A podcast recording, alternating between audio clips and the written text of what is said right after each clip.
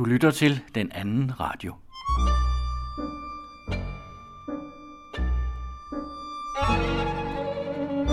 Den anden radio er en kultur- og samfundsradio på nettet.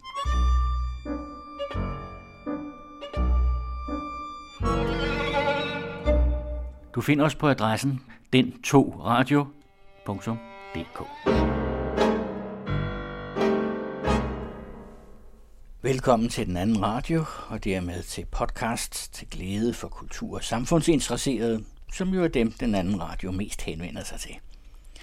Den anden radio er udelukkende støttet af fonde, og så er de beløb, som lytterne heldigvis donerer til os. Det er på konto nummer 8401 10 70 319. Det er Merkur Andelskasse, den grønne bank. Og vi er meget taknemmelige for de beløb, som I sender til os. Det betyder meget. Geomets har kastet sig over Pernille Værmund og Inger Støjberg i sit intermezzo, samt Morten Messerschmidt.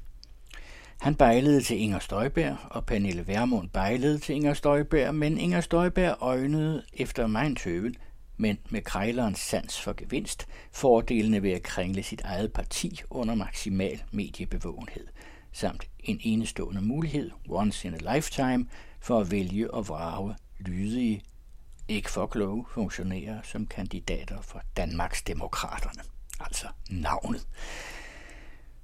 Hygler ville Messerschmidt dog ikke kalde Støjbær i orddelingen med Værmund. Den lede kælling, som han sagde.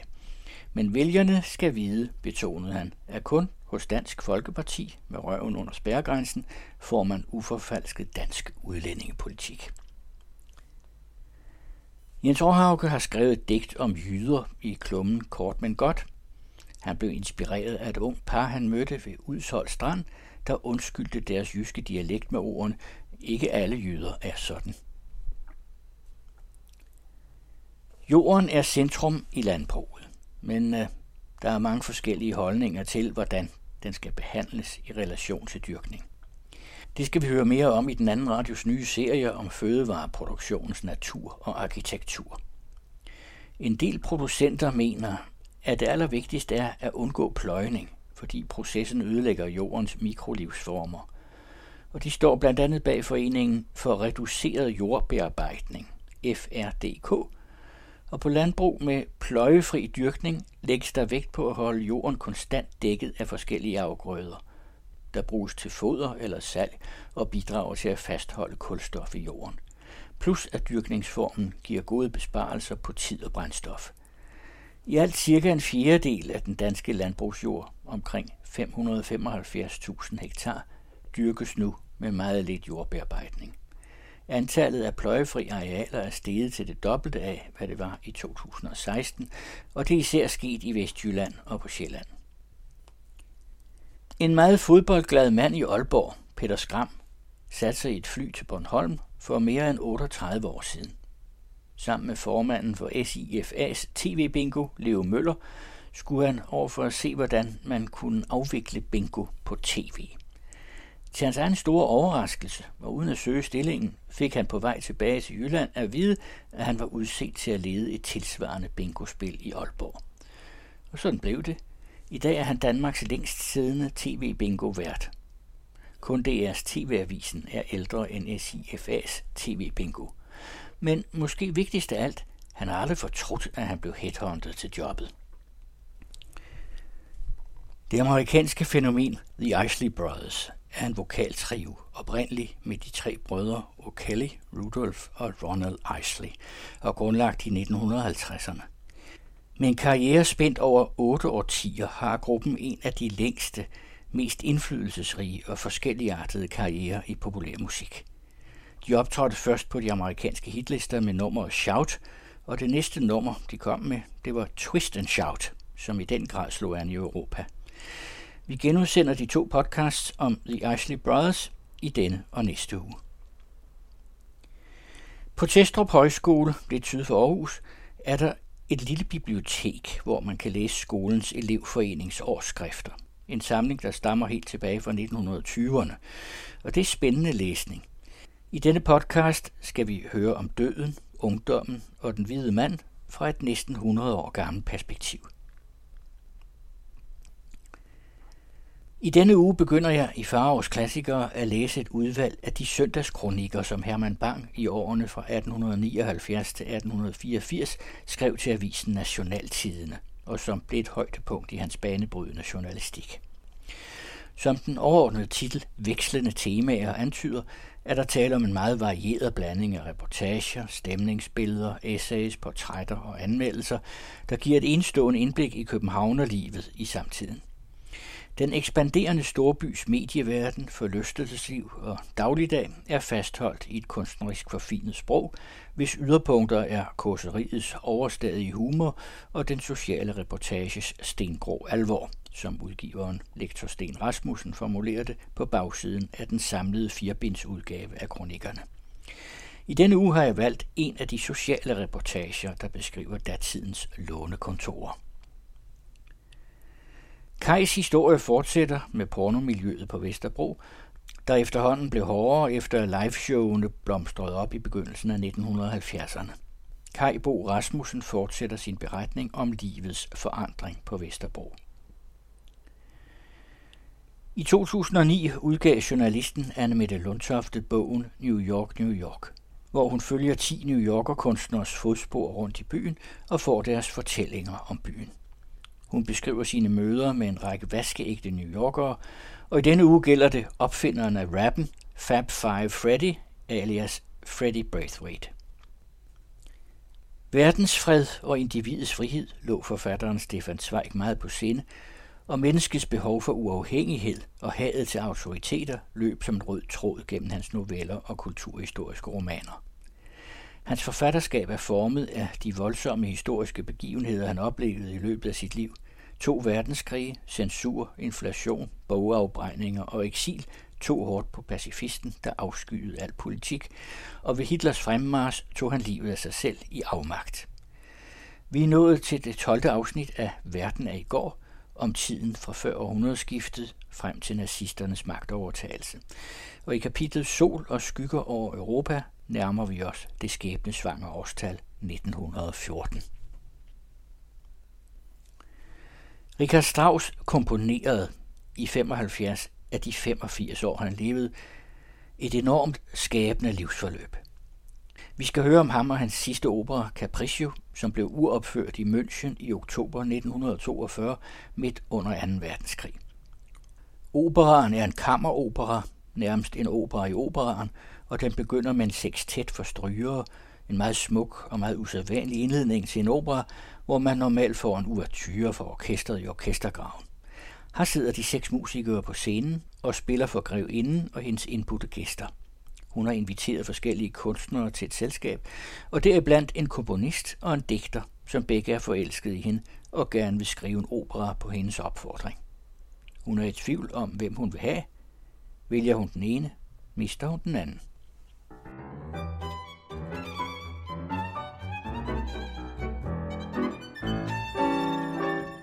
Det her er den anden radio.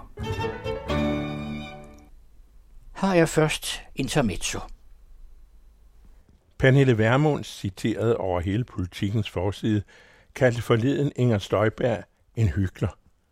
Far hen er de tider, hvor den nyborgerlige leder sender fly over byen med Ingers navn i transparent, som en himmelsk hyldest til den modige veninde med stiletterne plantet i sit livs prøvelse ved rigets ret, sat på porten af folkets ting.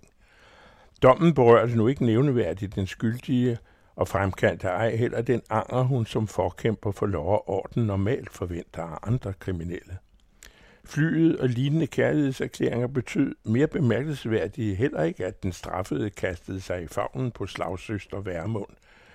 Det vælger potentiale af frustrerede jyder, som meningsmålingerne bekræfter af Støjbergs aktiv, blev således ikke Værmund til del. Den parate fordoms apostel skiltes ved korsvejen. Søstersolidariteten synes også fra første færd uoprigtig. Klasseforskellen mellem folk er flest i henholdsvis Nørrejylland og Kystbanen er uafkommelig. Men den orange nakkeknold havde været ved at tage med i Værmunds markedsføring af overklassens udgave af det DF, der på linje med Værmund fedtede for nordjyden, som var hun frelseren selv i strambuks. Støjbær øjnede efter mig en tyve, men med krejlerens sans for gevinst, fordelen ved at krængle sit eget parti under maksimal mediebevågenhed, samt den enestående mulighed, once in a lifetime, for at vælge og vrage lydige, ikke for kloge, funktionærer som kandidater for Danmarks Demokraterne. Alene navnet. Den anden bejler, Morten Messerschmidt, hvis personlige iver efter at få Støjberg ind på DF's formandspost var lige så ægte som den underskrift, han blev dømt for, krudtet i slipstrømmen efter Værmund, som han i øvrigt kalder en ledkæling, hurtigt op for misbilligelsen af den nye partiformandskollega Støjberg. Nu var DF-fortrydelsen ved den selvhævdende højre anarkist ophævet. Hun er jo den samme som før, jamrede Messersmith. Hendes stramninger har hun kun i nakken. Når det kommer til stykket, vil hun ikke af med konventionerne og have Danmark ud af EU, kort sagt. Hygler ville Messerschmidt dog ikke kalde Støjberg i orddelingen med den lede kælling.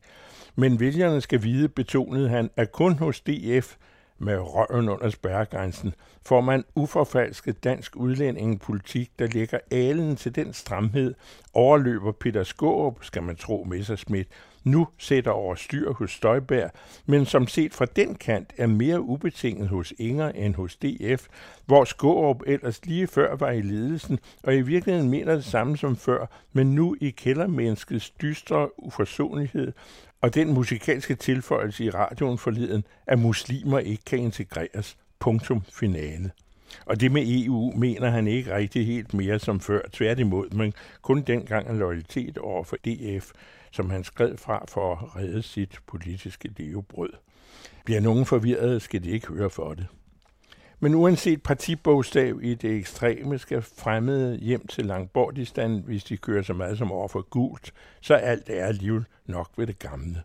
Ekstremisterne slås om marginaler, blandt andet om Rasmus Paludans vælgeraffald fra det i programmer adfærd nazilignende parti. Betryggende kom den samspilsramte Paludan jo ikke ind og måtte over i Øresund og der brænde nogle flere koraner af for ikke at blive glemt. Nederlaget for daværende liste P var immer væk 63.000 kryds. De vælgere er per definition ikke salonfærdige.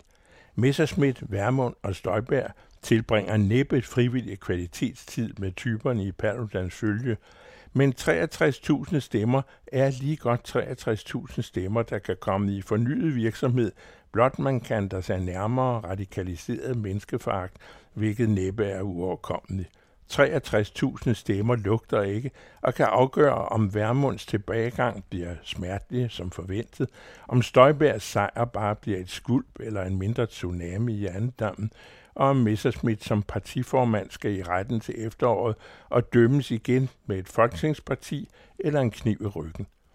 Meget står på spil i en atmosfære, der kan blive bitter som i gamle dage i 70'ernes begyndelse, da en god portion danskere skred over anstændighedens grænse og sammensatte et uregerligt folketing baseret på lige dele fantaster, demagoger og små og større svindlere. Støjberg besvarede forresten ikke Værmunds verbale overfald, ikke i skrivende stund, men mindes for britisk historie, som altid er underholdende, striden mellem et par magtbegærlige kvinder, Elizabeth den Første og Mary Stuart. De to oprindeligt forbundne kusiner var heller ikke til pænt brug, men havde i førstningen behov for fred. Elisabeth var dog i en magtposition til finalt at bestemme og slog til efter sine modvillige, men da det galt determineret, truslen fra Mary blev for meget. En hyggelig og forræder mente Elisabeth kusine Mary var, og fik bøden til at hakke hovedet af hende. Kommentatoren ved ikke, hvordan han lige med et fik denne vidtløftige association. I øvrigt Geomets med sit intermezzo, som altid her på den anden radio, og hver fredag også til at læse i Information. Kort men godt er en klumme på den anden radio, der kommer på, når vi har lidt kort men godt. Og det har vi i denne her uge, hvor Jens Råhauke læser sit lille digt om jyder. Ved et lyrikværksted ved verdens bedste skovtur på Udshold Strand kom der et ungt par med en klapvogn.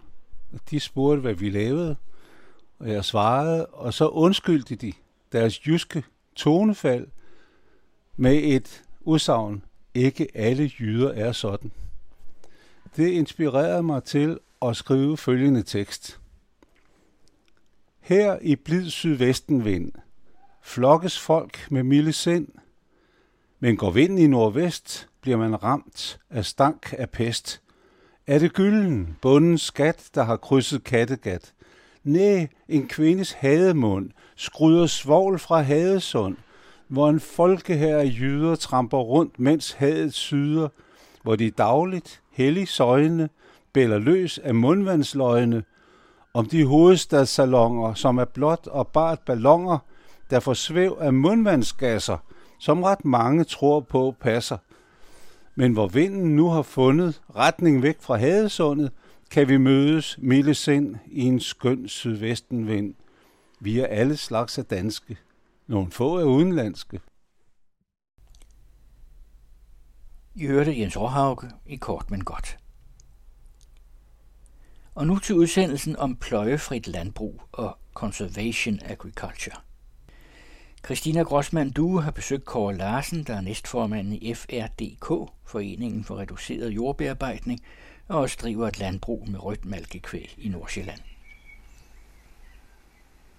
Flertallet af landbrugsproducenter dyrker såkaldt konventionel landbrug, og det betyder med brug af både animalsk gødning og kunstgødning, samt diverse kemiske midler til at bekæmpe ukrudt, sygdomme og svampeangreb.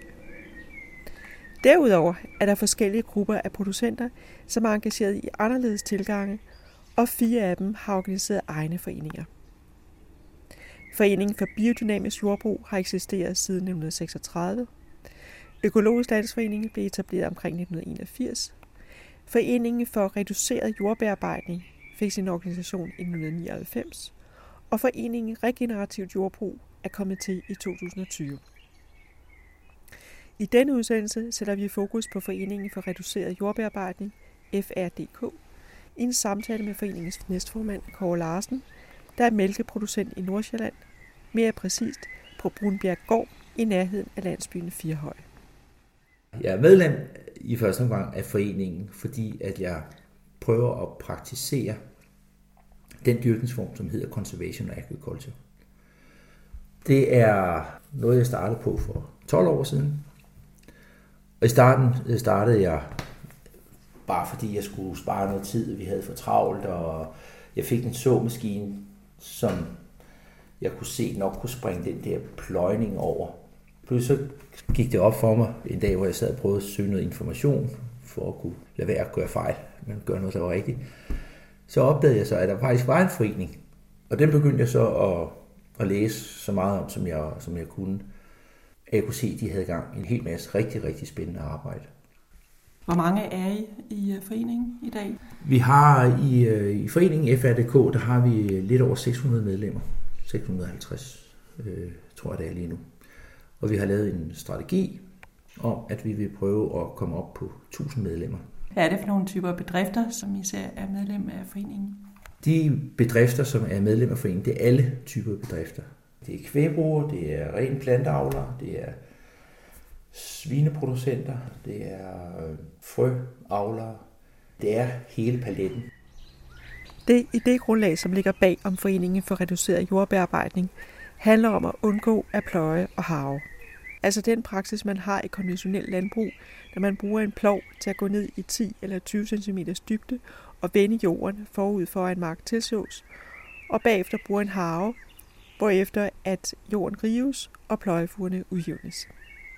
Når vi taler om reduceret jordbearbejdning, handler det om at så direkte, om at holde jorden dækket af afgrøder hele året, og at undgå at så den samme afgrøde år efter år på samme stykke jord. De tre hovedteknikker er også kendt som Conservation Agriculture, der blev introduceret i 1930'ernes USA. En række af de teknikker, som bruges i Conservation Agriculture, for eksempel det at arbejde med mange forskellige afgrøder og skifte mellem afgrøderne, plus at bruge efterafgrøder og jord, der er tilplantet året rundt, bruges også i det økologiske landbrug. Men CA-dyrkningsformen har det til fælles med det konventionelle landbrug, at der må bruges kunstgødning og kemiske midler til takling af insekter og ikke mindst ukrudt. Den økologiske landbrugsproduktion er lidt svær i det pløjefri system. fordi at man har brug for at, at bryde det, vi kalder den grønne bro. Øh, og der bruger vi jo øh, Roundup sådan mest almindeligt. Det kan du ikke som økolog. Så kan du enten have rigtig meget, så er ideen gået af. Eller også så kan du pløje, og så øh, kan du stadigvæk arbejde med nogle af de øvrige søjler, som dyrkningsprincippet står på. Men det er lige præcis ploven, vi ikke er så glade for, for den laver enorm skade på jorden. Hvad er den grønne bro for noget? Den grønne bro, det er øh, den overvintring af ukrudtsarter, som du har fra det ene år til det andet.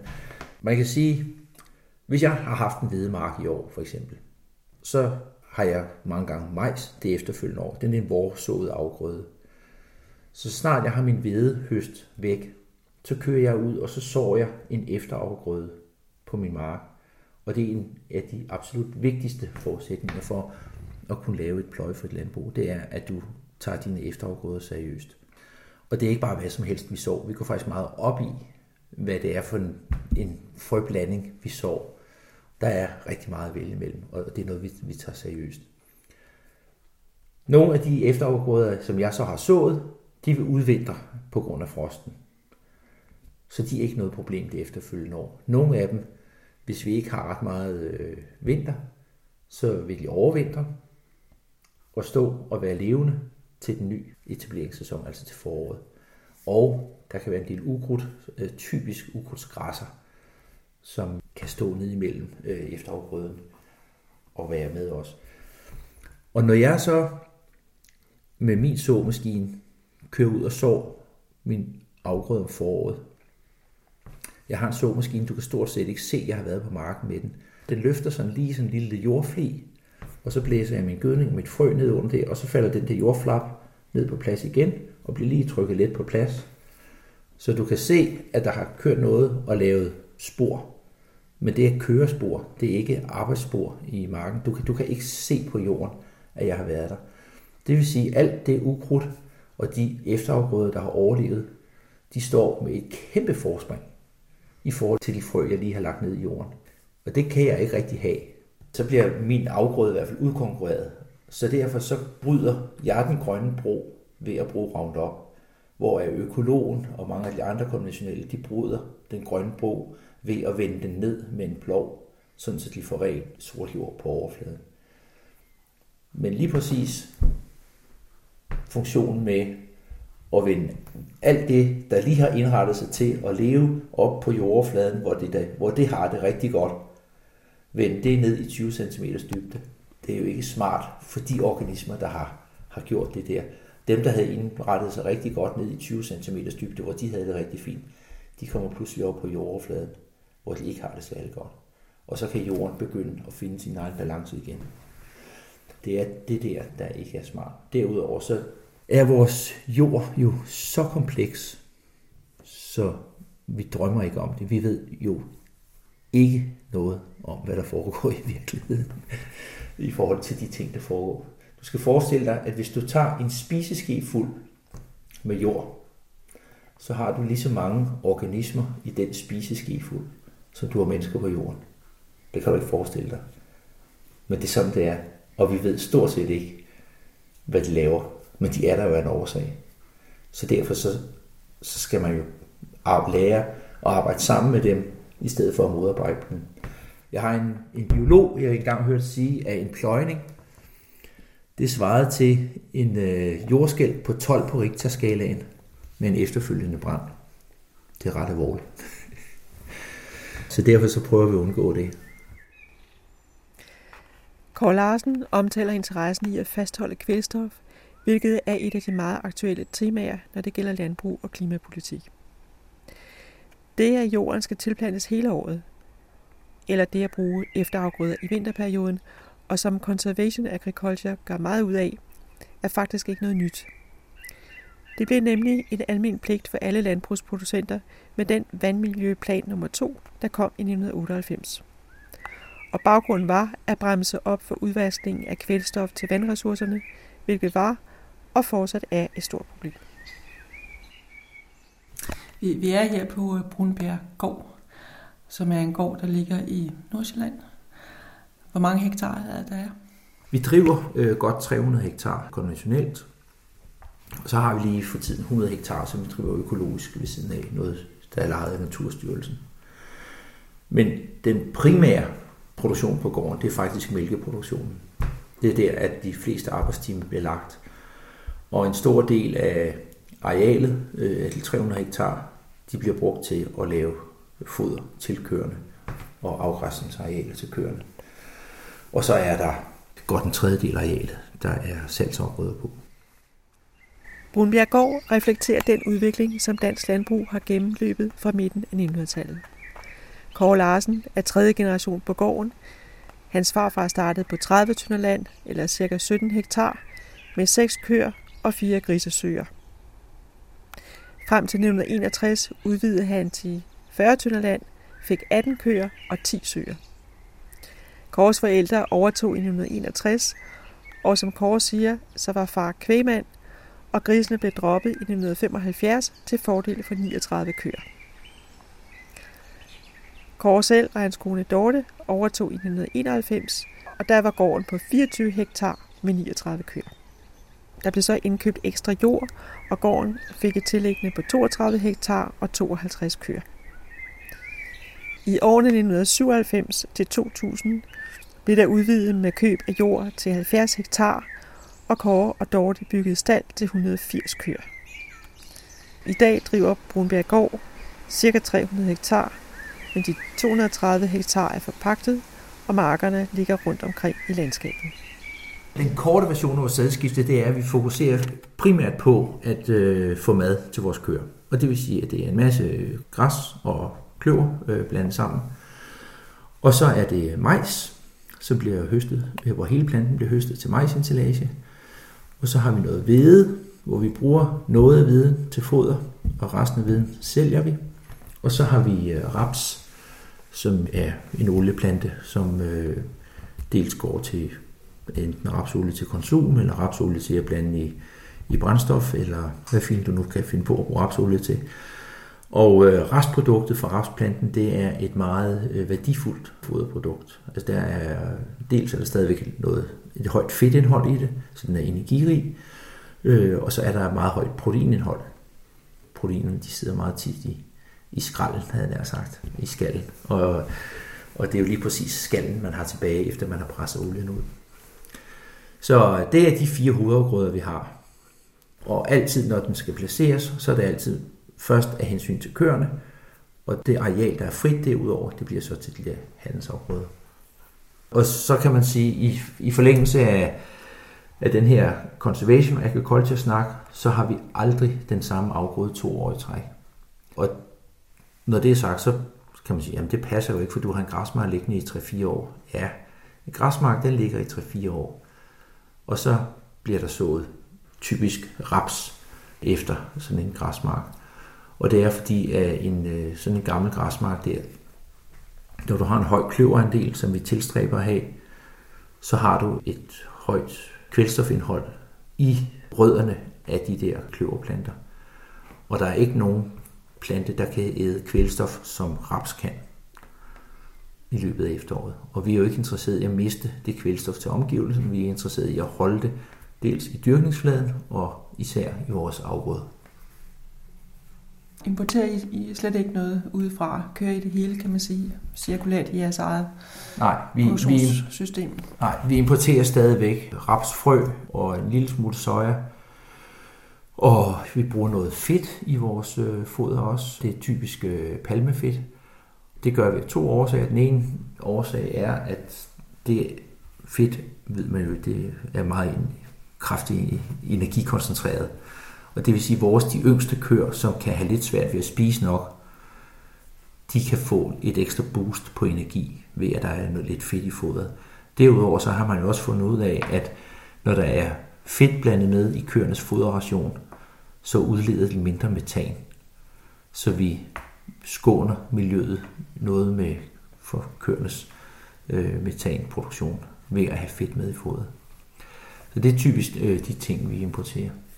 Kunne man ikke bruge øh, rapsolie i stedet for palmeolie? Jo, det kunne man sagtens. Jeg tror, det har lidt med prisrelationerne at gøre.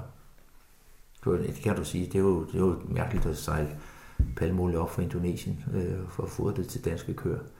Og der bliver lavet forsøg nu med faktisk at bruge hele rapsfrø til at fodre med, i stedet for at have den der fedtdel. Fordi så, så kunne man kunne sige, al den raps, jeg sælger, den kunne jeg jo bare tage selv og bruge. Og så kunne jeg dække med køernes fedtbehov, øh, og jeg kunne tage meget af mit ekstra proteinbehov af den vej også.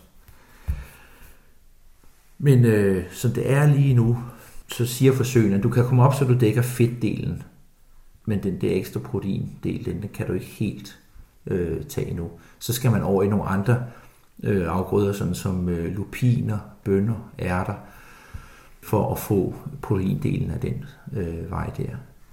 Det vil vi se mere og mere i, øh, i fremtiden. Man taler også rigtig meget om græsprotein nu, øh, hvor man simpelthen øh, udvinder øh, græsprotein på fabrikker, som så kunne komme ud til mig som et koncentrat. Den resterende græsfraktion, den kan gå i biogasanlæg. Så på den måde kunne det blive en, en virkelig værdifuld øh, værdikæde, man har skabt der. Og den ville være særlig værdifuld, fordi at græs er en af de mest øh, skånsomme øh, afgrøder, vi kan have på vores jord. Dels så øh, kan du nøjes med at lægge den om hver 3., 4., 5. år. Dels så har græs altid en meget høj kulstofbinding, hvor den binder kulstof i jorden. Og når du sår noget, altså græs som forfrugt, altså før en anden afgrøde, er også en virkelig værdifuld afgrøde. Så det, det tror jeg, vi skal forvente os meget af i fremtiden. Det er i sin vorden, det der, øh, og der bliver arbejdet intenst med det.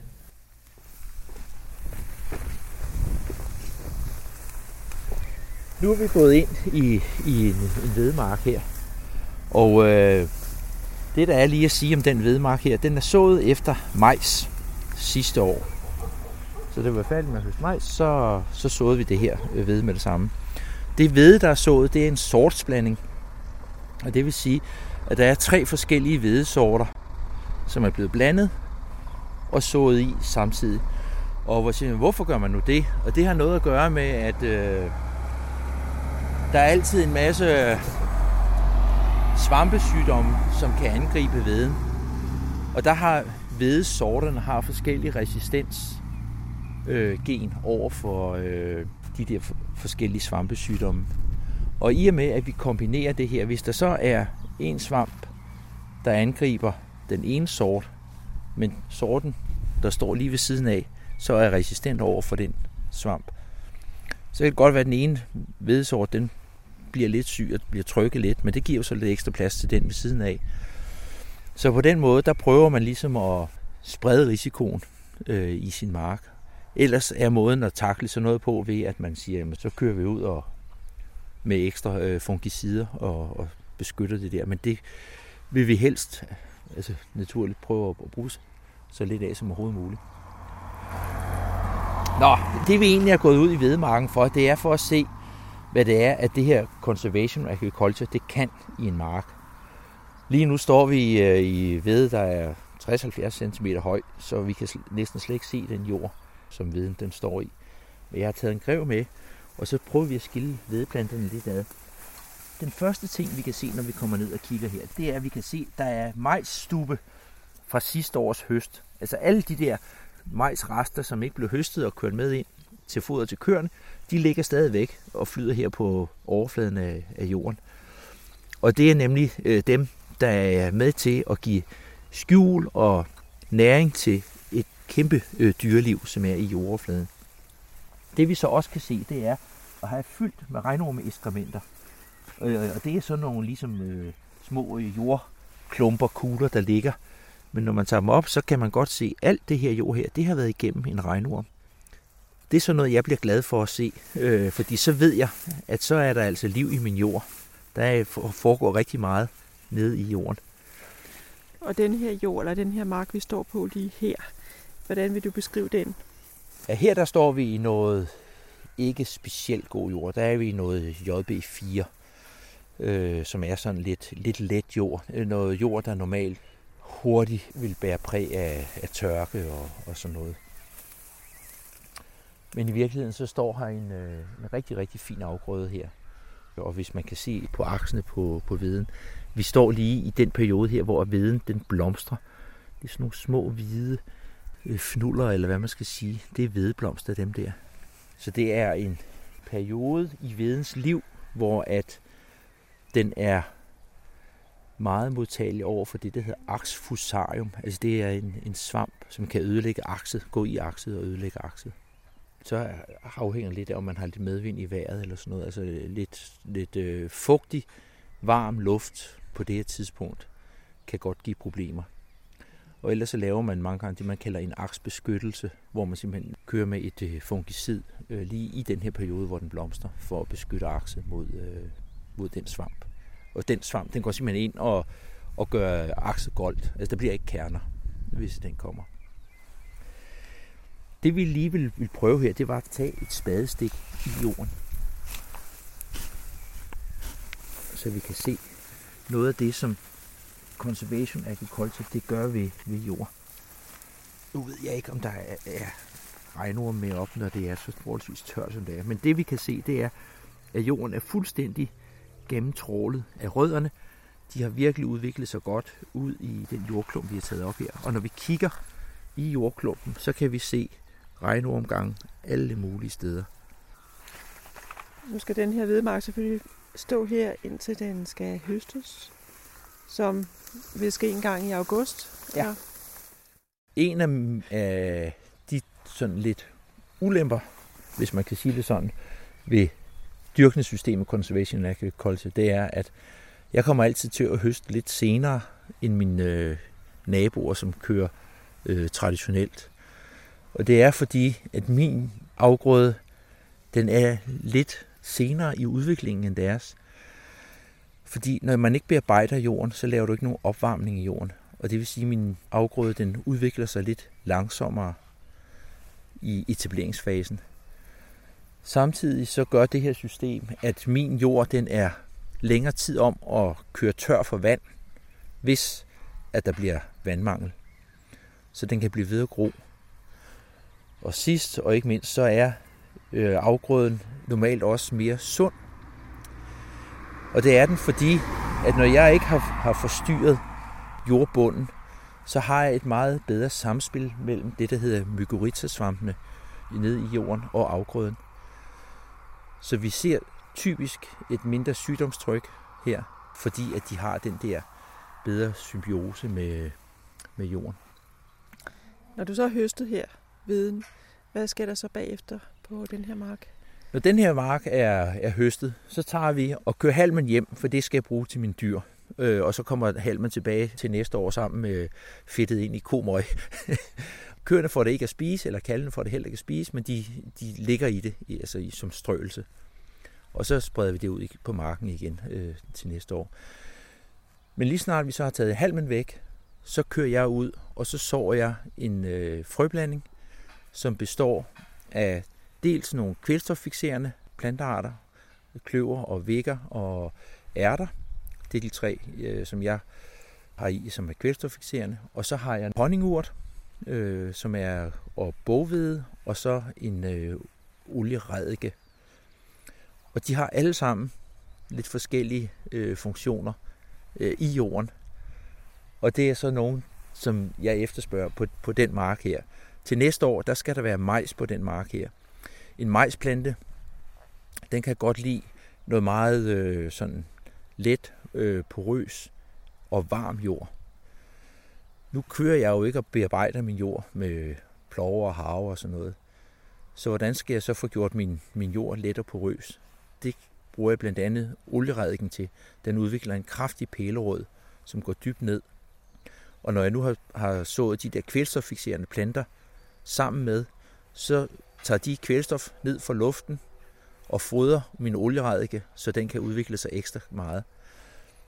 Og så skulle det gerne være jordbearbejdning nok, når vi når øh, frem til næste forår, sådan så at min majsafgrøde kan, kan udvikle sig og blive til en god majsafgrøde. Men både øh, hvede og majs, kræver de ikke ret meget gødning? Ja, især veden, kan man sige. Det er sjovt nok, selvom majsplanten er så mange gange større, så øh, er den ikke nær så, så gødningskrævende, som, øh, som hvedeplanten er. Og det, jeg, jeg gør ved at så de her kvælstoffixerende planter i efteråret, det er, at jeg får opsamlet fra luften helt op til 50-60 kilo kvælstof per hektar. Det er faktisk en tredjedel af kvælstofbehovet, jeg har i min afgrøde. Og så har jeg jo så selv øh, køernes gødning, øh, som kommer herud.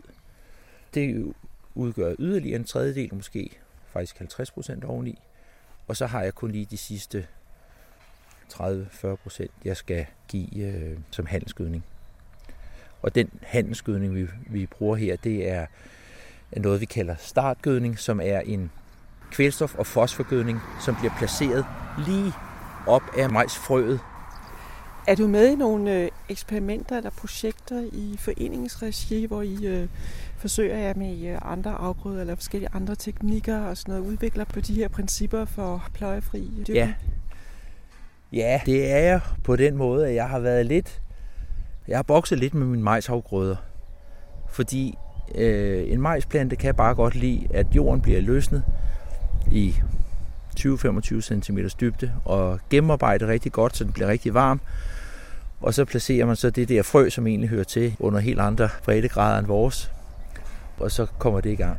Og i og med, at jeg ikke bearbejder min jord, så er min jord jo for kold om foråret. Og det er ikke optimalt for den majsplante. Øh, så der har jeg prøvet øh, lidt forskellige ting, sådan mest på egen basis. Og noget er gået godt, og noget er gået rigtig galt. En af de ting, jeg har prøvet øh, faktisk i de sidste to år, og nok i år må konstatere, at det kan jeg ikke få til at lykkes, det er at prøve at så stangbønder, klatrebønder, sammen med min majs. En bønne, det er en meget, meget proteinrig plante, og en majs er en meget proteinfattig plante. Og hvis jeg så kunne kombinere de to ting, at lade majsen bære bønneplanten op, og den bønneplante, den bliver altså bare ved med at gro og gro. Øh, og den kunne stå og lave en masse bønner, som uden problemer kunne blive høstet med øh, sammen med, med den majsintillage der. Og så kunne jeg hæve proteinen, det totale proteinindhold i min, noget af mit hovedfoder. Men jeg må indrømme, at jeg har et kæmpe problem med råger og kraver. De æder det simpelthen for mig. Og sidste år, der kunne jeg godt se, at jeg nok havde inviteret dem lidt ind på marken øh, med den måde, jeg havde fået bearbejdet på. Jeg havde lidt for mange sådan rodture, der lå på jordoverfladen fra den der efterafgrøde, der havde været. Og sådan en rodtue nede under den, der ved fuglene godt, at der ligger ormene lige i overfladen, og der ligger biller og bænkebider og alt muligt kryb og kravl. Så de gik rundt og, og rullede de der rodture, og så ud til de der insekter, der var nede under. Og så pludselig så begyndte der at vokse øh, dels majs og dels bønner lige op i hovedet på dem også, der efterhånden som min afgrøde begyndte at spire frem. Og bønnerne må åbenbart smage særligt godt, for det er helt vildt så store bønneplanter, at de kan gå og pille op og hakke om kul og så stjæle den bønne, der ligger tilbage der. Sidste år, jeg havde sået en halv hektar som forsøg med blanding af majs og bønner. Og der blev ikke én bønne, altså ikke en eneste bønne, der klarede den til høst. I år, der troede jeg så, at jeg havde gjort det anderledes, og, og vi har sået flere bønner i, og jeg tænkte, det så sgu godt ud. Der er ikke 10% tilbage af bønnerne og de går stadigvæk og hugger øh, dem omkuld. Og det er roer, siger du? Det er roer, ja. Så det er simpelthen et kæmpe problem. Så på den tid der er over, du, du må ikke gøre noget. Jeg har så mange øh, naboer, der bor så tæt på, så jeg kan ikke sætte alle muligt med gaskanoner og, og sådan nogle øh, fugleskramser, der sådan blæser op med mellemrum og laver larm og sådan noget der. Så det er lidt trist, men det er åbenbart sådan, det er. Du har lavet en slikbutik til dem? Ja, jeg har simpelthen lavet en slikbutik, og det er en dyr slikbutik, skal jeg lige hilse at sige. Sidste år, der, øh, der mistede vi faktisk 15 procent af vores majshøst på grund af krav og råger. Det er ret meget. Det kostede os over 100.000, det, det tab, som de gav os. Og i år, der bliver det mindre, men det bliver nok i hvert fald 50.000. Altså, jeg, det jeg prøvede, det er, det er, at man med et godt dansk ord kalder companion cropping, hvor du simpelthen har øh, øh, to øh, afgrøder, som egentlig akkompagnerer hinanden. Og, og det, som bønnen kan, den er nemlig også kvælstoffixerende. Så den kan, kan være med til at booste majsen med kvælstof. Og samtidig har den det høje proteinindhold. Jeg, jeg ved ikke, hvordan hele den her proteinverden og, og ting og sager kommer til at se ud i fremtiden, men, men jeg kunne måske godt forestille mig, at, at vi i virkeligheden ville reducere vores majsareal en lille smule, selvom det er et super godt foder til køer. Og det, det er meget nemt at have med at gøre. Og så at græsarealet bliver øget lidt, så vi så får proteindelen af den maj, og at vi så bruger øh, i stedet for stivelse for majsen, bruger lidt mere øh, hvede som stivelse. Fordi den er, den er nemmere at håndtere. Ikke?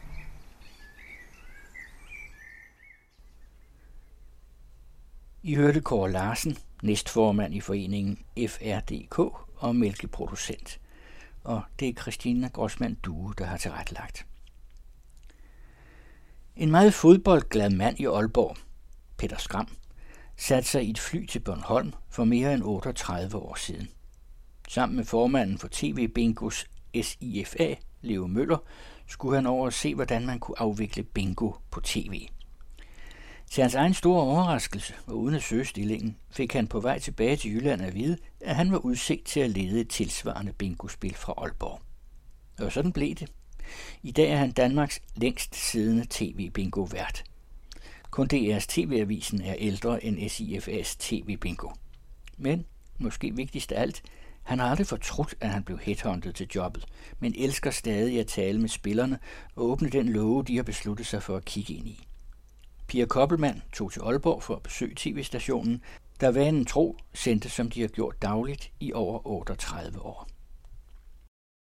Da vi fik præsenteret ideen i SIFA, der var jeg sådan set lykkelig arbejdsløs og skadet, langtidsskadet fodboldspiller. Jeg var lige blevet færdig på universitetet med at læse HA, og tænkte, nu skulle jeg dele med godt nok ud og, og leve af at spille fodbold. Men så blev jeg skadet, og så ville tilfældet, at jeg var i det miljø, hvor SIFAs daværende formand Leo Møller var, og han headhuntede mig så faktisk til at komme med til Bornholm for at se Danmarks første tv-bingo. Det var på Bornholm. Da vi fløj hjem, så spurgte han, øh, hvad jeg synes om det. Jeg synes, at det var meget spændende, men jeg kunne da godt se, at det var der noget af et arbejde. Ja, men det havde han tænkt sig, at jeg skulle. Nå, jamen det... Så Hvem jeg spørge mig, om jeg havde lyst til det? så sagde jeg tak for jobbet, og så har jeg hængt ved siden. Hvem ringer først? Det gør jeg. Ja, og hvem er det? Det er Ruth. Hej Ruth. Horsens? Ja. Godt. Og hvad siger Ruth? Jeg siger nummer 13. Nummer 13. Ja. Og her finder jeg 444 kroner, Ruth. Det lyder rigtig godt. Hvor meget har du? Ja, jeg tror nok, det var ikke meget 50 kroner. Jeg tror, han har 50 kroner. Ja, ja. Men nok til, at du kunne ringe til os, så det var fint. Ja, ja. Tillykke med det. Og øh, jeg skal lige sende en hilsen Ja. til alle i Tranbjerg. Det er en aftale, Danne. Vi hilser alle i Strandbjerg. Tak for det. Selv tak, Ruth. Hej, hej. Hej, hej. Hvilken by skal vi nu til? Vi skal til Hasbæng. Og hvem har vi der? Der har vi Susanne fra Hasbæng. Ja, hej Susanne. Hej. Hvad skal vi kigge på? Jeg tror, vi skal kigge på nummer 30. Der er kontant afregning. Vi, øh, hvis ikke vi laver det godt, så gider folk ikke at spille med os. Hvis vi laver det godt, så vil folk gerne spille med os. Øh, Men derudover så er der meget andet i det. Altså. Vi er jo som sagt blevet underlagt og er røg i gruppe med alle de der store spilleselskaber, så vi skal jo virkelig gøre os umage hver eneste dag for at opfylde alle de regler og paragrafer, vi er blevet pålagt her de senere år. Vi skal betale for det første 28 procent i afgifter. Altså, inden vi starter udsendelsen i dag, der afleverer vi øh, små 9.000 kroner til skat. Og så kan du så selv regne ud, når, du, når vi har åbnet 19 lover, alle skal have en gevinst, og et par stykker skal ud og køre på lykkehjulet og vi skal have udgifterne dækket til tv-produktionen her, og vi har også noget personale i SIFA, der naturligvis skal have lidt løn. Så er der ikke mange tilbage, penge tilbage på sådan en øh, hverdagsudsendelse. Men vi har jo 365 udsendelser om året, så der er jo gynger og karuseller, og det er jo sådan det, vi håber på, at det kan vi blive ved med at Ja, I må kende lidt til nogle bundlinjer. Altså. Jamen det gør vi da. Nu er de jo nye, de her bundlinjer, fordi øh, tidligere var, var TV-bingo et lotteri, hvor hvis man, bare man, som i SIFAs tilfælde, delte pengene ud til velgørende formål, så betalte man ikke afgifter.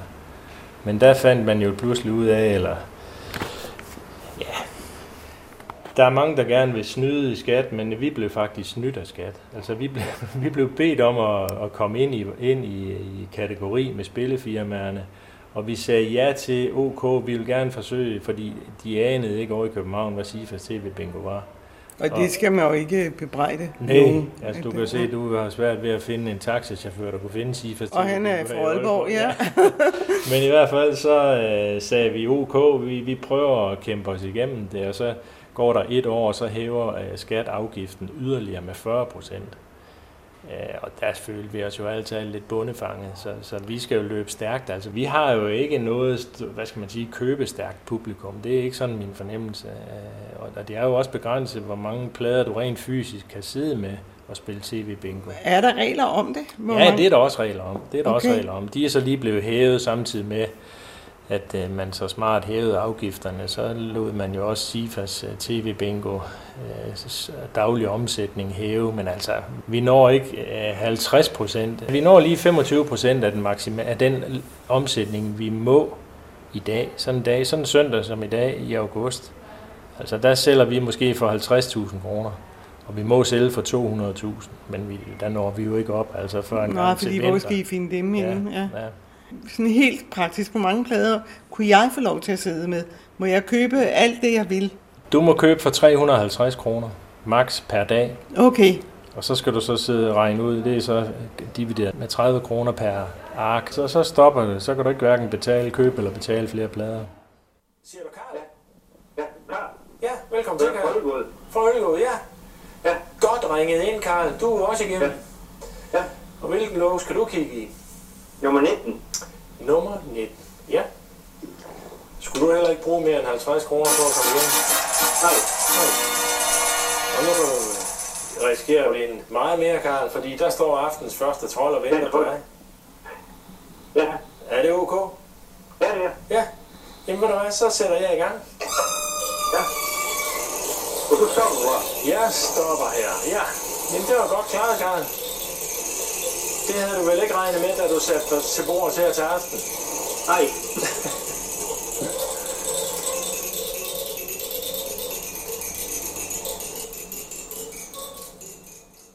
Altså, vi fik jo også pludselig, efter vi har spillet tv-bingo i 25 år, at vide, at, at folk skulle udvise en ekstra færdighed for at kunne få lov til at komme igennem til tv-bingo-studiet og åbne en låge. Det var ikke nok, at de havde gjort sig umage med at få de rigtige tal og krydse deres plader rigtigt af, eller lægge de rigtige brækker på, og ringe ind til et bestemt telefonnummer og opgive sit bladnummer og sit kontrolnummer. Så fandt vi så heldigvis på den der med, at så skal du svare på dagens spørgsmål, nemlig hvilken ugedag det er i dag. Det er da nok i sig selv at komme igennem hele det nåløje der, som jeg lige nævnte før, med kontrolnummer, bladnummer og telefonnummer. Og, og så skal man lige, åh, hvad, hvad uge det er det? Kommer du så lige til at trykke forkert, jamen så ryger du bag i køen. Som jeg siger, øh, og når, når folk spørger, bliver du aldrig træt af det? Jo, jeg bliver træt af alt det, der er ved siden af det sjove, hyggelige, dejlige arbejde, jeg har her med en direkte udsendelse, hvor vi nu får 19 hyggelige øh, vinder igennem. Glade og tilfredse er de alle sammen, lige meget om de vinder 300 kroner eller, eller 3.000 kroner. Men kunne jeg slippe for alt det der skrankepaveri og skrivebordsarbejde. Så selvfølgelig er der nogle børn, der spiller med deres forældre og bedsteforældre, men altså vi skal jo verificere og godkende folk, der opretter sig ind på vores hjemmeside. Vi skal slå dem op i CPR-registeret. Vi skal være sikre på, at de er dem, de udgiver sig for at være, og så videre, og så videre, og så videre. Altså, det, det skriger til himlen. I er simpelthen grænsekriminelle. Det, Jeg tror ikke, der er de store erfaringer med, med kriminelle i, i, og hvidvask i tv-bingo-branchen. Det er jo også, ja, hvidvask, altså. Det, ja. Man kan sige, det er jo ikke millioner, man vinder her nej, hos dig. Nej, nej, nej. Nu har vi så lige fået hæve lofte Tidligere måtte vi jo kun højst spille om 5.000 kroner som den højeste præmie. Det er samtidig med afgiftsstigningerne, så kunne ministeriet godt se, at vi var nødt til at skulle have noget mere spillerum. Men sjovt nok, altså om vi har 25.000 på vores lykkehjul, eller 5.000 kroner på vores lykkehjul, vi sælger ikke flere bingoplader af den grund. Vores tv-bingo-spillere, de spiller ikke for at redde livet økonomisk, de spiller for at hygge sig. Ja, og det er vel også meget genganger. Altså, det er vel folk, der har spillet i overvis, en meget stor del af dem, ikke? Jo, men øh, der kommer gudskelov nye til. I går var der en, en nye spillere fra, ja, hvor delen var det, Ølstykke og Esbergære, Øh, men altså, det kan jo Men altså stiger antallet af nej, spillere nej, så også? Nej, det, så er der det, også det, nogen, der falder fra? Ja, ja. Der okay. er også nogen, der falder fra, og jo også på samme måde som seertallene falder fra øh, sommer og forhold til vinter. Altså, så har vi jo ikke ret mange, der ser tv-bingo om sommeren i forhold til om vinteren. Så ja, ja, der var altså om sommeren, er der Tour de France og ja, ja. alt muligt andet, ikke? Jo, jo. Men der er der rigtig mange, der spiller tv-bingo hver dag, og det er dagens højdepunkt, og det giver de jo øh, også gerne udtryk for, og det, det nyder vi jo at høre. Ja, det er da klart. glade for det, og ja. der, du vil også kunne høre i dag, altså de, der er nogen, der oven i købet takker os for vores arbejde. Altså det er da fantastisk og enestående, tror jeg. Ja. Men taknemmeligt, og det er også derfor, jeg stadigvæk synes, det er dejligt. Jeg ved, det er mig, det er Inge Petersen fra Kastrup. Jo, det lyder som om, du er den hurtigste af dem alle. Inge, velkommen ja. til. Jo, tak skal du have. Og tillykke og... med, hvor meget har du på rækken? Jeg har 50 kroner. Skulle der virkelig ikke mere til? Nej, det skulle det ikke. Nej, jamen det er da flot. Ja, jeg, jeg må have nummer 15, som er plejer. Okay. Ja. Den sætter vi til Kastrup. Nu er der jo også kommet gang i flyverne igen. Ja, det er der i hvert fald. Der er også for mig. Nå, det kan du høre. Det ja. kan du høre, ja. Jeg kan høre, det går ikke så langt fra lufthavnen. Nej, jamen jeg læste lige, at det i hvert fald Billund, de har haft store rekorder. Så man ikke ja. også de øvrige lufthavnen, de følger godt med? Jo, det tror jeg, ja. ja. Jamen Inge, vi må leve med det, som de siger. Ja, det må vi, ja. ja. ja. Og 500 kroner, værsgo. Tak skal du have, det er godt, ja. Selv tak, velbekomme. Hej. hej. hej. Og næste vinder, hallo. Men altså, havde du forventet der, da du sidder i flyet på vej hjem fra Bornholm, og finder ud af, at okay, det er mig, der skal lede det her. Altså, det er jo Danmarks næstældste tv. Nej, selvfølgelig er jeg ikke det.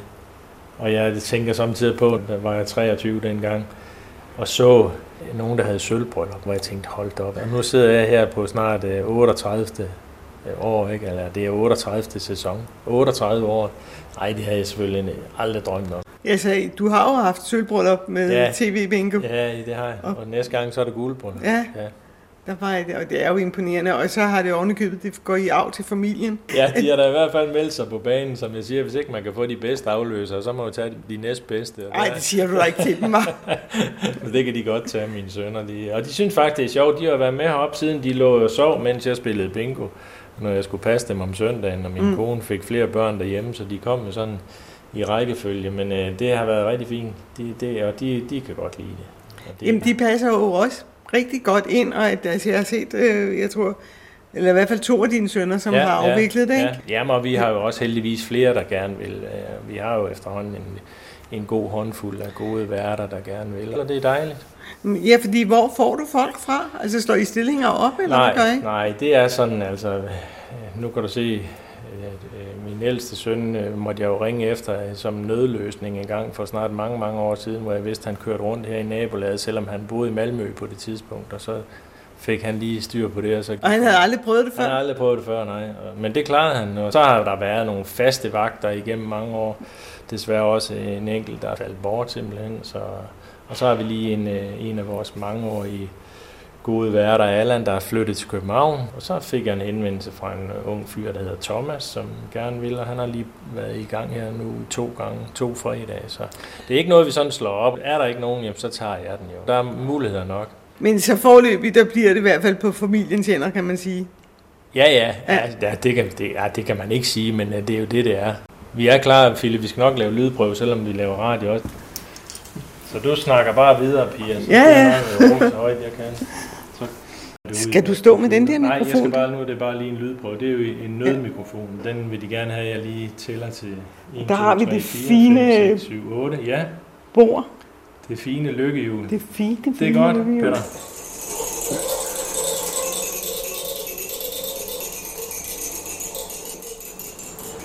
Yes, og hvem er det, jeg taler med? Yes, Gerda, du er vinder nummer 3, så du skal bare blive hængende her med mig, indtil jeg får en ledlinje på telefonen. Yes. Og de er da meget rolige, dem du øh, har haft igennem. Jamen, der er, også, de, der er mange af dem, de er jo ret rutinerede i det. Jeg venter på den næste vinder, så kan jeg da oplyse, at vi har jo også Super Bingo i morgen aften. Hver mandag aften, der er vi nemlig Super Bingo fra kl. 20 til 21. I er hjertelig velkommen til at spille med. Har vi den tredje vinder? Ja, det er Gerber på hvor? Hej Gert. Hej, Og så kommer vi sydpå. det er Ja. sider. sider. Er det længe siden, vi har været hos dig? Ja, har vi nogensinde været det? Nå, aldrig. Ja, det er lang tid siden da. Nå. Ja, Nå, jamen godt, du hænger ved og ikke mister tålmodigheden. ja, men jeg vil gerne have nummer 20. Nummer 20, ja.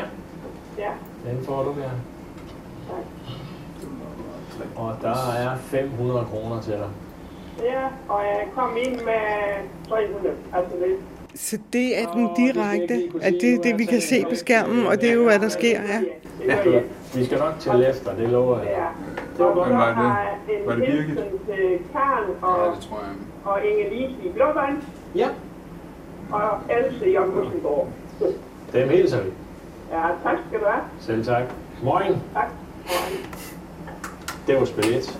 Alle, der vinder, uanset om I kommer igennem eller ej, I får naturligvis jeres rækkegevinst sat ind på bankkontoen i løbet af cirka tre hverdage.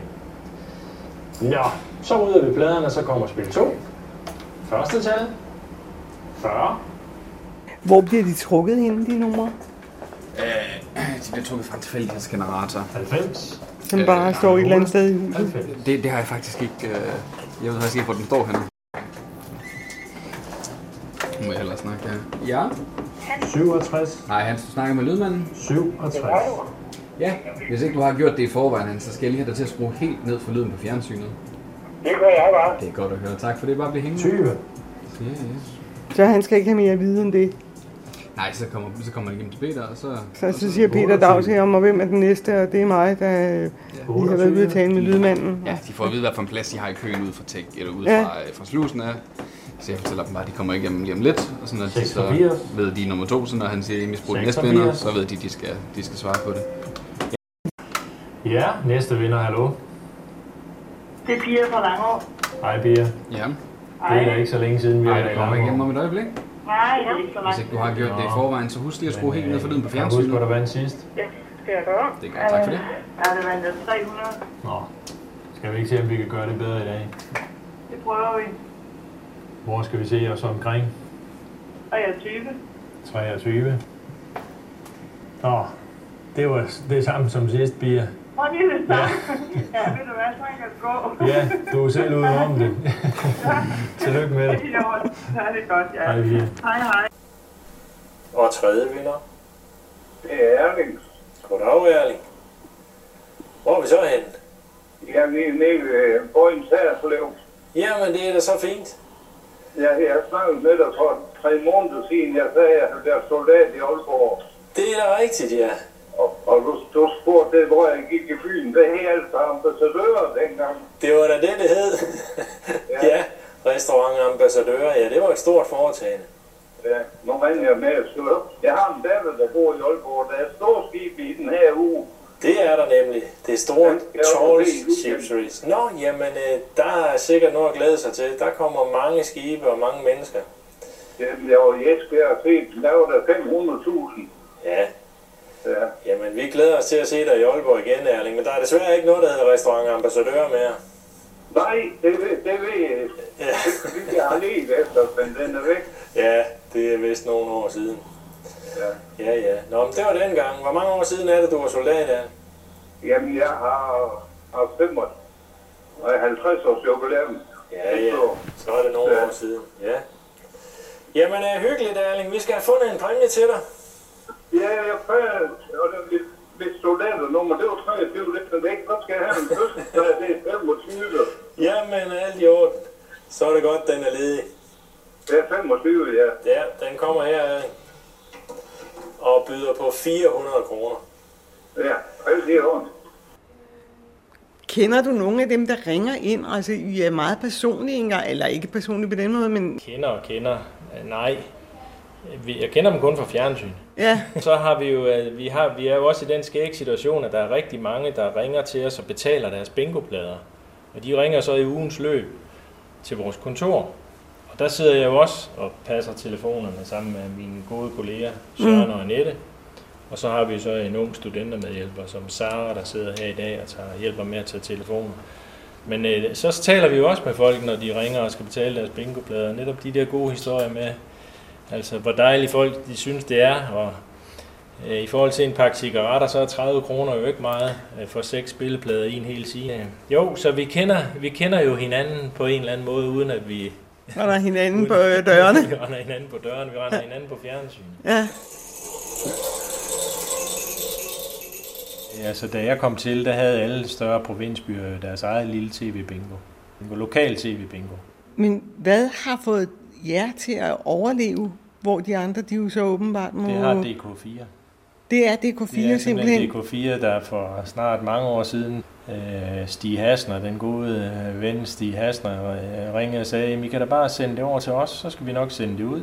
Og så startede vi med sådan noget, der lignede sådan en gammeldags pejlevogn herude i baggården, og så sendte vi signal op til en satellit, og så tog den det ned, øh, tog de det ned over på DK4, og så kunne vi pludselig sælge bingoplader i hele landet. Det er 37 år siden, vi startede her lokalt i Aalborg, og så er det nok Ja, det er, det er sgu nok snart 20 år siden, vi begyndte at sammensende med DK4. Men på det tidspunkt var der jo stort set ikke nogen øh, andre øh, lokale tv bingo De havde altså, de var, lavet de havde livet. drejet nøglen. Ja. Vi er jo enige om, at man bliver jo ikke millionær af at spille tv-bingo. Nej. Øh, så det er små søde præmier, og netop nogle gange virkelig søde præmier, fordi så er det chokolade fra Aalborg, og at, ja, ja, det er, når vi har små aktiviteter til påske og så videre. Ja. ja, at, ja. Og, og der tænker jeg så, hvem er det, der finder på det? Noget jeg i al beskedenhed finder på sammen med de øh, folk, vi sådan lige har omkring, og også hvad vi sådan plejer at gøre til påske og jul og så videre. Og der prøver vi jo altid lidt for ligesom at sige, kan vi finde på noget, der kan sælge nogle ekstra bingoplader. Så bliver vi glade. Og nu så var jeg lige ind og se, det, og det er jo sådan af mit liv jo. Altså i dag er jeg ekstra glad, fordi vi, vi har solgt flere plader i dag, end vi gjorde til sidste søndag. Kan man forlange det bedre? Altså, når jeg bare kan se, ej, så er der da gode tegn, så er, der, så er de da ikke helt trætte af os ude i sommervarmen. Altså, så Ja. det, jo- det, øh, ja. Og jeg ved lige nøjagtigt, hvor mange plader vi solgte sidste søndag, og for den sags skyld, de sidste 37 år kan jeg gå tilbage. Bare slå ned på en dato. Hallo, sig nu noget, dig der sidder der med telefonen. Og lyden er lidt for sent. Prøv at skrue ned for fjernsynet, så går det hele meget nemmere. Hallo? Hvem er det? Jamen, det er dig, jeg taler med. Så for helvede, undskyld. ja, skynd dig lige at skrue ned for fjernsynet. Ja, ja, det gør jeg bare. Fordi ellers så går det da helt tosset galt, det her. Du er velkommen. Hvor er vi så henne i verden? Ja, jeg er i Ølstykke. Ølstykke? Ja. Ja. Jamen altså, al begyndelse kan jo også være svær. Ja, det Ja. er fandme der. Er du lige begyndt at spille bingo, eller hvad? Ja, ja, ja. Jamen, det er godt. Der Det kan er du se. tredje gang. Det kan sagtens lade sig gøre. Det går også, ja, det kan det godt. Jeg skal bare høre det efter. Jeg bliver bare så forhibet. Sådan er det bare. Hvad nummer vil du have? Jeg tager nummer 5. Nummer 5? Ja. Ja. Og hvad har du på rækken? Jeg har 100. Kan du se, hvad der er i dit fjernsyn? Ja, da. Nu lukker han den op. Ja, Ja. Den er lukket op. Uh, og der er en det er trold. trold. Nej, det er fandme ikke rigtigt, vel? Du er ikke bange for trold, vel? Nej, nej, nej, Nå, det er nej. godt.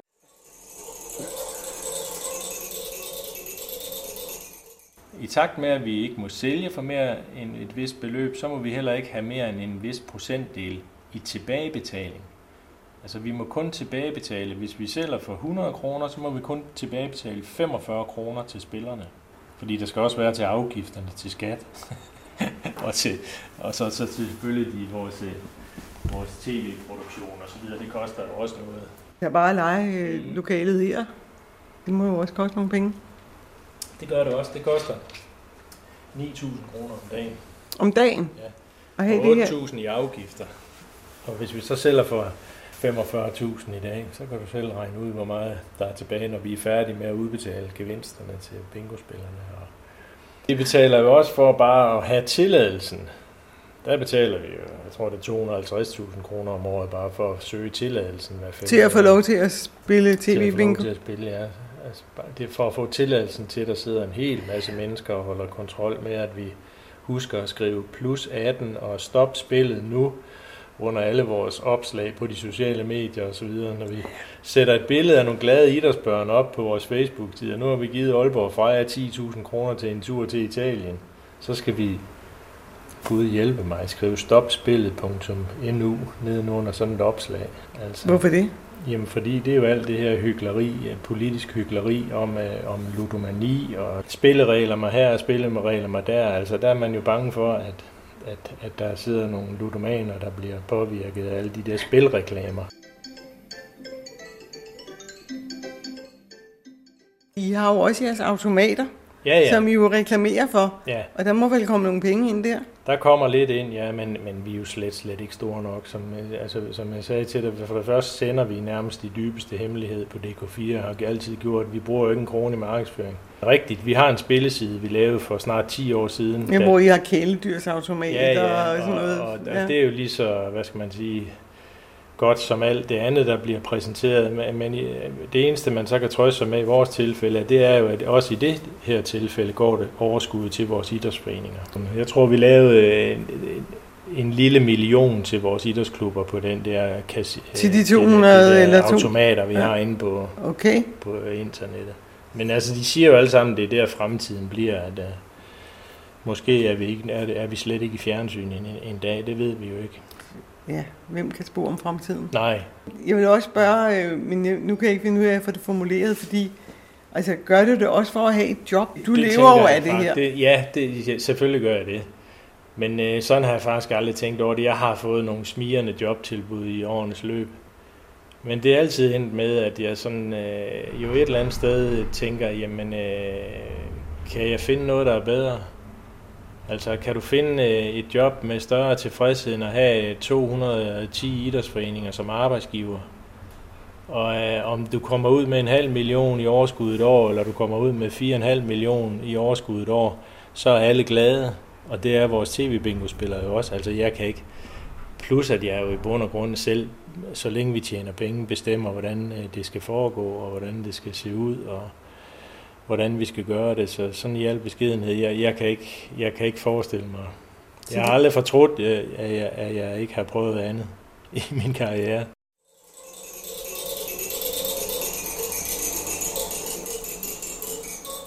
Nummer 5 og nummer 17 er åbnet.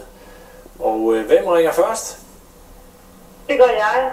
Ja, og hvem er det? Og mens Peter Skram var i gang med at tale med endnu en bingospiller, fandt Pia Koppelmann tilbage til togstationen i Aalborg, godt rustet med gode oplevelser efter et besøg på Danmarks næstældste tv-station. Den anden radio.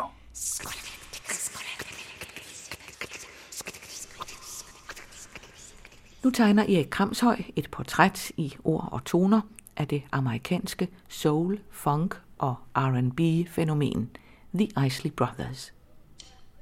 You know you make me wanna shout.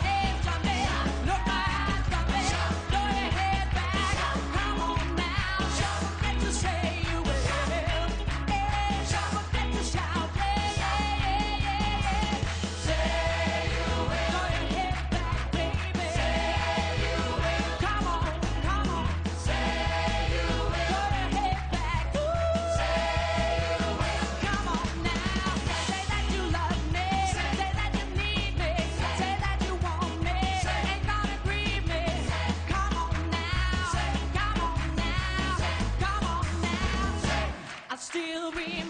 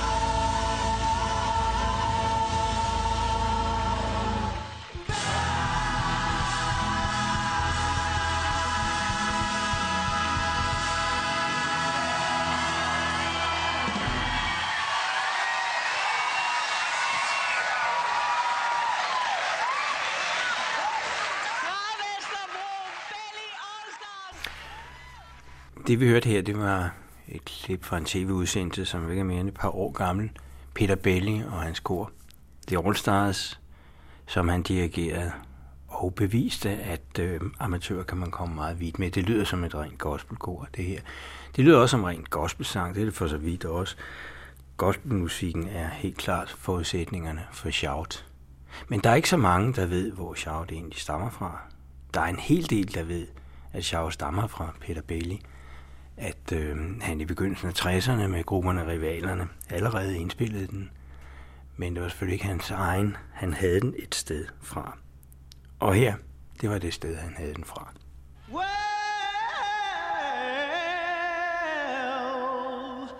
You know you make me wanna kick my heels up and throw my hands up and throw my head back and come on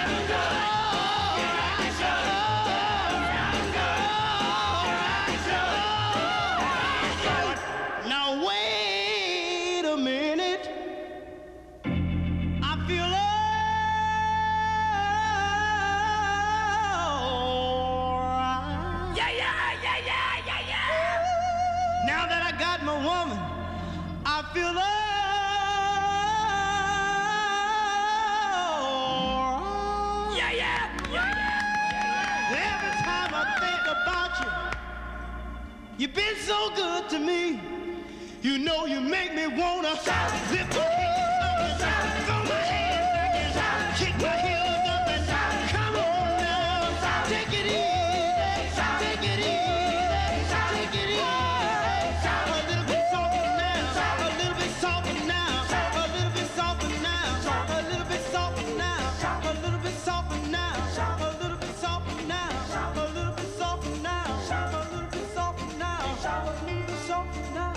A little bit softer now, a little bit now, a little bit now, a little bit now. A little bit now,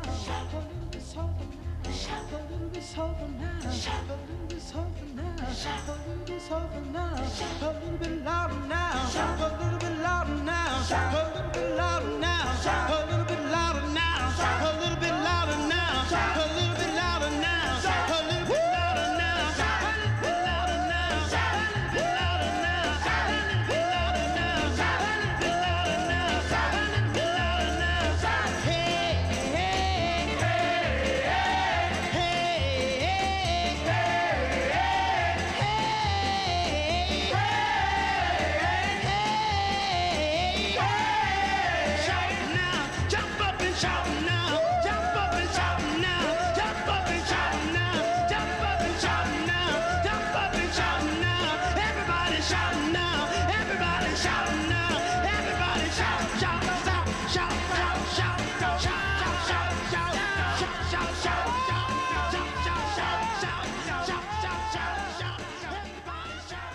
Og det er lige netop 50 år siden, at Isley Brothers kom frem på de amerikanske hitlister med øh, denne her Shout.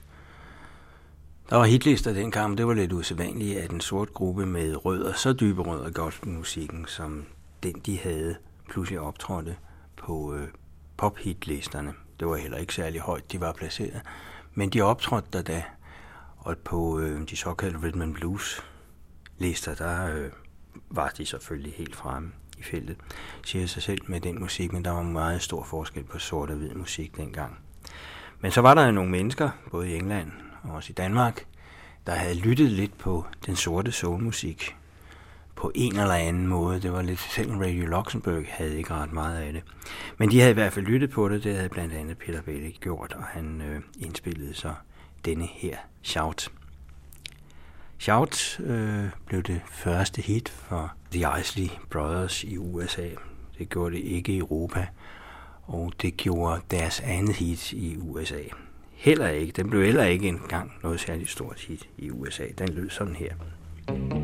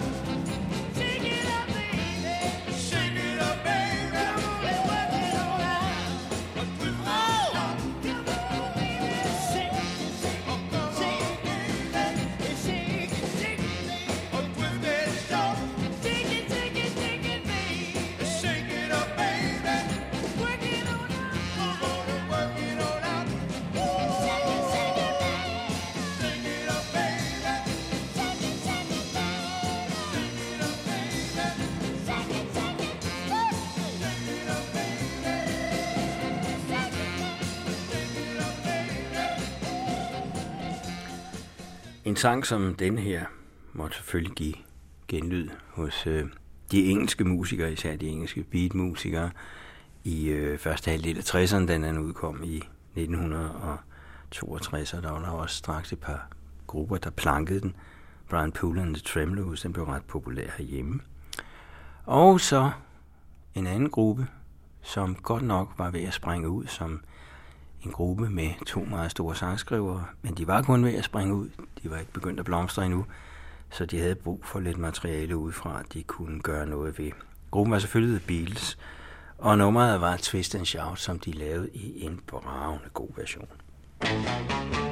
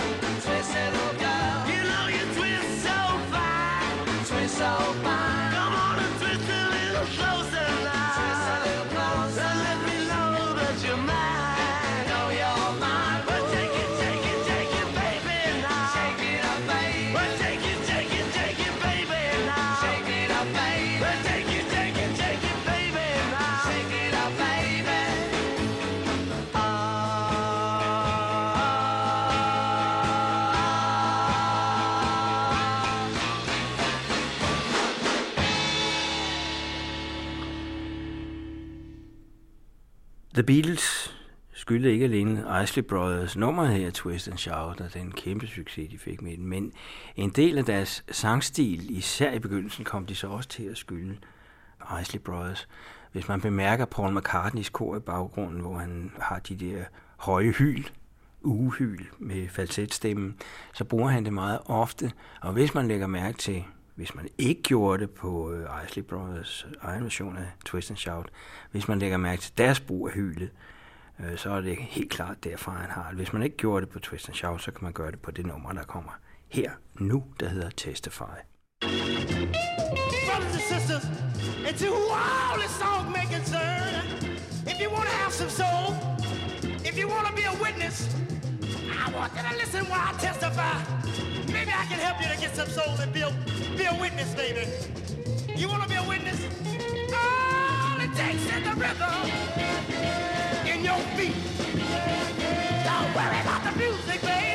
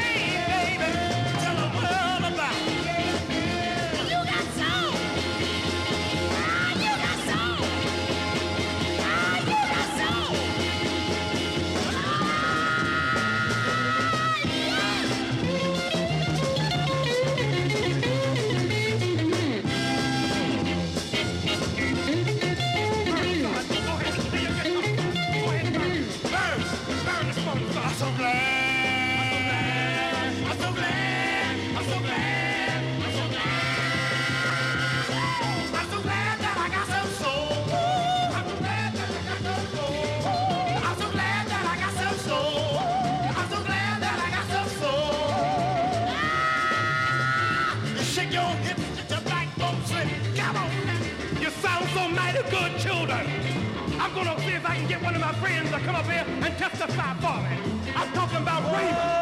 I'm talking about Raymond. Come on, Ray, the genius. Come on and testify, son. Go ahead, son. Go ahead. I wonder if the Ray Lettuce help me. Come on, Ray Lettuce. Come on, Ray. Whoa,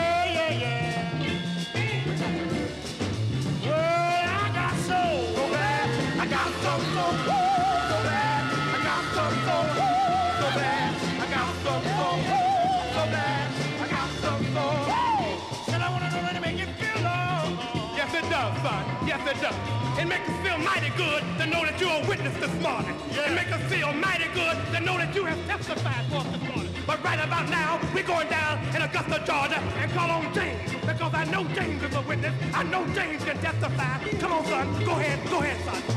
Wait a minute. Wait a minute.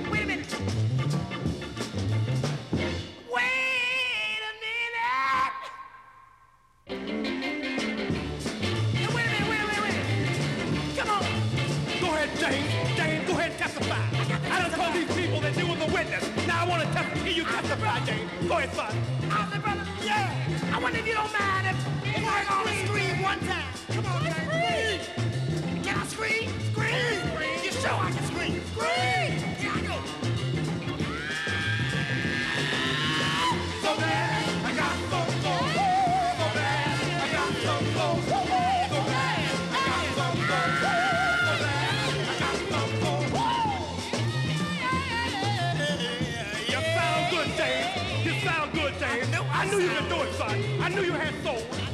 Burning for us this morning. But right about now, we like to call another friend. You see, we on our way to Detroit, Michigan. But we're gonna pick up on our little friend called Stevie. Come on and burn for Stevie.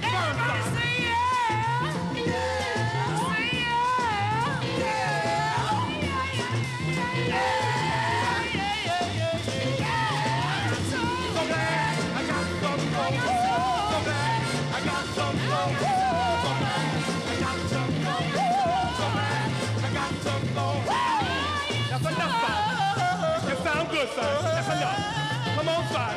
We know you're witness, son. Come on, son.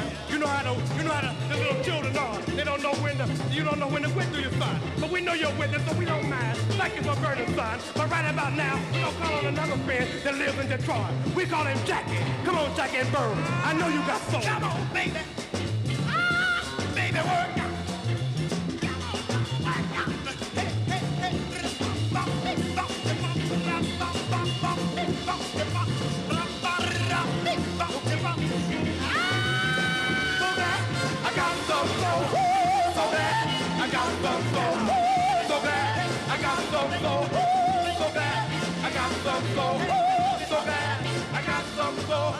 Thank you very much.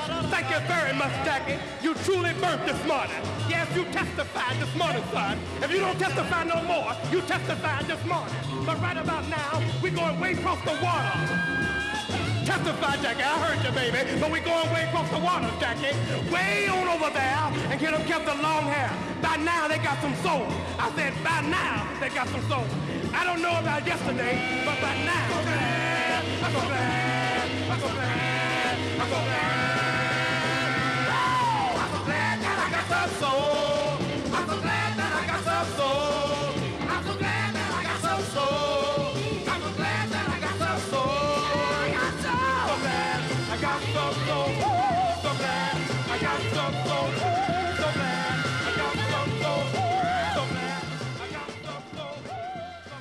Fuld fart på her i Testify Parts 1 and 2, som Isley Brothers indspillede i 1964. Og her var gospelen jo også ganske gevaldig indover. Der var også en anden ting, der kendetegnede gruppen, den tidlige Isley Brothers. Det var den der med wait a minute. Det hørte man skråle både i øh, Shout og også i den her. Det var noget en hel del solgrupper, både hvide og sorte, to år en gang mellem det der med wait a minute, og så lave en kunstpause, som dog aldrig nogensinde tog et minut. Jeg har kun hørt en gruppe, der hed Wilderness Road engang, der lavede en, hvor de sluttede pladen af med at skrige wait a minute. Og der kom det så til at passe. Så nu det her jo netradio, det giver visse fordele. Det er, at man lige kan spole tilbage og høre tingene igen. Fordi det er jo nok ikke øh, mere end et fortal, der har bemærket, der lige var en guitar, der kom med en lille solo i begyndelsen af sangen. Gitarristens navn, det var ham her, Jimi Hendrix. Excuse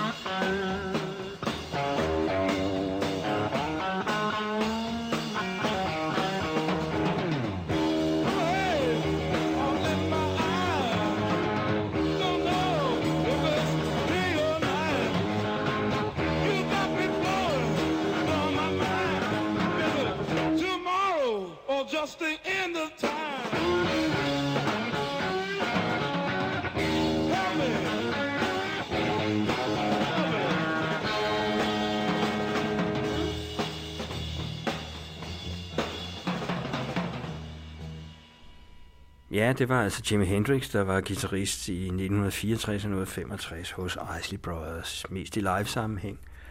De havde et udmærket samarbejde, påstår Isley Brothers senere. Men øh, han har nok været hyret som ganske ung musiker til en meget lav løn. Sådan var det jo i reglen. Og jeg har næsten ikke været inde på historien anden, at Isley Brothers stammede fra gospelmusikken rent musikalsk, men de udvikler sig i alle mulige retninger, og det er sådan set det, at vi skal nærmere ind på her i denne, og i hvert fald en udsendelse mere. Icy Brothers blev til en trio, oprindeligt var det en kvartet, men den ene af de fire brødre omkom allerede i 1955 ved en motorcykelulykke, og øhm, det betød så samtidig, at gruppen altså startede som teenager med at synge gospelmusik. De kom fra en musikalsk familie. Faren var sanger, moren var pianist med gospelmusik som speciale. De havde det altså ikke for fremmede. Cincinnati kom de oprindeligt fra, men flyttede så til New York, der de skulle til at bryde professionelt igennem. Og nu øh, har vi jo haft gospel meget inde over, men øh, rent plademæssigt så startede ikke helt på den måde. Ah. Mm-hmm.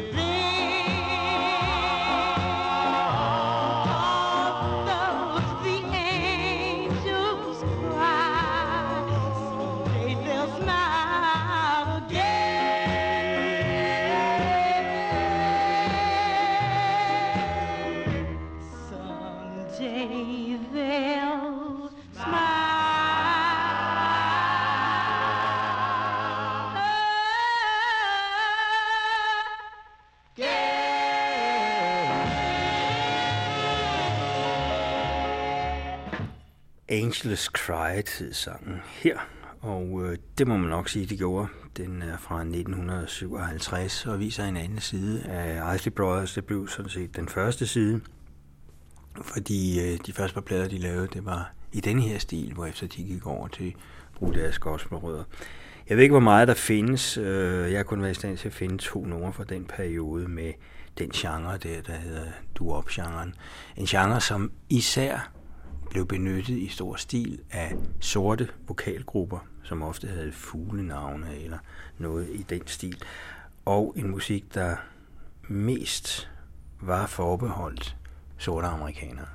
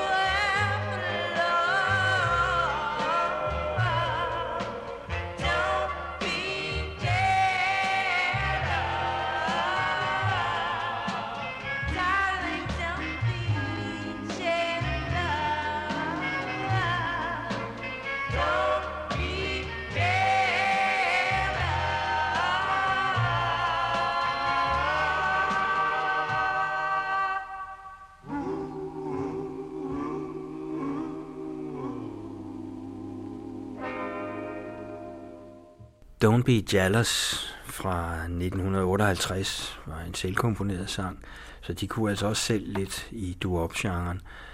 Men øh, fandt vel ud af, at de hørte mere til i den stil, som de var vokset op med, gospelstilen.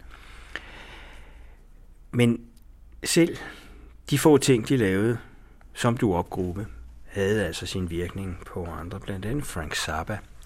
Jeg kan huske, da jeg og vennerne lyttede til tidlig Frank Zappa, så pludselig kom der nogle mærkelige ballader ind, hvor at øh, falsetten blev en udbredt del af vokalarbejdet. Vi undrede os over, hvor det egentlig var henne, fordi det var begrænset, hvor meget vi kendte til doo-musik herhjemme. Og det viste sig jo altså, at den gode Frank Zappa, han havde en øh, dyb kærlighed til duopmusikken, som han selvfølgelig pakkede kraftigt ind i ironi. Men kærligheden var så stor, at han i 1968 lavede en øh, LP-plade under navnet Ruben and the Jets, og det var simpelthen en hyldest til duoppen.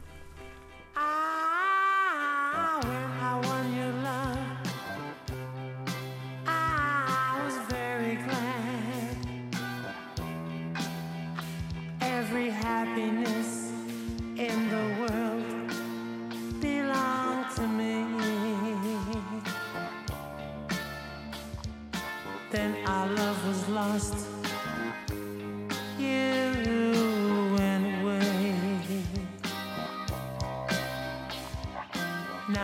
Now I shed my tears in lonely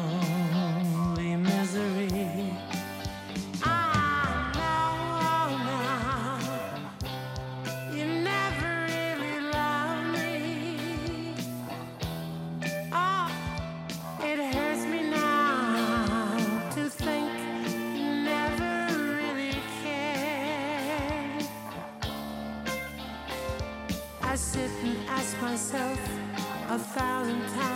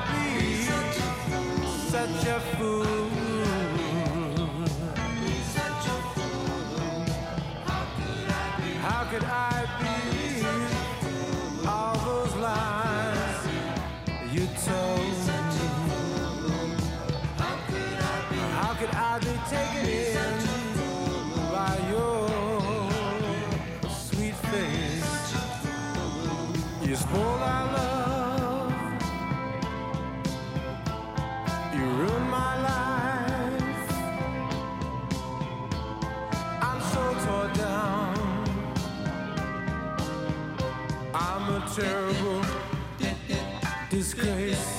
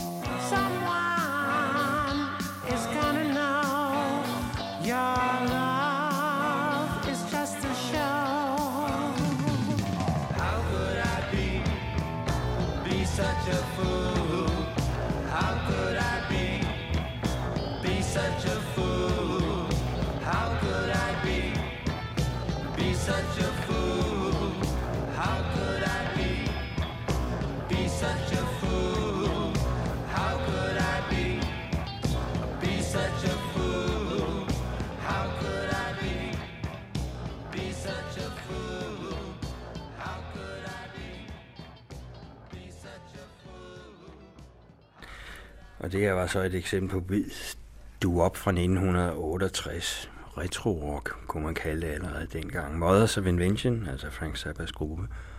Og øh, det er ikke Frank Zappa, der synger falsetten. Det er i det her tilfælde øh, bassisten Roy Estrada. Tilbage til, øh, hvad det egentlig handler om. Vi er jo nødt til sådan at gå lidt ud i siderne en gang imellem nemlig The Isley Brothers, som øh, vi nu har hørt eksempler på duop, og vi har hørt eksempler på gospel soul, og nu kommer vi til den tredje fase, og den opstår i øh, 1966.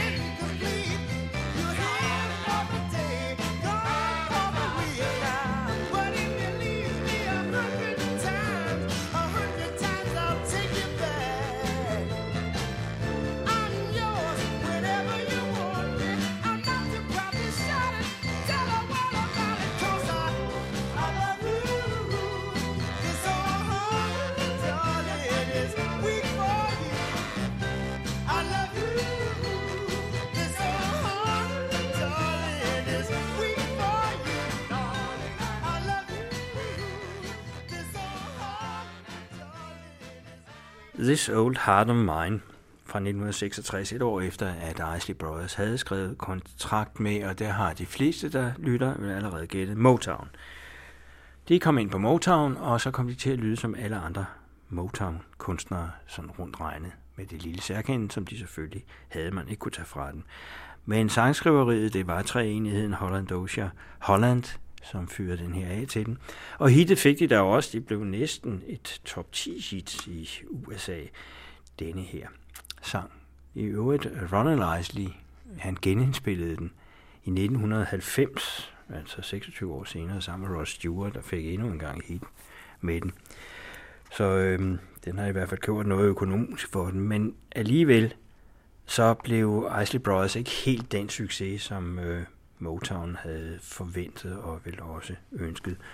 Det var et samarbejde, der kun varede kort tid.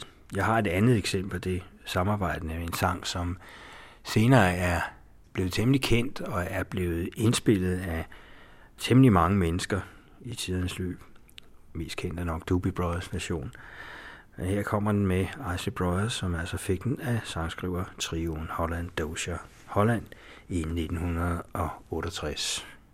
Take Me In Your Arms.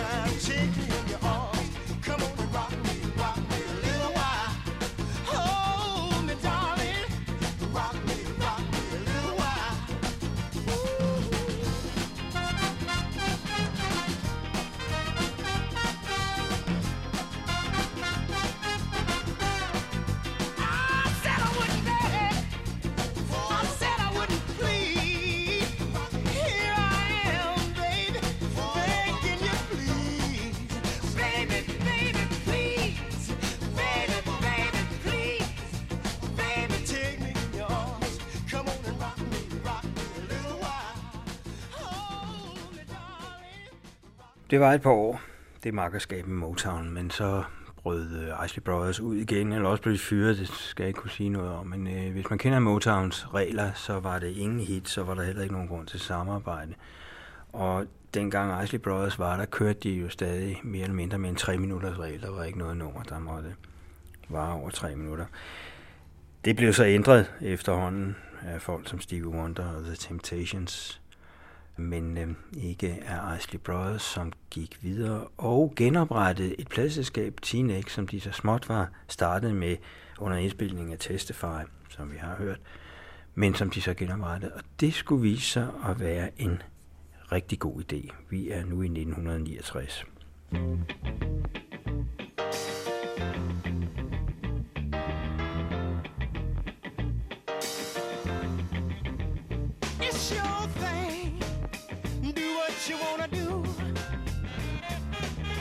I can't tell you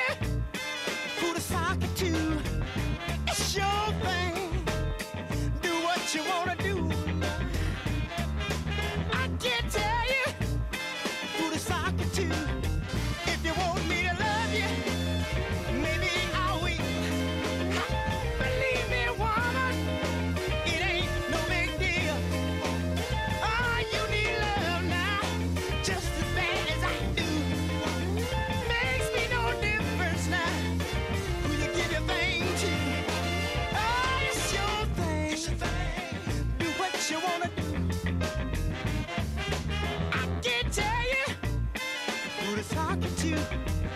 It's your thing.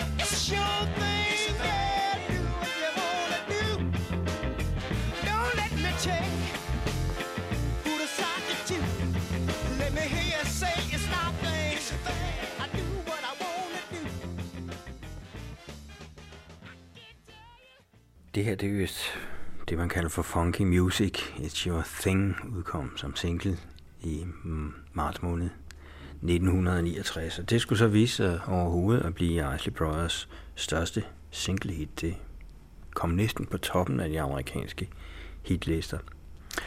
Og alligevel så var det åbenbart ikke helt tilfredsstillende for trioen. De går i hvert fald det, vi er nu nået frem til slutningen af 69, begyndelsen af 70, at de udvidede gruppen med tre faste medlemmer. Chris Jasper var i familie med dem, og de to andre, Ernie og Marvin Isley, var brødre, yngre brødre, som nu var gamle nok til at træde ind på diverse instrumenter. Det galt øh, guitar og trommer og bas, de tre kom til at fungere med. Og øhm, det der så var en gruppe, der søgte single hitsene, blev så en soulfunk gruppe, som det næste årti skulle øh, komme til at betyde kolossal masse for udviklingen af soulmusikken i USA. Det vil jeg da godt vende tilbage til, men jeg vil godt lige vise sådan lidt af det, der er i gang med at ske for dem. De har stadig deres eget pladeselskab og nogenlunde tjek på, hvad det er, de foretager, så de bliver ikke styret ret meget udefra. Det vil sige, at de kan også forlænge sangene med det, der sådan stort set passer dem. Nu er der nok en af anden, der vil sige, at numre som Shout og Testify, det var jo der også ret lange numre. Ja, men de var altså altid delt op i en del 1 og en del 2. Det var meget bekendt. Nummeret Get Into Something ikke. Come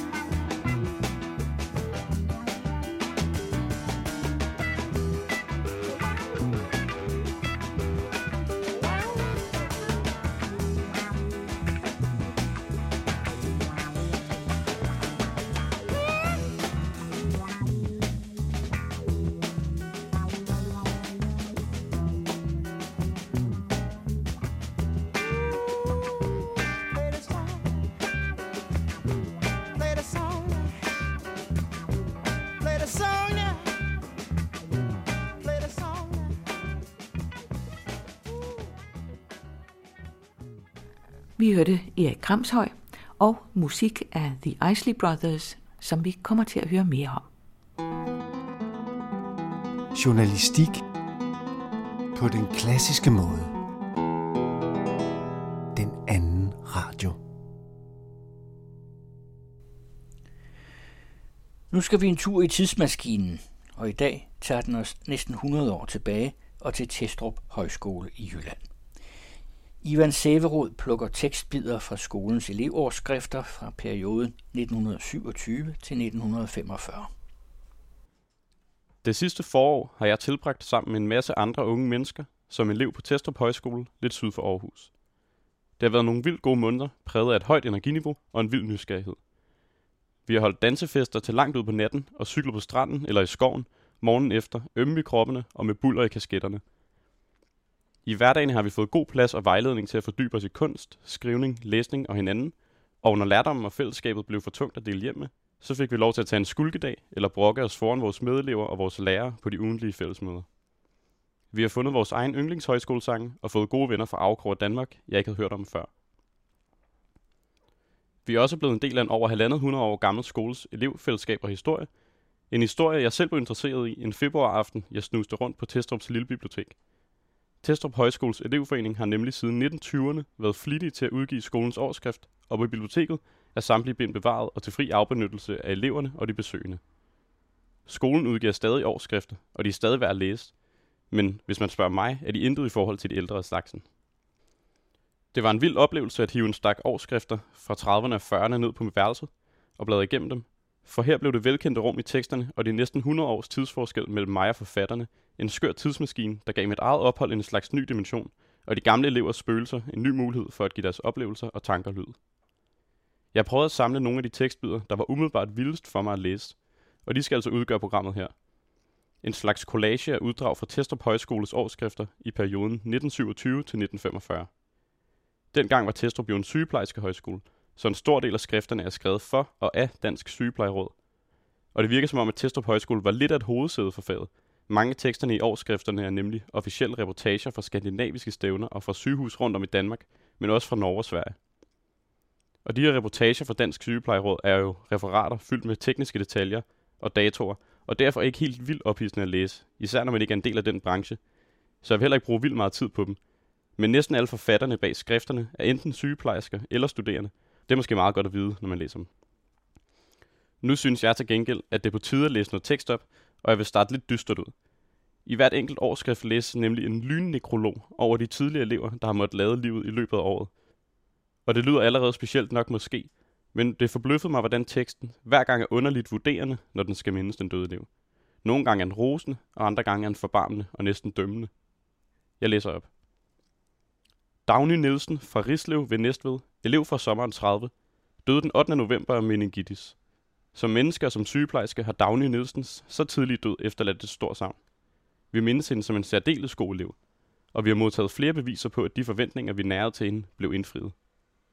Særdeles god her skrevet i kursiv, og det er som om, at grænsen mellem dybfølte mindeord og afsluttende eksamenskarakter viskes lidt ud. Måske aller tydeligst i den her tekstbid fra 1943. Efter kun 3,5 døgns sygdom døde Carla Damkær Schmidt af en underartet influenza på Esbjerg Kommunes sygehus, hvor hun var elev og ville være blevet færdig til maj.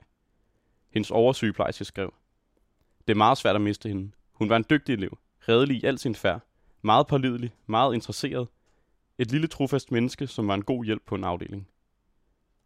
Om en anden elev står der. Henny Erntgaard, elev fra vinteren 38-39, døde på Userød sygehus den 20. maj, efter at være blevet opereret for en underartet blindtarms- og bughindebetændelse. Henny Erntgaard var sin forældres eneste barn, og var blevet forlovet med en ung svensk mand, der er chauffør hos prins Karl i Stockholm. På grund af forholdene kunne han desværre ikke være med, da hun stedes til hvile på Hørsholm Kirkegård.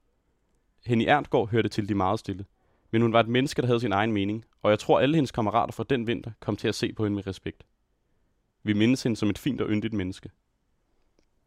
Her læser vi altså om et dødsfald, hvor snart halvdelen af nekrologens indhold er om den afdødes forlovede og om hans bedrifter. Jeg synes, at teksterne lægger deres fokus på en ret tavlig måde nogle gange, men det gør også, at de afdøde personer føles til levende, at de bliver beskrevet så ærligt. Man bliver inviteret til selv at savne de døde elever. For eksempel skriver Testrup i 1944 om en elev fra 1933. Vi vil savne Margrethe Lauerberg meget. Hun var en særpræget personlighed, noget kantet, men hun havde et hjerte, der brændte for sandhed og for ret. Eller Ketty Gullev, assistent på Varde sygehus. Hun hørte til de i mere end en betydning ensomme mennesker. Til dem, som med store krav til sig selv og andre bliver ene. Og dog var der i hende en dyb trang efter fællesskab. Hun havde et stærkt åndeligt behov. Det er også en stor sorg, at vi ikke har kunnet hjælpe hende bedre. Nu er det jo ikke fordi, at alt i skrifterne handler om død, men det fylder en del. Man kan næsten glemme, at en højskole er et sted for unge mennesker og ikke skeletter. Derfor er det ekstra rart at læse, når forfatterne bag elevoverskrifterne, som i øvrigt næsten altid var mere ansatte end elever, tager sig tid til også at sige et par ord om denne ungdom. For de voksne har nemlig en del at sige. Hør for eksempel forstander Ankærs refleksioner over ungdommen og samfundet i det her årsskrift fra 1927. Jeg læser lidt op. Det lader sig jo ikke bestride, at i forhold til befolkningsvæksten er deltagertallet i den grundviske højskoles ungdomsarbejde i tilbagegang. Så man får ikke fat i det store flertal af de unge. Det skyldes ikke absolut, at der nu lever en bitteskidt ungdom, men mere dette, at kaldet fra de materielle livsnydelser lyder tydeligere og forståeligere end kaldet fra de åndelige livsmagter. Alene den vældige udvikling af tekniske hjælpemidler frister stærkt til udnyttelse af materielle muligheder. Den gør sig let overfladiske og blaserte. En mand sagde en dag med en drøg ed. Det er en helt nydelse at høre Guds tjeneste per radio. Livet er teknik, men synger per gramofon, tegner per kamera, fordøjer ved piller, sover ved pulver og ånder ved pulmotor. Livet bliver grov ensformighed af beton. Betonveje, betonhuse, betonpæle og betonrør, og til sidst, til sidst hviler man under en betongravsten. Sådan så samfundet altså ud fra forstander Ankærs skrivepult i Testrup for 100 år siden. Senere i sit indlæg skriver han anekdotisk om en ungdom, der forstår sig mindre og mindre på de åndelige livsmagter. Hør engang, det er ret sjovt. Det kunne også se ud til, at mange af tidens unge giver grund til at klage ved en stærk tilbøjelighed til sansenydelser, til biografteater, dans, tobak, spiritus og andet dårligt. Således havde et ungt par bestilt bryllup hos en præst klokken 3, men kom først klokken 7, fordi de havde glemt det ved at blive betaget af en forbryderfilm i et biografteater. En slagter på 200 pund danser Charleston 127 timer i træk, hvorved han tabte 50 pund, hvilket måske var det bedste udbytte for ham. For visse unge står det som det største i verden, at fingrene er så cigaretbrune som muligt. Måske gives der forkælet og forfinede frøkner, der ikke kender anden slags nål end en gramofonnål. Udover at det er svært at dele Ankærs harme over danseglade slagter og gramofonmusik, savner man også at høre om han som forstander, og overhovedet havde håb for den generation, han brokkede sig over. Og man kender en løsning. Heldigvis havde han just hørt om en ny tysk-baseret international bevægelse, der tilbød et sundt alternativ til al den røg og dans, der syntes at stå i vejen for en oplyst og bedre ungdom. De kaldte sig Vandrefuglebevægelsen og havde netop oprettet en dansk afdeling året før, altså i 1926. Det er svært at blive ekspert på vandrefuglebevægelsen ud fra den smule, jeg kunne finde om denne organisation online. For det virker lidt til, at den gik i sig selv og forduftede under 2. verdenskrig. Men det var vist en slags liga, hvor unge kunne mødes og være asketiske eller tage på vandreture sammen. Lad os hellere tage og læse Ankas egne beskrivelser af ligaen. Han skriver, Vandrefuglbevægelsens mål er at skabe en fredelig sammenslutning af hele menneskeheden, bygget på et retfærdigt grundlag, i det der tages hensyn til rasernes og religionernes særenheder, og ungdoms ret til at forme sit liv efter egne idealer. Ligaen tager afstand fra alle økonomiske særrettigheder og kræver en samfundsordning, der afskaffer såvel den enkeltes eksistensusikkerhed som hele klassers undertrykkelse, og som ved siden af retten til arbejde også yder retten til delagtighed i alle kulturgoder. Ligaen fordømmer enhver krig mellem folkene og kræver almindelig afrustning. Den venter af sine medlemmer, at de efter evne vil modarbejde enhver militær voldshandling og ikke understøtte nogen krig. Ligaen er hævet over enhver art af misforstået nationalisme. Den er et internationalt arbejdssamfund, hvis grupper står i nøje samvirke ved udveksling af idéer og erfaringer. Det lyder helt vildt fornuftigt og socialistisk, og jeg ville ønske, at vandrefuglebevægelsen stadig var til stede, så en Charleston-dansende og spiritusdrikkende ung mand som mig kunne have fået sig nogle holdbare fællesskaber og interesser, i stedet for at se forbryderfilm og ryge tobak. Men, fortsætter forstander Ankær, frem for alt vil den nye ungdomsbevægelse føre ungdommen tilbage til naturen, ikke til planløst sværmeri, men til jævn, naturlig levevis. Den nye ungdom vil modarbejde skadelige nydelsesmidler som spiritus, tobak og overdådige fødemidler. Man bekæmper moderne dansegalskab og films uvæsen, ikke ved negativ kritik af gamle vaner, men ved at byde de unge erstatning for disse. I sommertiden drager man på helligdage og i ferier ud på vandringer i den friske natur, hvor nydelsen af naturliv og natursamvær langt opvejer savnet af alt det komfortable, man ellers har forventet. Man savner hverken bøf, kaffe eller øl, men synes, at brød, frugter og vand er livlige næringsmidler, og at et leje på græsset under åben himmel eller under teltet er kongeligt i sammenligning med sengedyner eller divaner. Til sidst bør også anføres, at vandrefuglene arbejder stærkt for at få dansen omtrent afløst af sangleje. Sådan kan det altså føles helt vedkommende at læse en 100 år gammel dansehader brokke sig over ungdom og give sit bud på en løsning. Det er sjovt at tænke lidt over overskriftet som genre. For det er jo ikke meningen, at det skal læses på noget andet tidspunkt end netop det år, det er skrevet i, så teksterne er fyldt med hentydninger til fænomener, man næsten kun kender, hvis man lever i netop det år. For eksempel refererer et par af teksterne til en præmietyr ved navn Højager Nakke, der lagde ursæd til de fleste af de røde malkekør, der blev brugt i dag. Den blev solgt for 5.000 kroner i 1925, hvilket viste sig at være en god handel. For alle de mælkekøer, tyren gjorde drægtig, kunne den glade indehaver sælge videre for 1.000 kroner stykket. Og den fik gjort i hvert fald et par mælkekøer drægtig. Landmænd landet rundt fragtede deres kvæg til tyren Høje af Nakke, der boede i Odsherred. I slut 20'erne og start 30'erne skrev og talte alle om Høje af Nakke. Der blev rejst monumenter af den rundt i Danmark, og på et dyrskue i Bellehøj vandt tyren et stort flot sølvkrus af kong Christian den 10. Sådan er altså historien om Høje af Nakke, tyren, der gik fra avisforsiderne til fuldstændig glemsel.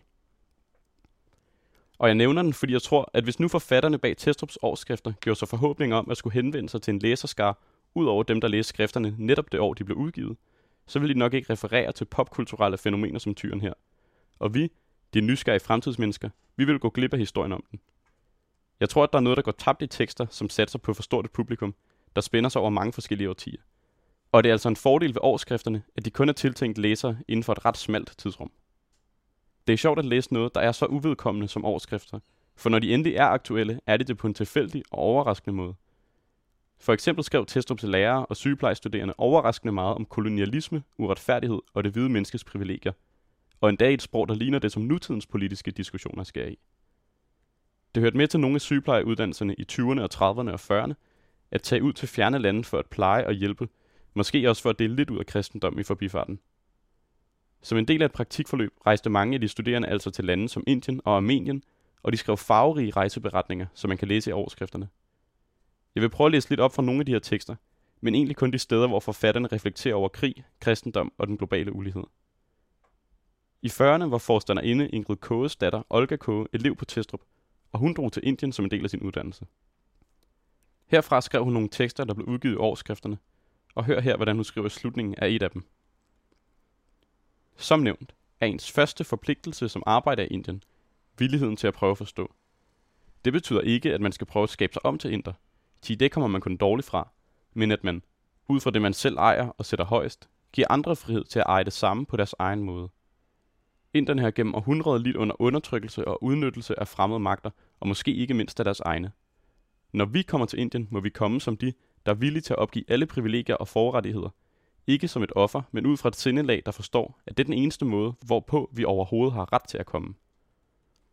Ud fra dette sindelag kommer vi som gæster til et fremmed land, som nogen, der i erbødighed gerne vil prøve at forstå og dele det bedste, vi ejer. Må det være af os lære at tjene på den plads, hvor vi er blevet sat. Hun er utrolig tæt på at bruge moderne ord som privilegieblindhed, og det synes jeg er ret vildt. Man kan måske godt komme til at glemme, at folk også gjorde sig nogle overvejelser om racisme og imperialisme tilbage i tiden. Overvejelser, der endda virker fornuftige nok i dag. Et andet sted skriver den lokale præst, Bent Mostrup, om krigen, Gud og den hvide mand.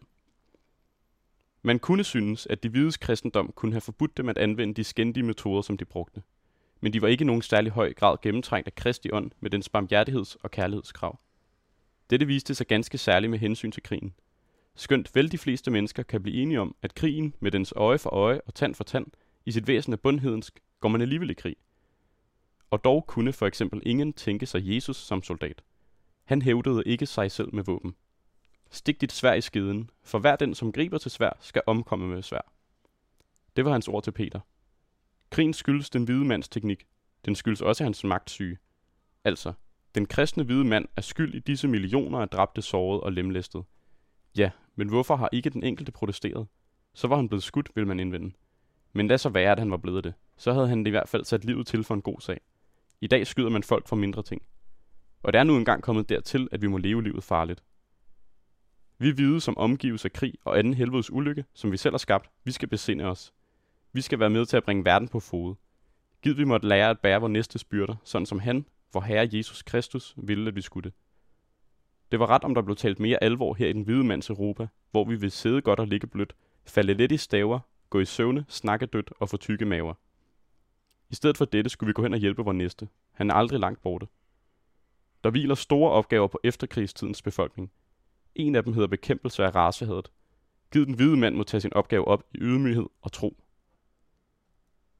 Og med denne lille prædiken fra præst Bent Mostrup vil jeg faktisk slutte dagens program af.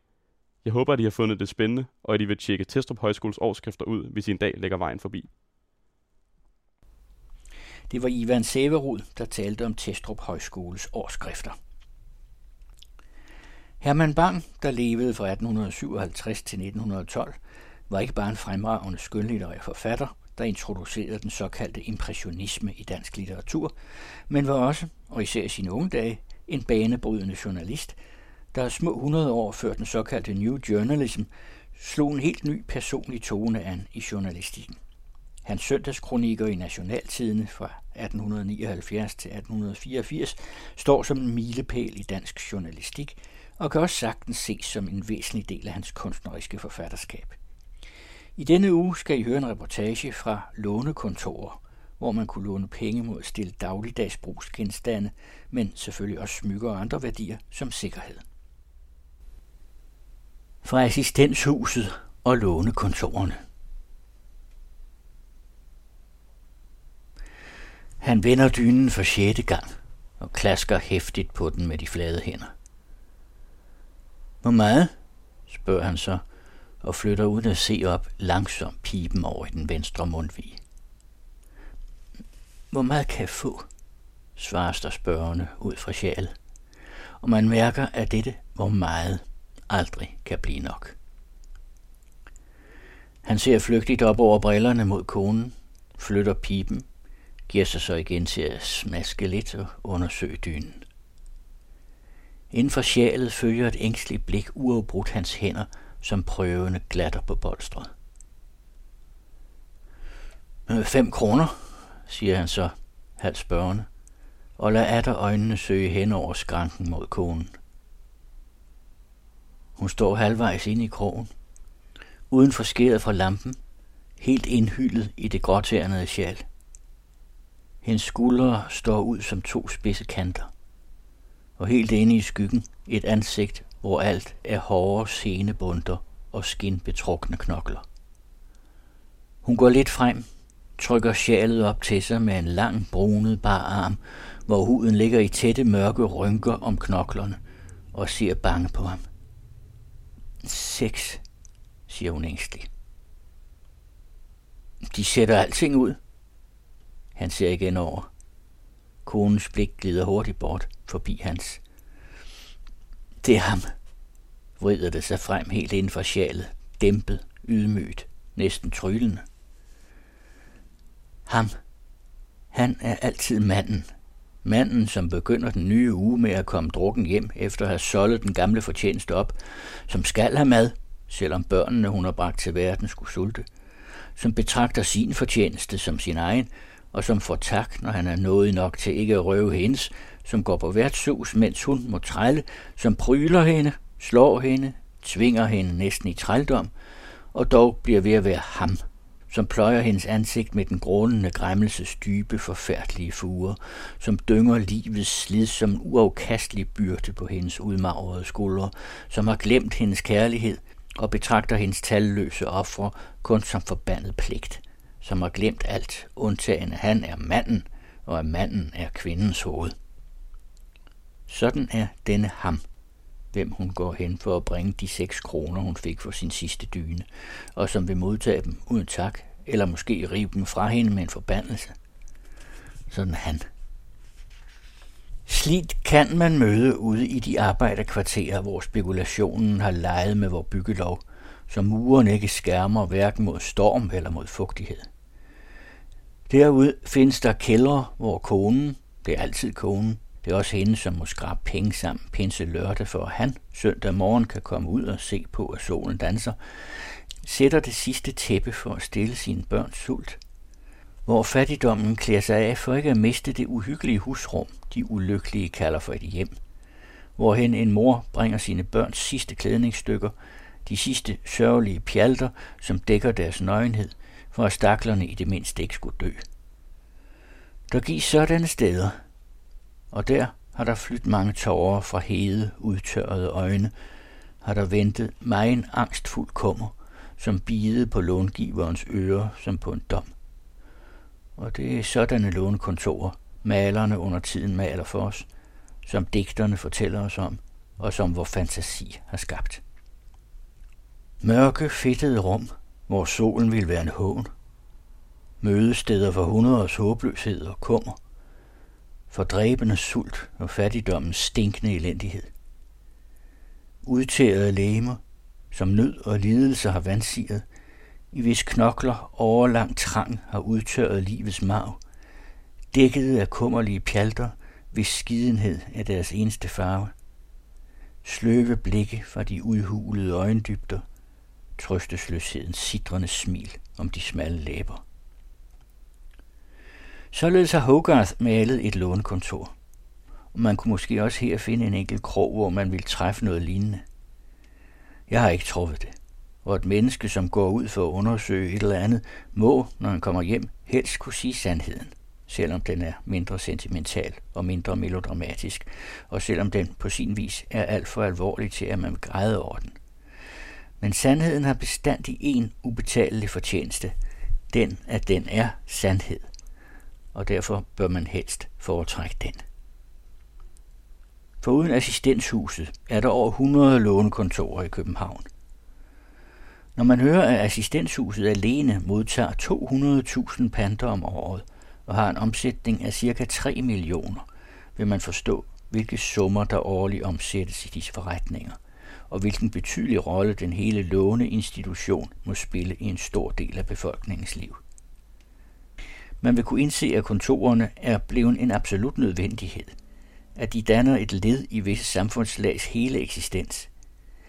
Men hvilket lag af befolkningen, der fortrinsvis benytter dem, er vist nok de fleste uklart. Man tror vel i almindelighed, at lånekontorerne er et tilflugtssted for de fattige. Men det er kun meget delvist sandt. Og hvis de nogensinde har været det, er de det ganske sikkert ikke længere. Hos os er Hogarths billede usandt. De kommer just på en af vores store dage, siger en af assistenterne ved stranden til mig. Der er auktionsindløsning i dag. Og da jeg erklærer mig for uvidende om, hvad auktionsindløsning vil sige, fører han mig ind i en sal med nogle terrasseformede i trin og en skranke bag hvilken en snakkende og puffende mængde trænges og skubbes. Det er alle sammen folk, som ville indløse panter, der er satte til auktion. Så løser de det her og går derefter over på den anden side og sætter det igen. Her ser de netop vort faste publikum. Og manden havde ret.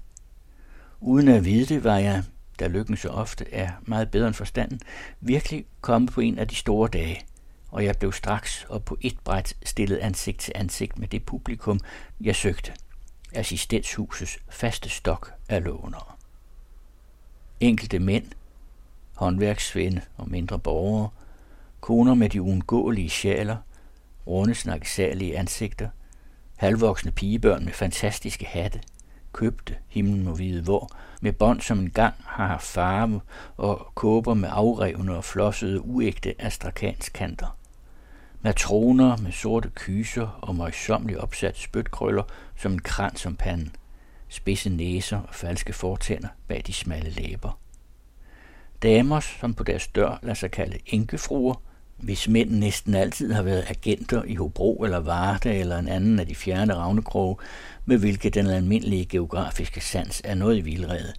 Hvis stolthed er deres russiske selvkoger, en opfindelse, der var ny i Hobro, og hvis passion er kaffe, som de nyder med Candice, efter de har taget de kostbare fortænder ud. Lærerdrenge i ladesbluser og blå lappede benklæder, bare arme og sort bemalede ansigter, for hvem vandet synes et fremmed og ukendt element. Unge tjenestepiger i tynde kåber, med evige halvfnisende smil om de krusede munde og små mundre stumpnæser, som, når de taler, er i stadig bevægelse op og ned. Børn, som man sender herhen for at vende dem til ilden, og for hvem onkel bliver den første ven i livet. Mens assistenten råber op, summer og snader skaren som en flok larmende ender, og den, som er kommet herind i forventning om at møde noget hjerteskærende, vil sikkert føle sig skuffet over for denne mundre, sladrende ubekymrethed. For alle disse mennesker er det hele øjensynligt noget dagligdags, måske til med noget opmuntrende midt i livets slid. Assistenshuset er en elskværdig anstalt, hvor de hver uge tager et lille eller et meget stort forskud på ugens fortjeneste. Og da menige folk ikke er statsøkonomer, og derfor ikke til fulde kunne vurdere det skadelige i at tage forskud, gør de det uden bekymring. Alle disse mennesker stoler på næste uge og på en større fortjeneste, som skal komme i morgen. Det har de gjort tillidsfuldt, men uden resultat i overvis, og hvis den større fortjeneste kommer, løser de ikke deres panter. Kom dag efter dag, og du vil møde det samme publikum. Folk, som hverken sulter eller mangler klæder, naturligvis har de på den anden side heller ikke mere end det, de står og går i, som hverken mangler husrum eller nægter sig nydelser, men som simpelthen er kommet i baghånden, fordi de bestandigt bruger 5 kroner mere om ugen, end de som oftest tjener. Folk, som skulle i skoven to gange om året, som skulle fejre fødselsdage og nødvendigvis mod teatret, Frederiksberg Teater eller Thalia Teatret, og som vi siden skulle se, er det vist nok som oftest netop deres fornøjelser, assistenshuset må komme til hjælp. Men, vil man spørge, hvor er der de mennesker, som sulter, som ikke har husrum, som ikke har selv det nødvendigste for at kunne opholde livet? Hvor holder der sulten til? Sulten, elendigheden og nøden? Til man kan dog vel ikke nægte, at der findes elendighed i København? Desværre nej. Der gives elendighed og nød, og mere end nok af begge dele, men her træffer de den ikke, eller i hvert fald kun undtagelsesvis. Når vi leder i den støjende mængde bag skranken, kunne vi naturligvis møde en og anden, hvem trang har bragt herhen. Men ubekymretheden er regel. Trangen kun undtagelse. Helt hen ved døren, klemt op i hjørnet, så langt bort fra de andre, som det er muligt at komme, står der en dameklædt kvinde. Det tætte slør dækker helt hendes ansigt. falder langt ned ad ryggen på den klædeskåbe, som sidder stramt over et fast højt bryst. Under kåben en sort kjole, besat med atlask. Handskerne er skinnende blanke. En gang imellem drejer hun hovedet og ser sig urolig om, trykker så sløret tættere sammen om sit ansigt. Hvorfor er hun kommet? Den gamle taxator står og vejer en glat guldring. Det er hendes. Stemmen ryster lidt, da hun takker og lader de fire kroner glide ned i den skinbesatte lomme. Hende har trangen drevet. Hun har længe stået uvis. Så viser en halvvoksen, her velbefaren pige hende til rette. Vil hun sætte en kjole? Er det denne vej? Hun løser bylden op og tager en sort silkekjole frem. Noget gammeldags med et par små sorte fløjlsbånd om ærmet. Hun glatter om hyggeligt på nederdelen, så den kælende stoffe ser så sky over på taxatrisen, der holder kjolen op mod lyset. Øh, den er noget tyndsligt, siger hun. Det trækker lidt om konens mund. Hvor meget? Øh, så meget jeg kan få. 10 kroner. Konen nikker. Tager så lommetørklædet op og pusser sin næse. Langsomt, stilfærdigt. Taxatrisen ruller nederdelen sammen. Konen ser over. Siger derpå dæmpet, lidt rystende. Den bliver nok lidt godt behandlet. Taxatrisen ser hen på konen. Deres blik mødes. Så glider hendes tårer blændet bort. Den skal blive hængt op, siger taxatrisen.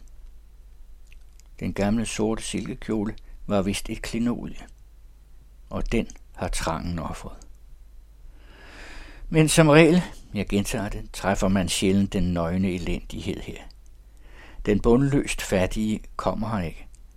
Både fordi han ejer meget lidt, og fordi det lidet han har er uden værdi. Den bundløst fattige ejer jo kun nogle klædningsstykker. Men under de nuværende konjunkturer, hvor man kan købe alt slidt af den slags ringe kvalitet, som fattigfolk benytter så umådeligt billigt, kan hverken de private lånekontorer eller assistenshuset låne noget på de pjalter, den sande elendighed kan bringe. Under disse omstændigheder får man på assistenshuset meget sjældent elendigheden i tale. Såvel statsinstitutionen som de private anstalter, heriblandt jo aktieselskabet, de billige lånekontorer, har nærmest den opgave at dække den arbejdende klasses stadige underbalance. Og når man ser, hvorledes denne underbalance opstår, og hvor sangvinsk ubekymret den bæres, turde det vel være mere end tvivlsom, hvorvidt staten her er forpligtet til, eller en også bør træde hjælpende til. Vi talte før om de store dage. De største dage for alle lånekontorer er pinselørdag og dagen før lotteriet trækkes. Disse mennesker sætter deres sidste skjorte ud for at kunne forny deres seddel. Deres sidste dyne for at kunne være i staden pinsemorgen. Det er hele karavaner, som endnu pinsedags morgen bestormer assistenshuset og lånekontorerne, for med penge, som de har skrabet sammen, hvem ved hvorledes, at indløse et ægte sjal, en ring, en halskæde eller et par støvler. Så må vintertøjet dække omkostningerne med at få sommertøjet hjem, og således bliver det ved. Den store del af befolkningen, hvorom har tale, er bestandig for uden ejendom. Ikke fordi de egentlig er fattige. Der er for eksempel brolæggere, som kunne spise henkogte hummer til frokost, og som daglig, så længe det varer, drikker rødvin til middag, men fordi de stadig lever på fremtiden og navnlig nyder mere, end de har råd til. Naturligvis er vinteren den travleste tid, sagde jeg til ejeren af de lånekontorer, jeg har besøgt. Åh ja, maskeraderne tager jo meget. Men jeg vil dog ikke sige det. Når skoven bliver grøn, trænger folk sgu mere til penge. Det samme svar, som synes at være korrekt, da 10 procent af samtlige panter på assistenshuset sættes i maj, har jeg modtaget overalt. Hvad der om vinteren driver folk til långiverne, er hverken kulde eller sult eller arbejdsløshed, men frem for noget foreningsballer og maskeraderne. Tværtimod, arbejdsløshed og forretningsstilhed holder dem bort. Assistenshuset og lånekontorernes omsætning har aldrig været så stor som i opsvingets år i begyndelsen af 70'erne. Assistenshuset havde dengang 30.000 panter årligt, mere end nu. Da stillstanden indtrådte og den lette adgang til fortjeneste ophørte, satte man overalt langt mindre og løste lige så meget som i de gode år. Kontorernes omsætning står i lige frem forhold til publikums velhavenhed.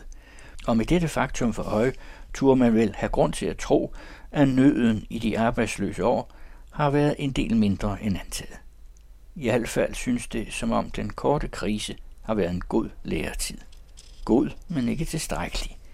Til det sidste år viser med den forøgede lethed til fortjeneste, man kan jo kun uegentligt sige velhavenhed, en tilsvarende forøgelse i pansætningen.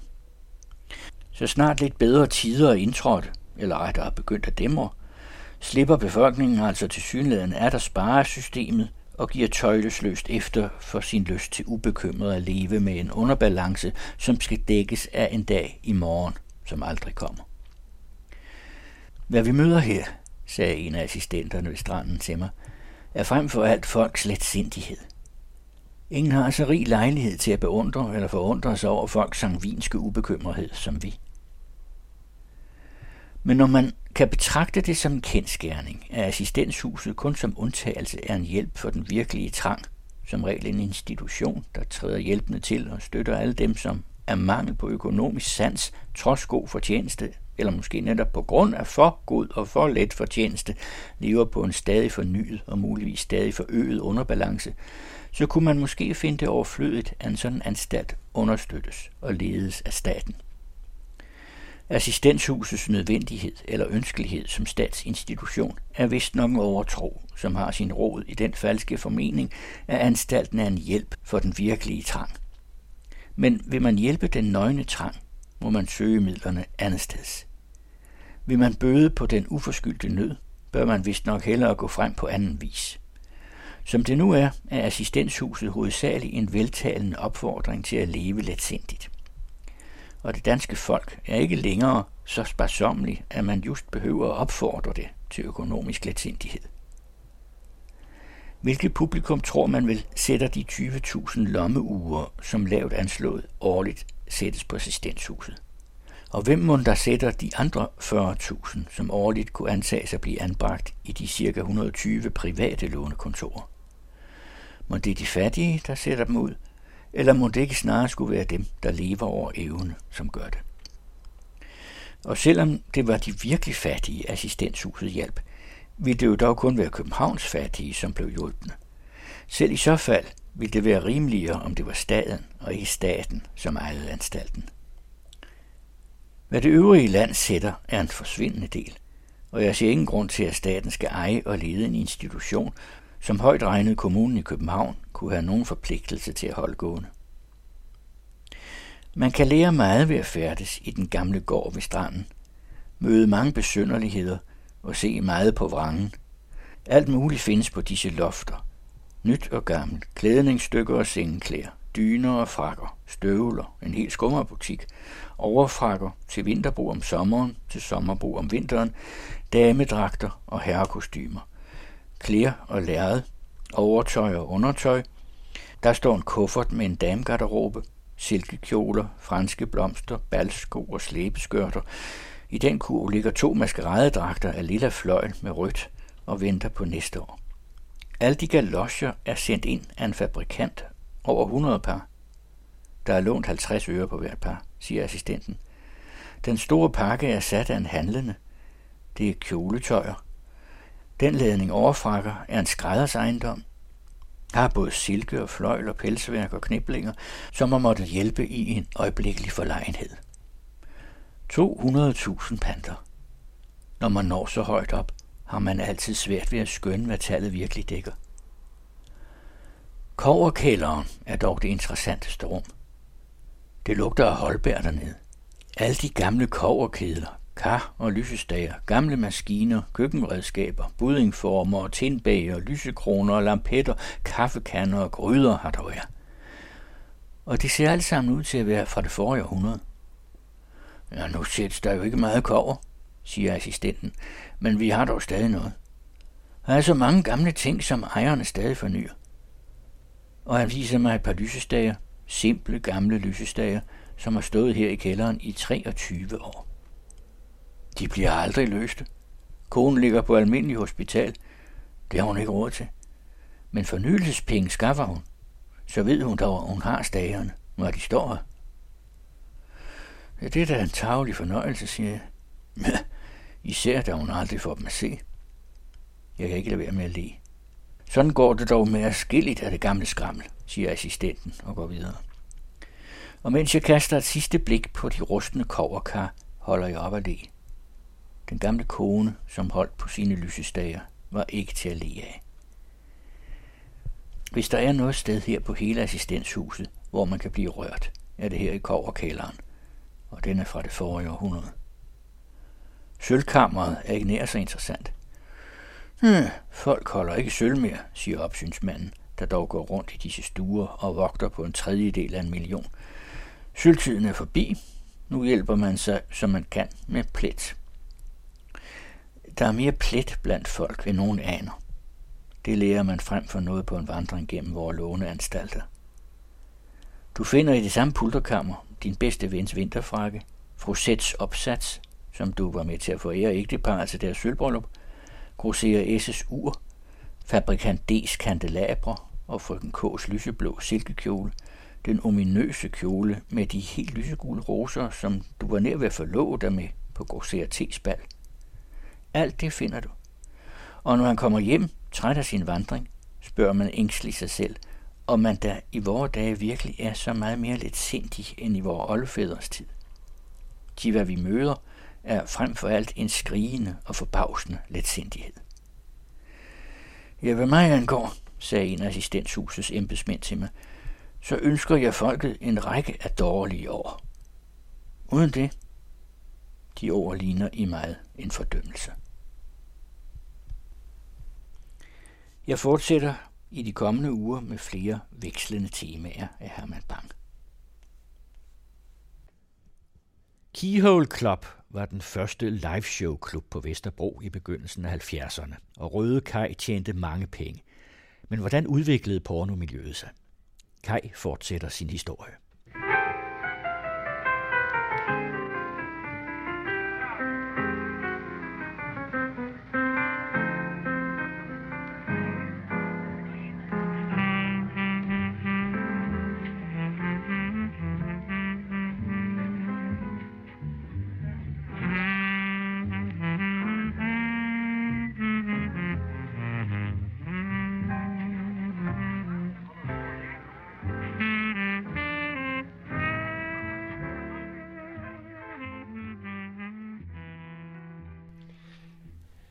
Siger Keyhole, det er det eneste på Ithaca. Det er det første, og det er det eneste i hvor lang tid så? Bananbørge, der, han gik i gang med Klub København derinde i Istegade nummer 11. Og det har de vel gjort i øh, sidst på efteråret, det er 71, foråret 72, hvad jeg skyde på, hvor de begynder at, at bygge det op, ikke? Altså, når, når der først er penge sted, så kommer alle de her gribe øh, cirkaler, du ved, så skal de sådan være, være rundt omkring, så vil de også øh, lave de penge, fordi de kunne godt se, selvom du ikke går og ligesom og vifter med dem, og kunne de jo godt se, at der blev lavet penge, altså ingen tvivl om det. Mm. Man havde jo altid penge. Det omgangen på værtshuserne og barerne, det betød jo ikke noget. Herregud, en bajer, den kostede 3 kroner og 75 øre på Kometbar på det tidspunkt, det er 71. Og jeg så, hvad betød det altså at give en strive bajer, altså herregud.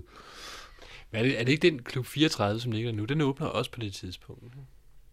Jamen, den øh, åbnede der, altså Niels Kolov. Mm. Ikke? Han havde jo en, en forretning, der lå over i, øh, på Græsværksvej nummer 35, nede i en kælder.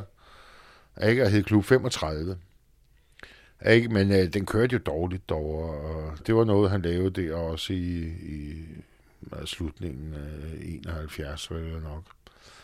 Og så øh, en af mine gamle venner, og jeg hedder Jørgen Hø, øh, han havde jo så en lille øh, kælderbutik over i øh, Istegade, hvor han også bookede fra, hvor de simpelthen bookede til øh, live liveshow fra.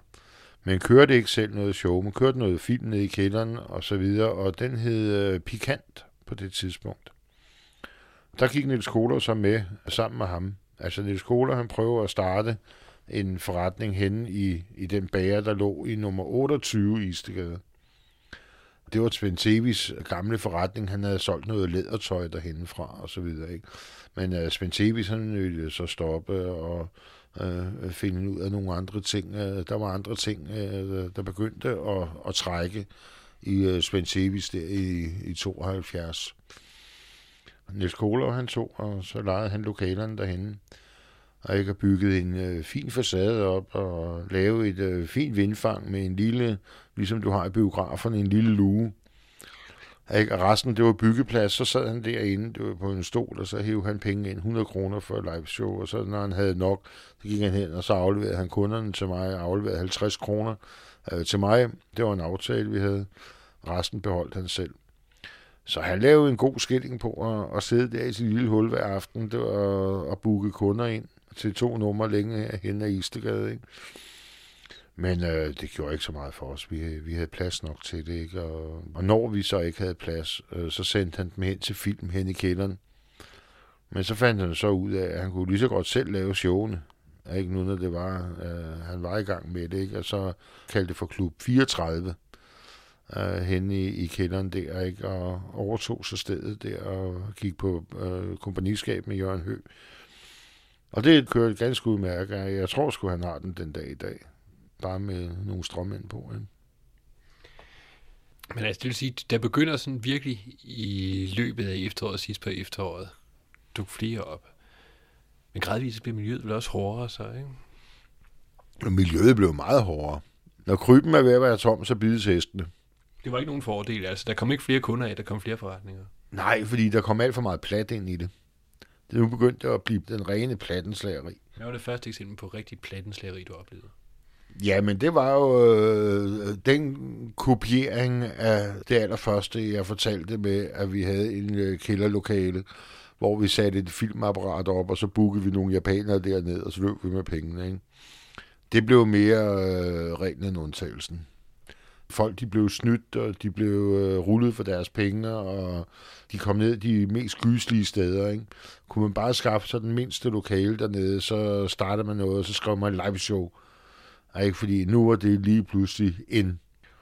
Ikke? Så, øh, Så folk også korportligt rullet, simpelthen. Ja, ja, altså det, det var meget let. De kom ned i sådan en kælder, jeg troede, skulle se live show, så blev de simpelthen rullet af sådan et par fyre, ikke? Politiet, de begyndte jo at interessere sig helt utroligt for tingene dernede, og øh, kom meget ofte, flere gange om ugen. Ikke? Og der begyndte jeg at tænke, det her, det gider jeg sgu ikke. Nu er det ikke så sjovt mere, vel? Allerede i 1972, foråret 1972, der siger jeg farvel og tak. Jeg overdrager det til Sonne. Der er stadigvæk penge i det, der ikke? Nej, der er ikke nær de samme penge i det. Altså priserne, de er blevet dumpet, fordi der er kommet så mange. Øh, turisterne, de tør ikke rigtig mere at gå ind nogen steder. Pladulerne og øh, de forskellige, de er kommet derned. De begynder at kæmpe sådan rent korporligt om, øh, om kunderne. Der starter en lille krig imellem det her show, halløj, ikke? Har du været med til at slås korporligt om kunder? Jeg har aldrig slås. Jeg har aldrig været voldelig. Jeg har kun forsvaret mig. Mm-hmm, mm-hmm.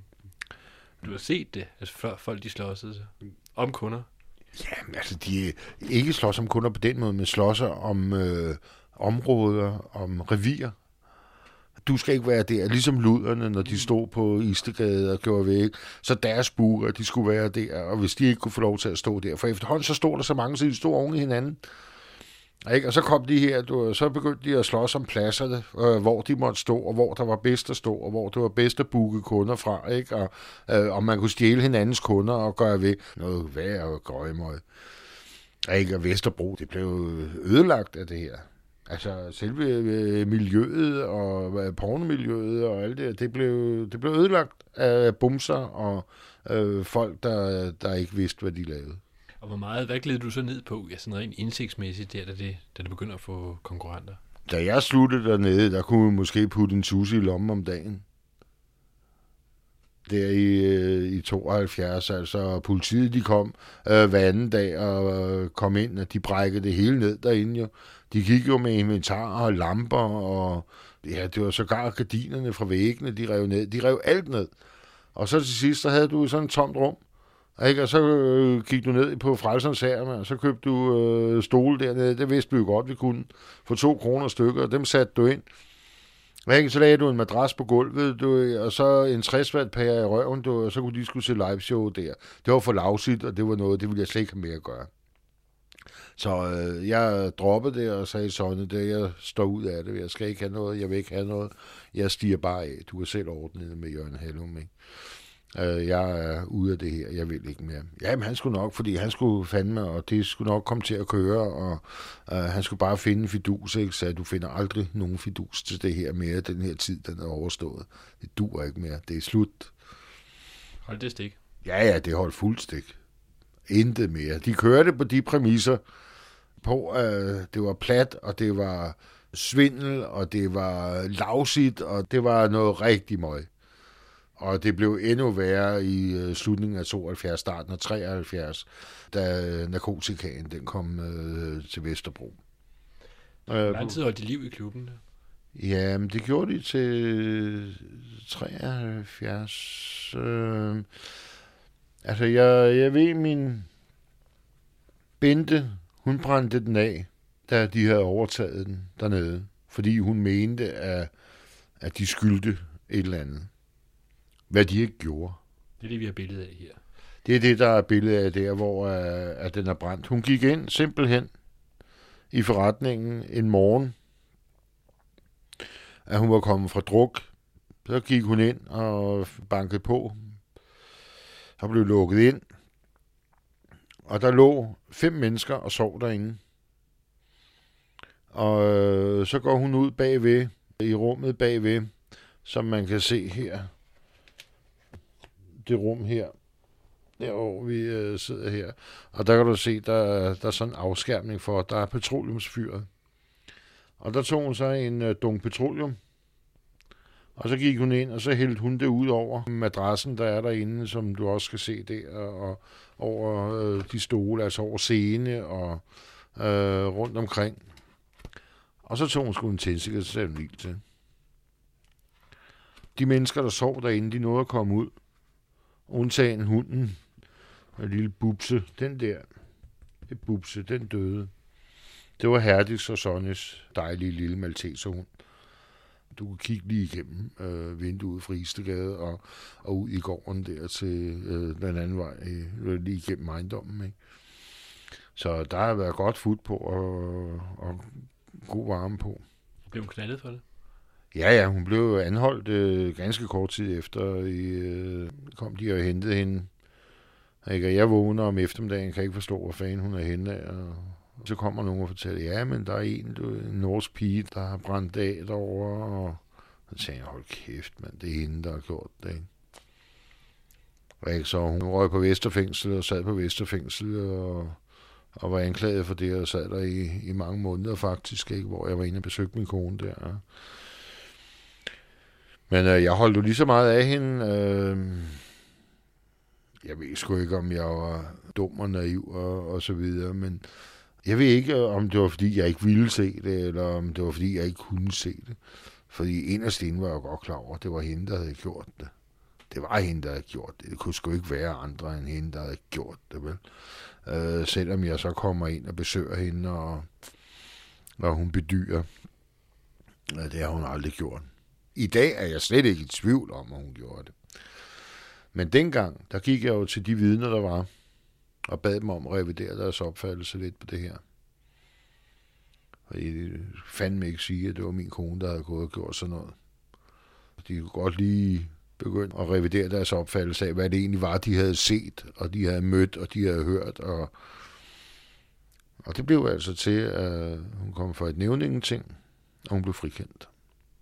Fordi vidnerne, de var simpelthen ikke gode nok. De kunne ikke huske noget. De led af akut hukommelsesvigt og, øh, og så videre, så videre. Så hun kom i hvert fald ud derfra, og øh, sigtelsen blev frafaldet på hende. Hvem erstattede så forretningen? Den blev bygget op igen, og de gik i gang igen. Jeg ved ikke, om det var forsikringen, eller hvem fanden det var, der byggede den op og, og, og sørgede for, at, at den kom i gang igen. Men i gang igen, det kom den. Ikke? Så øh, den kørte der i, jeg tror 73 med, Nu kan jeg ikke huske, hvornår Sonny han døde på Gran Canaria, men de, han øh, døde under en ferie dernede. De var rejst derned. Fordi Sonny han køber en... Ja, han var en mærkelig mand. Han købte en, øh, en Mercedes 280 øh, sportsvogn. Og så øh, William Brorson, han, havde, jo- han gik jo og gjorde rent øh, nede i klubben om, om natten, og det var forbi, og det var slut og sådan noget. Og øh, William Brorson, han er jo øh, blevet løsladt efter øh, 30 års fængsel. Jo. Ikke? Han har jo siddet ude på Vridsløse i 30 år. Først på psykopaten op i Nykøbing, og så røg han på Vridsløse statsfængsel og sad der. Han er det menneske, der har siddet længst i, i fængsel lige øh, ud over Palle Sørensen, så lige overkigger med et par år øh, senere. Ikke? Men på det tidspunkt var han det menneske, der havde siddet længst i fængsel i Danmark. Ham tog Sonny til sig. Ikke? Og han sad op, så når de sad på Fortogscaféen og sad og drak fadøl, han, sad, han elskede at prale med sin... Altså, jeg kan I nu se hans håndbevægelser og hans måde at, at tænke sig på. Han troede, han var verdensmester, ham der... Øh, øh, Sonny, han troede sgu, han var verdensmester og kunne købe alt for penge. Altså, øh, ham, der fortalte politiet det, han tjente lige så meget om dagen, som han gjorde om måneden. Altså, øh, den måde at, at gøre tingene på, og sådan var han. Ikke? Og det, han satte William Brorsom ind i sin bil der, og så kunne han passe på bilen. Så kunne han sidde der i Mercedesen og passe på bilen, mens han sad og drak fadøl på Fortuscaféen sammen med sin kæreste og sit hof der. Ikke? Altså, det var sgu noget plat noget. Altså, det var, for mig var det bræk fornemmelse nærmest, altså, jeg kunne få af det, ikke? Det er sådan noget, det kan, jeg, sådan noget, det kan jeg simpelthen ikke klare. Jeg er godt klar, at folk har penge. Det er fint, og det er godt nok for mig. Men øh, øh, håne andre og gøre noget over for andre, fordi de ikke har noget, mm. det kan jeg ikke have. Men han tog til Gran Canaria, siger du? Han døde nede på Gran Canaria af, en, øh, af et hjertetilfælde, blodprop eller whatever. Jeg ved det ikke.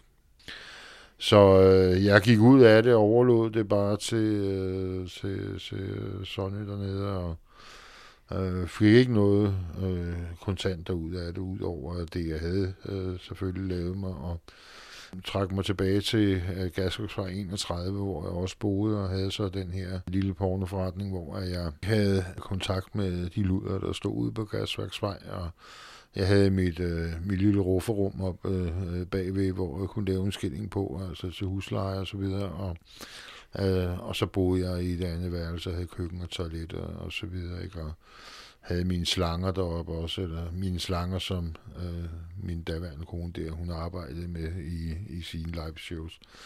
Så øh, det hele, det var sådan lidt rodet sammen til noget, øh, noget forfærdeligt møg. Også det, at på det tidspunkt, der gik man over til at, at drikke mere og mere, end jeg havde gjort øh, før i tiden. Ikke? Øh, min kone, hun var mere eller mindre alkoholiker, og det var en hård tid at, at være i, og da jeg ikke ville bruge nogle af de penge, som jeg havde lavet på liveshowene, og jeg synes, de lå meget godt, hvor de lå, og, og men jeg øh, ikke tager for meget på dem, så øh, gik jeg i gang med at, at være tjener på et af de øh, små værtshuse nede på Halmtorvet. Hvad hed det? Jamen, det hed uh, Holbergs Bodega på det tidspunkt. Der var en, der hed Paul Holberg, der, der havde det, og hans kæreste, øh, som jeg ikke kan huske, øh, hvad hedder, Putte, tror jeg. Hun lavede godt smørbrød, og hun lavede god mad dernede, og øh, der kom mange mennesker, og der var sådan et lille ja, lokale, som var lavet sådan i, i østerlandsk stil, øh, som hed Trankebar. Der var jeg så tjener dernede, og samtidig så gik min daværende kone så øh, op på Halmtorvet og trak og var prostitueret der. Og kom ned og fik varmen og fik så en øl ind imellem nede hos mig. Og det var en kedelig tid, det var en dårlig tid, øh, vi havde der efter at Keyhole det var stoppet. Det var lige lavsigt nok, må jeg sige. Det var nok noget af det, jeg vil kalde bunden af Vesterbro og at leve. Det var et lorteliv, for at sige det mildt. Hvad var det, der gjorde det? Ja, men det var, øh, det var måden, at, at, at du var nødt til at leve på, og prestigen, du havde haft før, der var øh, ligesom øh, det, at man, man øh, havde været øh, højt på strå, og man havde haft øh, Ford Mustang, og du havde ligget og, og haft øh, masser af penge i lommen, og du havde en, en vis status i området, og nu var du øh, ligesom degraderet til en, øh, en øh, raflende øh, tjener på et øh, sidegade værtshus på Vesterbro, og din kone gik som lud op på gaden. Det var lidt af en down-periode, kan man godt sige. Det var meget down-periode. Det var slet ikke noget for mig. Det, jeg kunne ikke fordrage det. Jeg kunne simpelthen ikke lide det. Kan det sådan svare nogenlunde til, at man sådan bliver degraderet i et firma simpelthen? Ja, det, øh, det kan man godt sige. Altså, det var jo... Øh, øh, for det første var det jo ikke en almindelig øh, løn, du fik dernede. Du fik udbetalt pengene sort, og øh, du plattede, og du raflede, og du, øh, du gjorde alt for at lave penge på det her sted, ikke? De mennesker, der kom dernede, det var bare plat, plat, plat. Det var ikke andet platuler, øh, hele banden. Men altså, du var ikke en skid bedre selv. Ja? Du, øh, du skulle bare være en bedre platugle end dem for at kunne øh, øh, komme igennem det, for at du kunne overleve i, øh, i det her miljø. Vi taler om småplat, altså det er jo ikke, det er ikke, de, det er ikke i stor stil. Ja, nej, dernede var der ikke noget, der var i stor stil. Det var simpelthen så småplat, så man kan næsten blive dårlig af det. Ikke? Altså, kunne du snyde en for en fem, og så gjorde du det. Altså, øh, kunne du vinde terningen i tænkeboks, så gjorde du det. Altså, du gjorde alt simpelthen for at snyde. Alle gjorde alt for at snyde hinanden. Du skulle have en finger på, øh, en øh, øje på hver finger for at se, at de ikke nappede tegnbogen fra dig. Du skulle simpelthen være opmærksom hele tiden. Men øh, man lærer jo noget sådan noget. Altså, man, man lærer skam af det. Jeg er ikke ingen tvivl om det. Altså, du lærer at blive bedre og bedre, du bliver, lærer at blive bedre og bedre til at omgå, så du øh, lærer at rulle folk med den ene hånd og smide dem ud med den anden. Altså, det er ingen problem. Men et lorteliv, det var det. Det må jeg sige. Det var det sgu. Det eneste mundre indslag, der kunne komme, det var en gang imellem, når, når Dirk Passer, han trimlede forbi i en brand, og det inden for Tivoli-revyen, der skulle have noget at putte smørbrød dernede. Øh, han kendte hende et eller andet sted fra, så når han kom forbi, så var det sådan meget sjovt. Men ellers så var det del med, med et, øh, et trist øh, sted at være. Så mere i, i starten af 1973, der begynder jeg op hos øh, Hawaii Bio, øh, hvor den gamle Nielsen og må ligesom kryve til korset og, og gå op til ham og sige, hvad, er der ikke et eller andet, jeg kan lave heroppe? Er der ikke noget, jeg kan øh, være i gang med? Jeg vil godt have med live show at gøre. Og, og han kørte op på Vesterbrogade stadigvæk og, og kørte det rimelig seriøst, og der var sgu øh, klare regler for, hvordan øh, det skulle køre. Og Den findes endnu, ja, ikke? lokalerne findes endnu. De kører så som biograf, og, og der, det, der var også biograf dengang, det var så bare lokalerne ved siden af, der var øh, live show. Øh, der var bar øh, deroppe, hvor øh, øh, min, øh, min kone der så kunne, kunne arbejde og være oppe. Ikke? Ikke, og det gjorde hun om, øh, om dagen, altså i åben kl. 12 middag, der, der var hun, og så passede hun barn ind til, at liveshowet det så øh, startede om aftenen. Så rykkede hun over og over de andre lokaler, og så var hun med til at, at præsentere det her live show. Og jeg tog ind på strøget i starten af strøget og, øh, og bookede kunder til det her live show. Jeg havde nogle små folder, nogle små flyers, som øh, jeg delte ud til alle dem, der kunne ligne nogen, der godt kunne tænke sig at gå til live show. Og der havde jeg så mit mærke på, og øh, hvis der kom nogen op med en af de her op til live show og afleverede den, så fik jeg penge for det. Og øh, hvis de havde beholdt den i lommen og bare trillet ind ad døren og uden at aflevere den, jamen så fik jeg ikke nogen penge for det. Så øh, det store, det var jo at få fat i dem sådan rent håndgribeligt, og så få dem lusket op til øh, Hawaii Bio. Og der var jeg skrab til at hoppe op i turistbussen. Altså, øh, når jeg så sådan en bus fuld med japanere, så stod jeg oppe i bussen, hvis jeg kunne få lov til at komme ind, og så begyndte jeg at snakke japansk. Jeg kan ikke snakke ord japansk, men sådan lød det i hvert fald, og jeg fik dem overtalt på en eller anden måde til nogle gange, og sådan helt busfuld at komme ned og skulle se live show. Så måtte vi forhandle lidt med prisen, det er jo klart. Så, altså, det, det gjorde vi bare. Men øh, jeg fik da en god skilling i lommen af at komme med sådan 50 japanere til et live show. Jeg ikke så var aften ligesom reddet, i stedet for at man stod der og havde tre kunder og fire kunder, at man kunne køre afsted i en taxa ind til Vesterbrogade nummer 79 og så, eller 75, og så få fire mennesker op der, og så lave 1.500 kroner, ikke, minus taxaen. Og, ikke, og så tilbage igen det, til strøget, og så booke igen. Ikke? Det, var, det var ikke så... Man kan det vel ikke køre det egentlig, det, det show der på Hawaii, altså når det andet nu mere eller mindre var gået til i plat? Jamen, øh, det var fordi, han kørte det på en rimelig ordentlig måde, den gamle Nielsen. Det her, det lå på hjørnet af Ø, så jeg skrev Vesterbrogade, og havde egentlig øh, øh, øh, filmen som det primære. Ikke? Og så åbnede det her øh, bare, og så kørte han et show hver aften. Præcis kl. 8 til kl. 11, og så kørte der show der de her tre timer, og så blev det lukket ned igen. Politiet kom enkelte gange. De smadrede ikke klubben, som de gjorde andre steder på den måde. Det gjorde de ikke der. De holdt lidt igen, fordi det var et, øh, et ordentligt sted. Altså ham, der, der ligesom kørte det, havde en forståelse af, hvordan at man kørte sådan noget. Altså, kører du det rimeligt, og giver du folk en ordentlig betjening, og sådan noget, så er de glade og tilfredse, ikke noget at brokke sig over. Var der nogen, der brokkede sig, jamen så fik de penge tilbage. Der var ingen diskussion. Ikke? Han gad overhovedet ikke diskutere med dem, værsgo pengene tilbage, farvel med dig. Så havde de ikke noget at gå til hverken politi eller nogen som helst med. Ikke? Så jeg var der i hvert fald i et års tid, hvor vi kørte det her, og, og hvor det hele det, det kørte fint, og vi lavede gode penge på det. Og den tid hos, øh, hos Nielsen op her Vejklub, den rettede lidt op på den der meget platte oplevelse, der havde været på, på værtshuset på, på Vesterbro. Jeg har aldrig kunnet fordrage at være tjener. Altså, jeg synes det, og slet ikke øh, sådan et sted som dernede. Hvem var han, Nielsen? Han var en mand med idéer hele tiden. Han havde hele tiden fingeren på pulsen, han havde hele tiden øh, gang i den.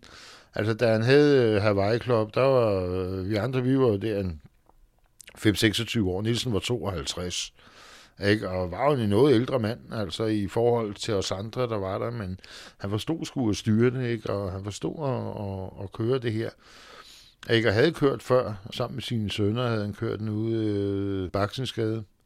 Havde han haft en, en, en pornoklub derude, og ikke? Og så hans sønner, de så gik ind og, og fik en klub inde i øh, Tejlgårdstræde, hvor de også kørte show derindefra. Så hele tiden har de ligget så lidt i, i yderkanten. De har aldrig været lige midt i, i det hele. De har altid ligget og ligesom slikket fløden i yderkanten af distriktet. Meget smart egentlig, fordi de havde det stille og roligt, og de havde ikke al den her konkurrence, øh, ligesom der var fra de andre. Ikke?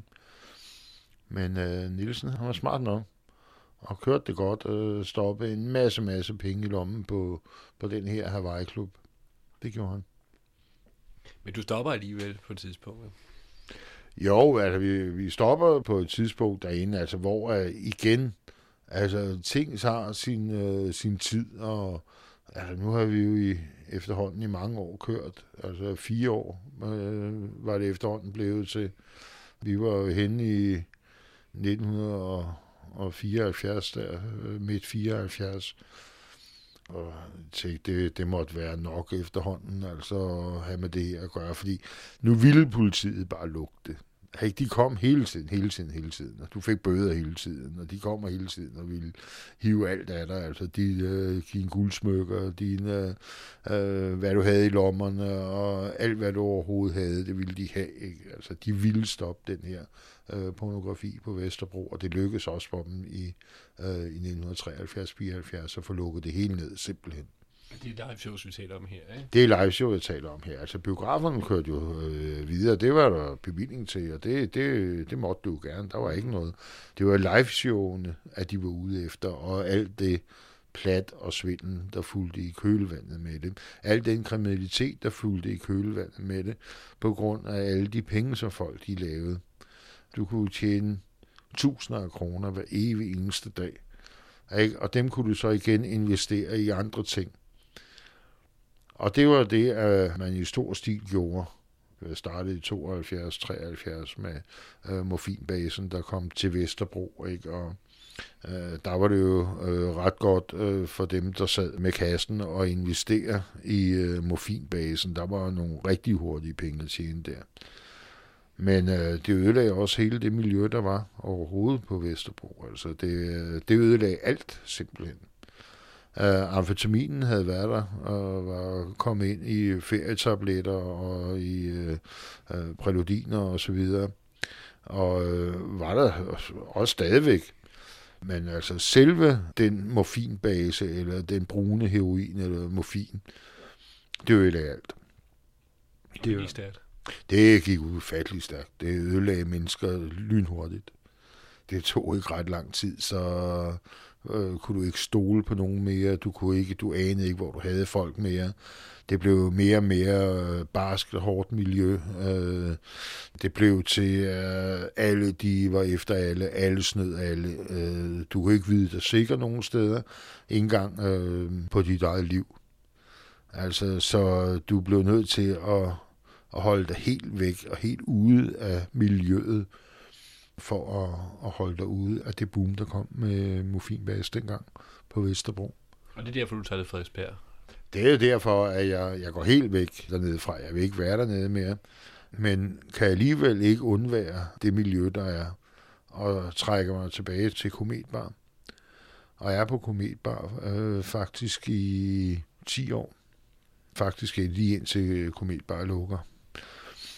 Der var aldrig narkotika på den måde på Kometbar. Altså hård narkotika. Der er aldrig hård narkotika øh, på Kometbar. Der blev ikke røget has på Kometbar. Der blev ikke gjort noget som helst. Det eneste, at, at der øh, foregik dernede, det var amfetamin. Det var præludiner, og det havde man så til gengæld fuld gang i. Stiknarkomaner og så videre, det var et helt andet sted. Det var jo øh, sidegaderne, kælderhalsene, de små saneringsmodne øh, lejligheder, der var rundt omkring hvor de så sad som øh, små konger og, og købte den her morfinbase og sad og delte den op i øh, små breve og sad og havde øh, folk, der var ude og, og sælge, og det var en forfærdelig tid. Det var, noget Var du inde i det egentlig? Nej, overhovedet ikke. Jeg havde intet med hård narkotika at gøre. Det hårdeste narkotika, jeg overhovedet har haft med at gøre, det er præludiner. Og ikke det er ferietabletter. Ikke, men det, til gengæld så havde jeg også, dem havde jeg, øh, dem havde jeg fint øh, gang i. Det er sgu okay ikke? Øh, at få sig et par ferietabletter, ikke? Det hører lidt til øh, miljøet, og det var sådan lidt, at ikke? man kunne drikke lidt mere, man kunne gå lidt mere i byen, og man blev sgu noget opstemt af de her, øh, enten borstyder fra Spanien, eller præludiner, øh, ferietabletter, hvad man kaldte dem for her i øh, Danmark. Så dem synes jeg, det var, det var sgu, der, der var gang i den, når man fik sådan et par stykker der, så kunne man holde sig i gang i øh, mange flere timer, ikke? Men der var ikke noget marked for det, så nærmest. Det var bare noget, I to. Eller? Mm, Der var ikke noget marked. Der kom en steward fra SAS. Ikke? Og når han havde været i Spanien, så havde han nogle, øh, nogle borstyder med hjem det hed John. Og det kom man så ned til pornoforretningerne, og så købte jeg dem som regel af ham dernede for en krones penge stykket, eller sådan noget lignende. Ikke? Og de var, det var sgu nogen, der, der satte øh, øh, gang i både hormoner og idéer, og jeg skal komme efter dig, var der noget. Øh, det, dem, de, var, de var ret gode. Ikke? Og øh, der var det jo så, at når jeg så ikke kunne få det der fra John, så begyndte jeg at lede lidt efter, hvor fanden kunne jeg egentlig få noget, der lignede det her. Hvor kunne man finde det henne i det hele taget i København? Og fandt så ud af, at det kunne faktisk inde i, i Tyren som var et diskotek, som lå i øh, Boldhusgaden. du lå oppe på den første sal derinde. Og der var en derinde, som havde de her præludiner, hed de. Hun sagde, prøv dem en gang. Jeg prøvede at, at få sådan to der, og tak skal du have, mand. De var lige så gode som de andre, ikke? Altså, ikke? Så der begyndte jeg så at komme og sige, hvad, har du ikke et par stykker mere?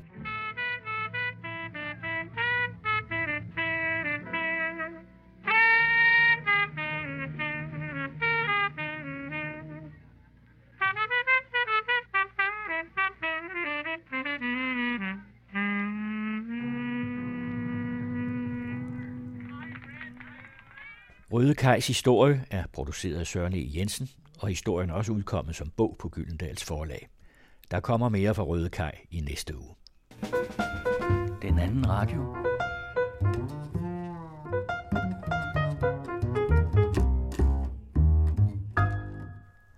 Så skal vi høre endnu et afsnit fra Annemette Lundtoftes interviewbog New York, New York. Det er Marianne Germer, der læser afsnittet om rapperen Fab Five Freddy, alias Freddy Braithwaite. Han var i 1980'erne og 90'erne vært på MTV-programmet Yo MTV Raps. I dag er han kendt for at være rapper, graffitikunstner, filmproducer og skuespiller.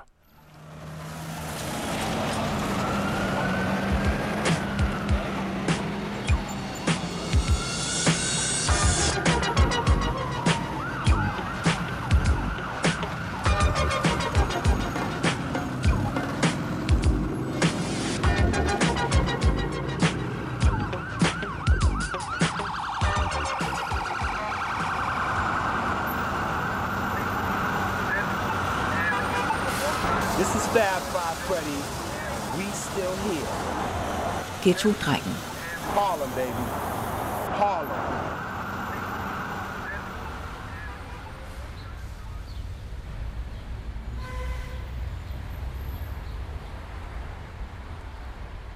Tompkins Square Parks historie er lige så broget som ryget af blakket. Men i dag ånder her fred og idyl. Solen skinner, fuglene synger. Elmetræernes tunge løvtag skygger for en flok unge mænd, som sidder i græsset og synger. De har skallede i sig og er iført løse, safranfarvede gevanter. I hænderne har de små bjæller, som de slår i takt til deres sang. Hare Krishna, Hare Krishna, Krishna Krishna, Hare Hare. Et udbrud fra en af parkens bænke overdøver et sekund deres fredssang. Motherfucker! Udbruddet kommer fra Freddie Braithwaite, blandt venner Fab Five Freddy, eller bare Fab Five eller Freddy. I'm Fab Five Freddy. Um, for those that don't know, I've been involved in hip hop for a really long time, more than two decades. Um, was the star and producer and did all original music for hip hop's first feature film, a motion picture called Wild Style that you better have. If you don't, step your game up. Um, I was the original host of Yo MTV Raps, which was the first. Han har netop taget en bid af min medbragte brunsviger. Motherfucker er et udtryk, Freddy ofte bruger. Nogle gange skal det udtrykke foragt, som da vi for lidt siden passerede en ung mand med piercinger over hele kroppen og en hånd strakt tikkende ud imod os. Freddys svar faldt som et slag. Gå hjem til dine rige forældre, motherfucker. Andre gange bruger Freddy ordet til at udtrykke beundring, som da vi stod uden for parken og betragtede graffitimaleren Zephyrs portræt af den afdøde sanger fra The Clash, Joe Strummer. Freddy nikkede anerkendende med hovedet i benovelse over Zephyrs streg. Motherfucker, det er en klassiker. Freddy er en smule overvægtig, og han sidder og sveder i den luftfugtige eftermiddag. Men stilen er der ikke noget i vejen med. Han er iført en ternet polo-t-shirt af dyrt design, og dertil matchende jeans med hængerøv, ternede vandsko og en rød kasket med NY-logo. Han har også solbriller på, for dem går han altid med, indendørs og udendørs, dag og nat.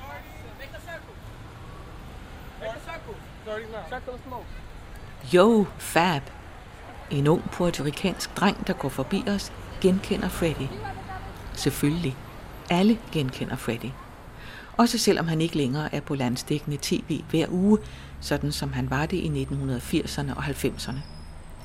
Det Freddy har gjort for sort musik og sort kultur, har enhver farvet ung mand respekt for. Desuden er Freddy bare en af de størrelser, man ikke går ubemærket forbi. What's up? råber Freddy tilbage til sin unge fan. Drengen nærmer sig, og Freddy lægger brunsvigeren fra sig et øjeblik for at give drengen et håndtryk. B-boy-style. Knytnæver mødes ved knorene, tommelfingre flettes med et tryk. What's up, what's up, what's up, siger de i kor. Freddy er hiphoppens opfinder, hverken mere eller mindre. Vi sidder i dag i Tompkins Square Park, fordi det var her, han fandt på den, og her han ville mødes. Den oprindelige idé var, at han skulle tage mig med til The Bronx, hvor rapmusikken startede i begyndelsen af 1970'erne. Men Freddy fik altså et andet indfald, og man kommer ikke med alternativer til Freddys forslag. Han hører i hvert fald ikke efter. Til gengæld taler han meget. Det er motherfucker dit og motherfucker dat. Det er fly og yo og cat og dope. Det er først og fremmest hyldende morsomt at sidde på første parket til det omrejsende Fab Show. Men hvordan startede det?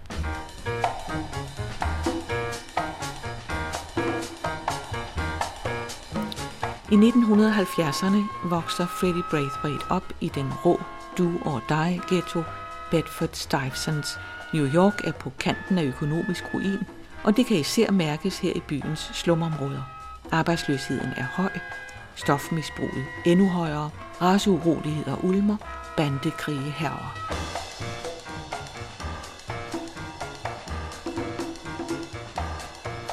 Men inden for hjemmets fire vægge i Braithwaite-familiens hus fejler stemningen ingenting. I hjemmet hersker der altid en atmosfære af stolt traditionsbevidsthed. En hyppig gæst er trommeslageren Max Roach, bebopens far og lille Freddys gudfar. Farfaren var højt placeret i Marcus Garveys Universal Negro Improvement Association, der var den første bevægelse til at plædere for en selvstændig sort stat. Freddys far er også politisk aktiv, kommunist og en stor tilhænger af Malcolm X. Han befandt sig i salen på The Audubon Ballroom den dag Malcolm X blev myrdet. Det er uden for Braithwaite-familiens hus, at den er gal. Her er idealismen blevet tabt på gulvet et sted mellem mordet på Malcolm X og mordet på Martin Luther King, mellem politikernes stadige bagatellisering af de sorte og samfundets åbenlyse diskrimination imod dem. Gaderne i byens ghettoer gløder af diffus vrede, der blusser sporadisk op i blodige bandekrige eller dulmes med heroin. I byens sorte ghettoer har man mistet troen på borgerrettighedsbevægelsens optimistiske budskaber fra 1960'erne. De unge arbejdsløse sorte har for længst indset, at de er fortabt. Sommeren 1977 er ingen helt almindelig sommer. Byens økonomi når bunden. Varmegraderne og luftfugtigheden er i top. I gaderne driver en satanisk seriemorder omkring, hvis bedrifter dagligt rydder forsider i sensationspressen. Summer of Sam. Pludselig går byen bogstaveligt talt i sort. Den 13. juni efter mørkets frembrud går gadelygterne ud en efter en. Klimaanlæg stanser. Alarmer sætter i gang.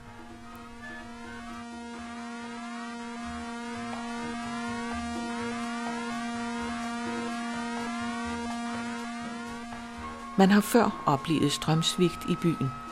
I 1965 kom den første blackout. Dengang havde New Yorkerne opført sig eksemplarisk. De havde stået sammen og hjulpet hinanden i de 12 timer, det havde stået på. Men byen er en anden nu. Da lysene slukkes den hede nat i juli, bryder den ulmende vrede ud i lys lue. 10 minutter senere meldes den første plyndring af en smykkeforretning i The Bronx. Så går det løs. Mænd, kvinder og børn løber ud i gaderne i New Yorks slumkvarterer. De slår butiksvinduer i stykker og brækker forretningsfacadernes skodder af stål op med koben. De rager alt, hvad de kan til sig. Fjernsyn, tøj, smykker, sprut. Hvad de ikke kan tage med sig, smadrer de. Uden for familien Braithwaites hus i Bedford Stuyvesant pågriber politiet en mand, der kommer farende ud fra isenkræmmeren ved siden af, med favnen fuld af 300 gummipropper til køkkenvaske. Bag ham kommer en anden ud med en kuffert fuld af tøjklemmer. To drenge står og bakser på fortorvet med et glasbord imellem sig. Hey, hvor har I fået det bord fra? råber den ene af politimændene til drengene. Er vores mor, vil du have det? Drengene lader bordet falde på stedet, hvor det splindres i tusindvis af stykker. De vender sig om og løber hen til en gruppe af mennesker, der fornøjet ser til, mens en møbelbutik brænder ned til grunden. Freddys far står øverst på husets trappe og betragter det hele med en hovedrusten. Så vender han sig om og går ind i huset, lukker døren til en verden, han ikke forstår. Det gør til gengæld hans 18-årige søn. Som alle de andre unge fra området, er Freddy den aften ude og knokle for, hvad de ser som en retfærdig omfordeling af samfundets goder.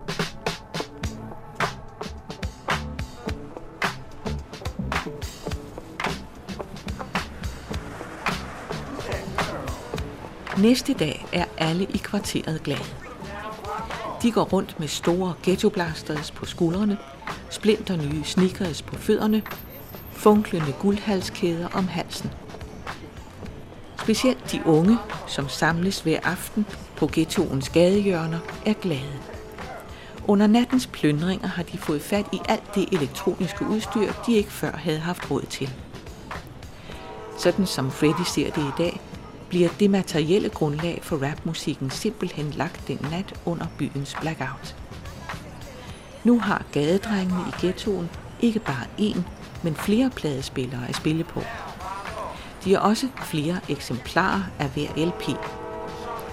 De begynder at eksperimentere med at spille dem samtidig på to forskellige pladespillere, for så at scratche og breake mellem dem med pladespillerens nål, mens de rimer i takt til musikken.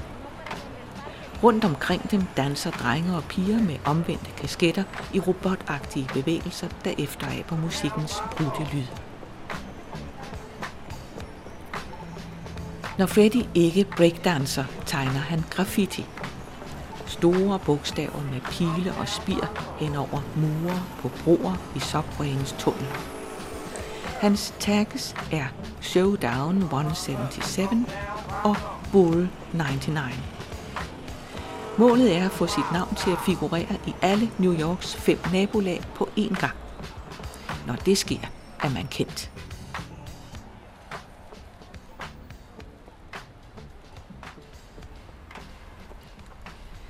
Jo mere politikerne ignorerede os som socialt problem, jo mere synlige gjorde vi os i gadebilledet, siger Freddy med historisk vægt i stemmen, en stiv finger pegende ned mod låret, der flader ud på bænken ved siden af brunsvigeren.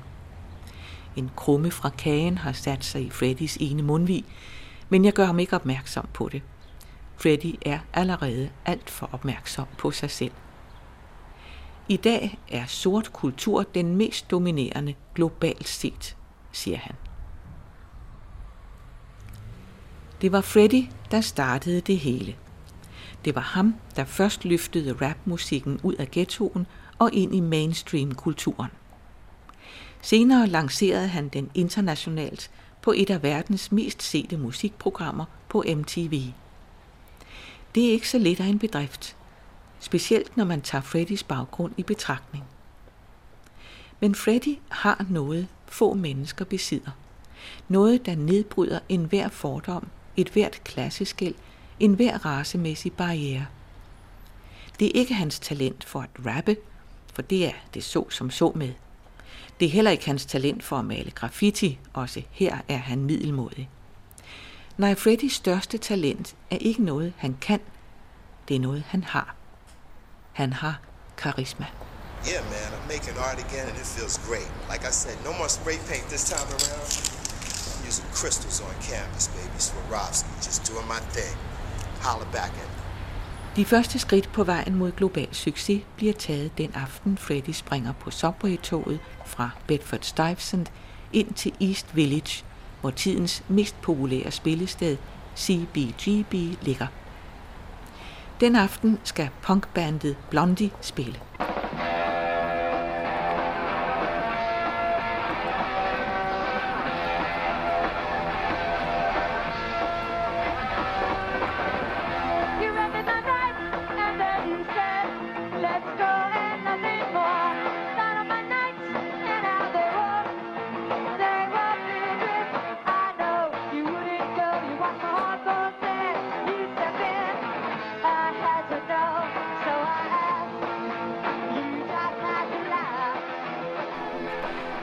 Skubber døren op, ser han straks, at han er den eneste sorte i et hav af blege britiske punkere, der står og spytter påskyndende mod scenen. Det har aldrig afskrækket Freddy at skille sig ud fra mængden. Det gør det heller ikke i aften. Han gør sig endda ekstra bemærket ved efter koncerten at gå direkte op til Blondies forsanger og punkens dronning, Debbie Harry.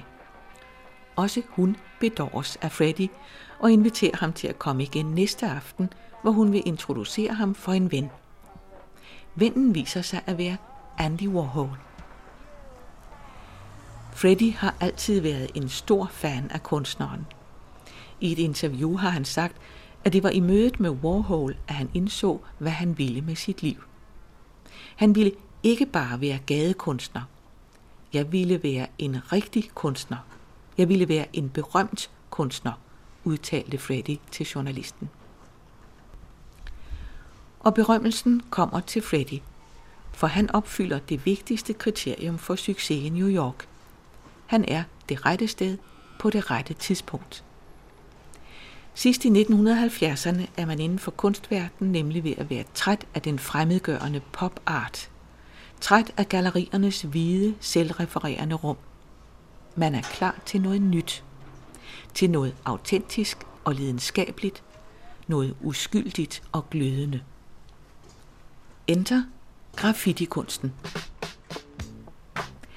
I 1981 åbner den første udstilling med graffiti i New York. Det er Freddy, der udstiller på et lille galleri i East Village. The Fun Gallery hedder det. Og her i begyndelsen er det vilderligt kun for sjov. En slags leg mellem ham og vennen Jean-Michel Basquiat. Alle strømmer til åbningen. Punkere fra downtown-scenen, society-damer fra de fine gallerier uptown. Mænd i pressede jakkesæt, side om side med unge, tynde fyre i lædertøj og eyeliner. Da en limousine ankommer, og byens mest indflydelsesrige galleriejer, Leo Castelli, træder ud, er den sikker. Graffitikunsten er ikke en indgangsforestilling. Det er den nye trend.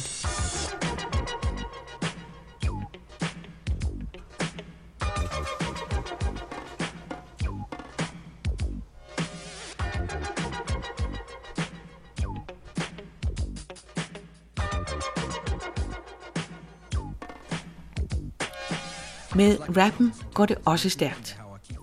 En aften tager Freddy sine gamle venner, blandt andre Grandmaster Flash, med ned til sine nye venner downtown. På The Mod Club springer de op på scenen og rapper og breaker sammen med Debbie Harry.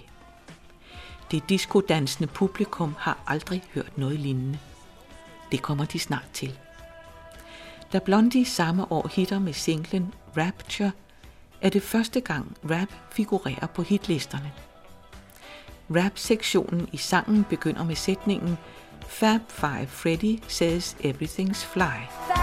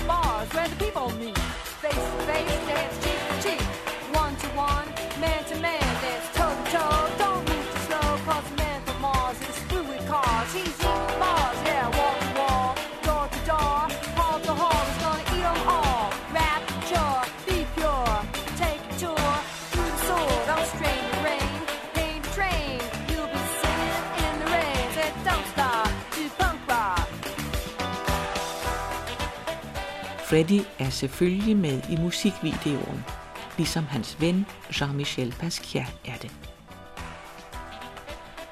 Efter Freddy har startet graffiti-trenden i New York, er det Basquiat, der høster frugten. I løbet af et år er han gået fra at være ukendt gadekunstner til at blive 1980'ernes mest populære maler, der sælger sine lærreder for over 10.000 dollars stykket. Freddy står og måber, da Basquiat en aften kommer hjem fra en åbning i Tyskland med lommerne bogstaveligt talt propfyldt med penge. Han har solgt hver eneste af udstillingens malerier, fortæller han grinende, og viser Freddy de krøllede pengesedler. Så forstår Freddy, at lejen er forbi. At hvis han skal have sin del af kagen, må han tænke sig godt om.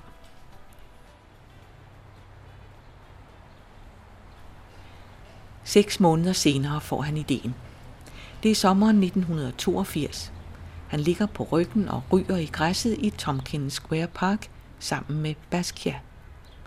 De deler en joint, joker og griner. Så falder de hen i hver deres verden. Der kommer det til Freddy. Tænk, hvis man samlede alt det fra ghettoen, graffiti, breakdancing, rap, under et. Tænk, hvis man lavede en film om det. Det lyder måske som en indlysende idé i dag, men i starten af 1980'erne opfattedes de forskellige udtryk fra ghettoen som flygtige lokale diller, der intet havde med hinanden at gøre. Freddy kontakter en af byens undergrundsinstruktører, Charlie Ahern, og får ham med på ideen. De laver filmen Wild Styles om en ung graffiti-maler i Bronx. Filmen får det hele til at gå op i en højere enhed hiphoppen er født.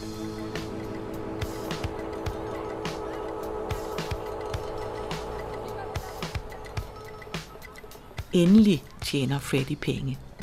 Endelig bliver Freddy berømt. I New York er han i hvert fald kendt. Men det er hans næste idé, der gør ham verdensberømt. Det er i 1987, og han sidder igen og ryger i Tompkins Square Park. Denne gang er Basquiat ikke med ham.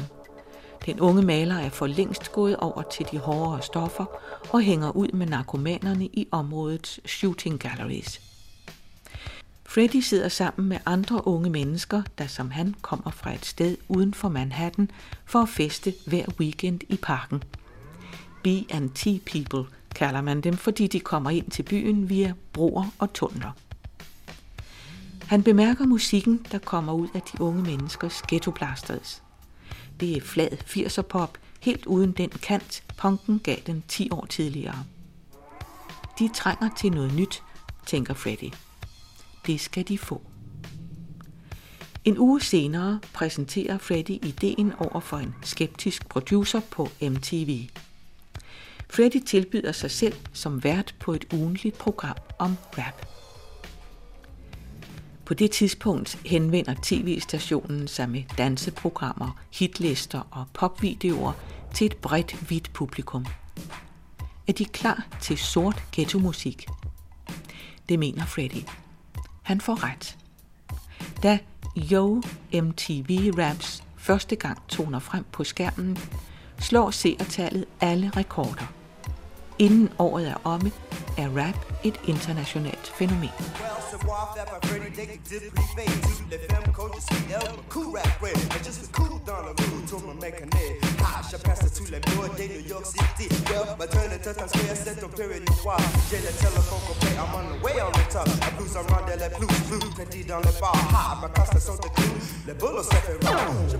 Yo MTV Raps har premiere den 7. august 1988.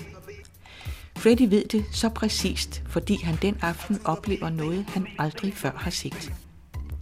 Han kommer slendrende ned ad Second Avenue. Det er varmt.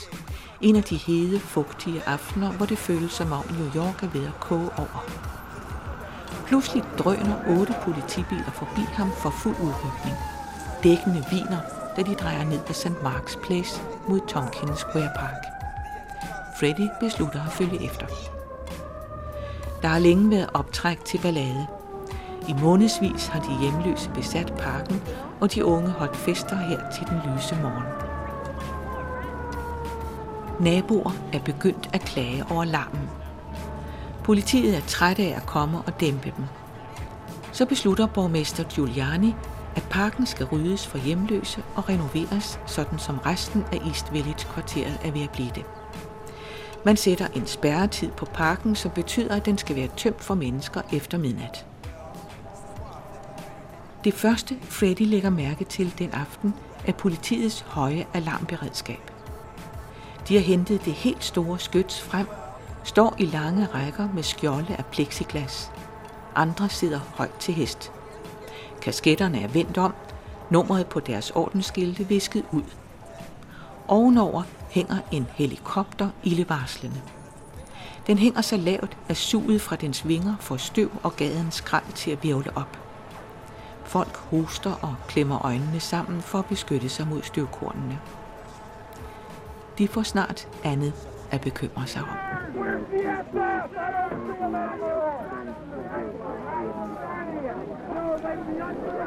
De fleste af dem, der står der, er forvirrede. Mange har bare været i byen med nogle venner og bliver overrasket, da de træder ud fra en bar og pludselig befinder sig i en helikopters skarpe spotlys. En mand går rundt i badekåber og slippers og prøver at komme gennem menneskemængden og hjem. Men det er for sent. Nu kommer de i fuld galop med kniblerne hævet højt. Krig, krig, krig, messer de. Det er nu mere vold mod sagsløse end krig, der foregår den aften. Betjente slæber unge mænd hen ad fortorvet og tæsker løs på dem. De stikker kniblerne i hjulene på forbikørende cyklister, der styrter til jorden. En skinhead står foran Freddy med et hul i baghovedet, hvorfra blodet siler ud. En ung kvinde ved siden af Freddy bliver pludselig revet ud af mængden og banket af en betjent, indtil hun falder om på asfalten med en t-shirt, der er gennemvædet af blod. Det havde jeg aldrig set før. Freddy ser vantro på mig med store udspilede øjne bag solbrillerne. Jeg har set politiet gå amok på sorte mange gange før, men ikke på hvide mennesker. Ikke på den måde. Fem dage efter gadeoptøjerne døde Jean-Michel Pascal af en overdosis 27 år gammel. Et øjeblik står munden stille på Freddy. Han ser sig om. For første gang denne eftermiddag bemærker Freddy sine omgivelser, uden at prøve at imponere dem, manipulere dem, få opmærksomhed. Han bliver eftertænksom. En sval brise løber gennem parken. To ældre mænd sidder og spiller skak på bænkene overfor. En kvinde går forbi med en sovende baby i klapvognen. Fra parkens basketballbaner kan man høre de hårde dunk, der lyder, når bolden rammer asfalten. På legepladsen ved siden af viner børnene, når de løber gennem de kolde sprinklere. Hvad der går af tanker gennem Freddys hoved på det tidspunkt, aner jeg ikke. Så kommer pludselig tre unge sorte fyre forbi. De opdager Freddy. Respekt, respekt, respekt, visker de i kor, mens de hamrer en knyttet næve mod brystkassen. Freddy retter sig op på bænken og besvarer automatisk deres hilsen med samme tegn. Så vender han sig mod brunsvigeren, der stadig står glinsende på bænken. Ved du, hvad jeg tror? Freddy tænder for charmen. Verden er igen publikum. Freddy en performer. Jeg tror, det er den bedste motherfucking kage, jeg nogensinde har smagt. Jeg tror, jeg bliver nødt til at give dig det. Det. The shit face. Det kalder vi det. Freddy lægger ansigtet i de folder, der angiveligt er the shit face. Underlæben skydes frem, mundvigene ned, øjenbrynene ryger op, og hovedet vippes en anelse til siden. Juhu, siger han. Jeg har været sammen med Freddy længe nok til at forstå, at det betyder respekt.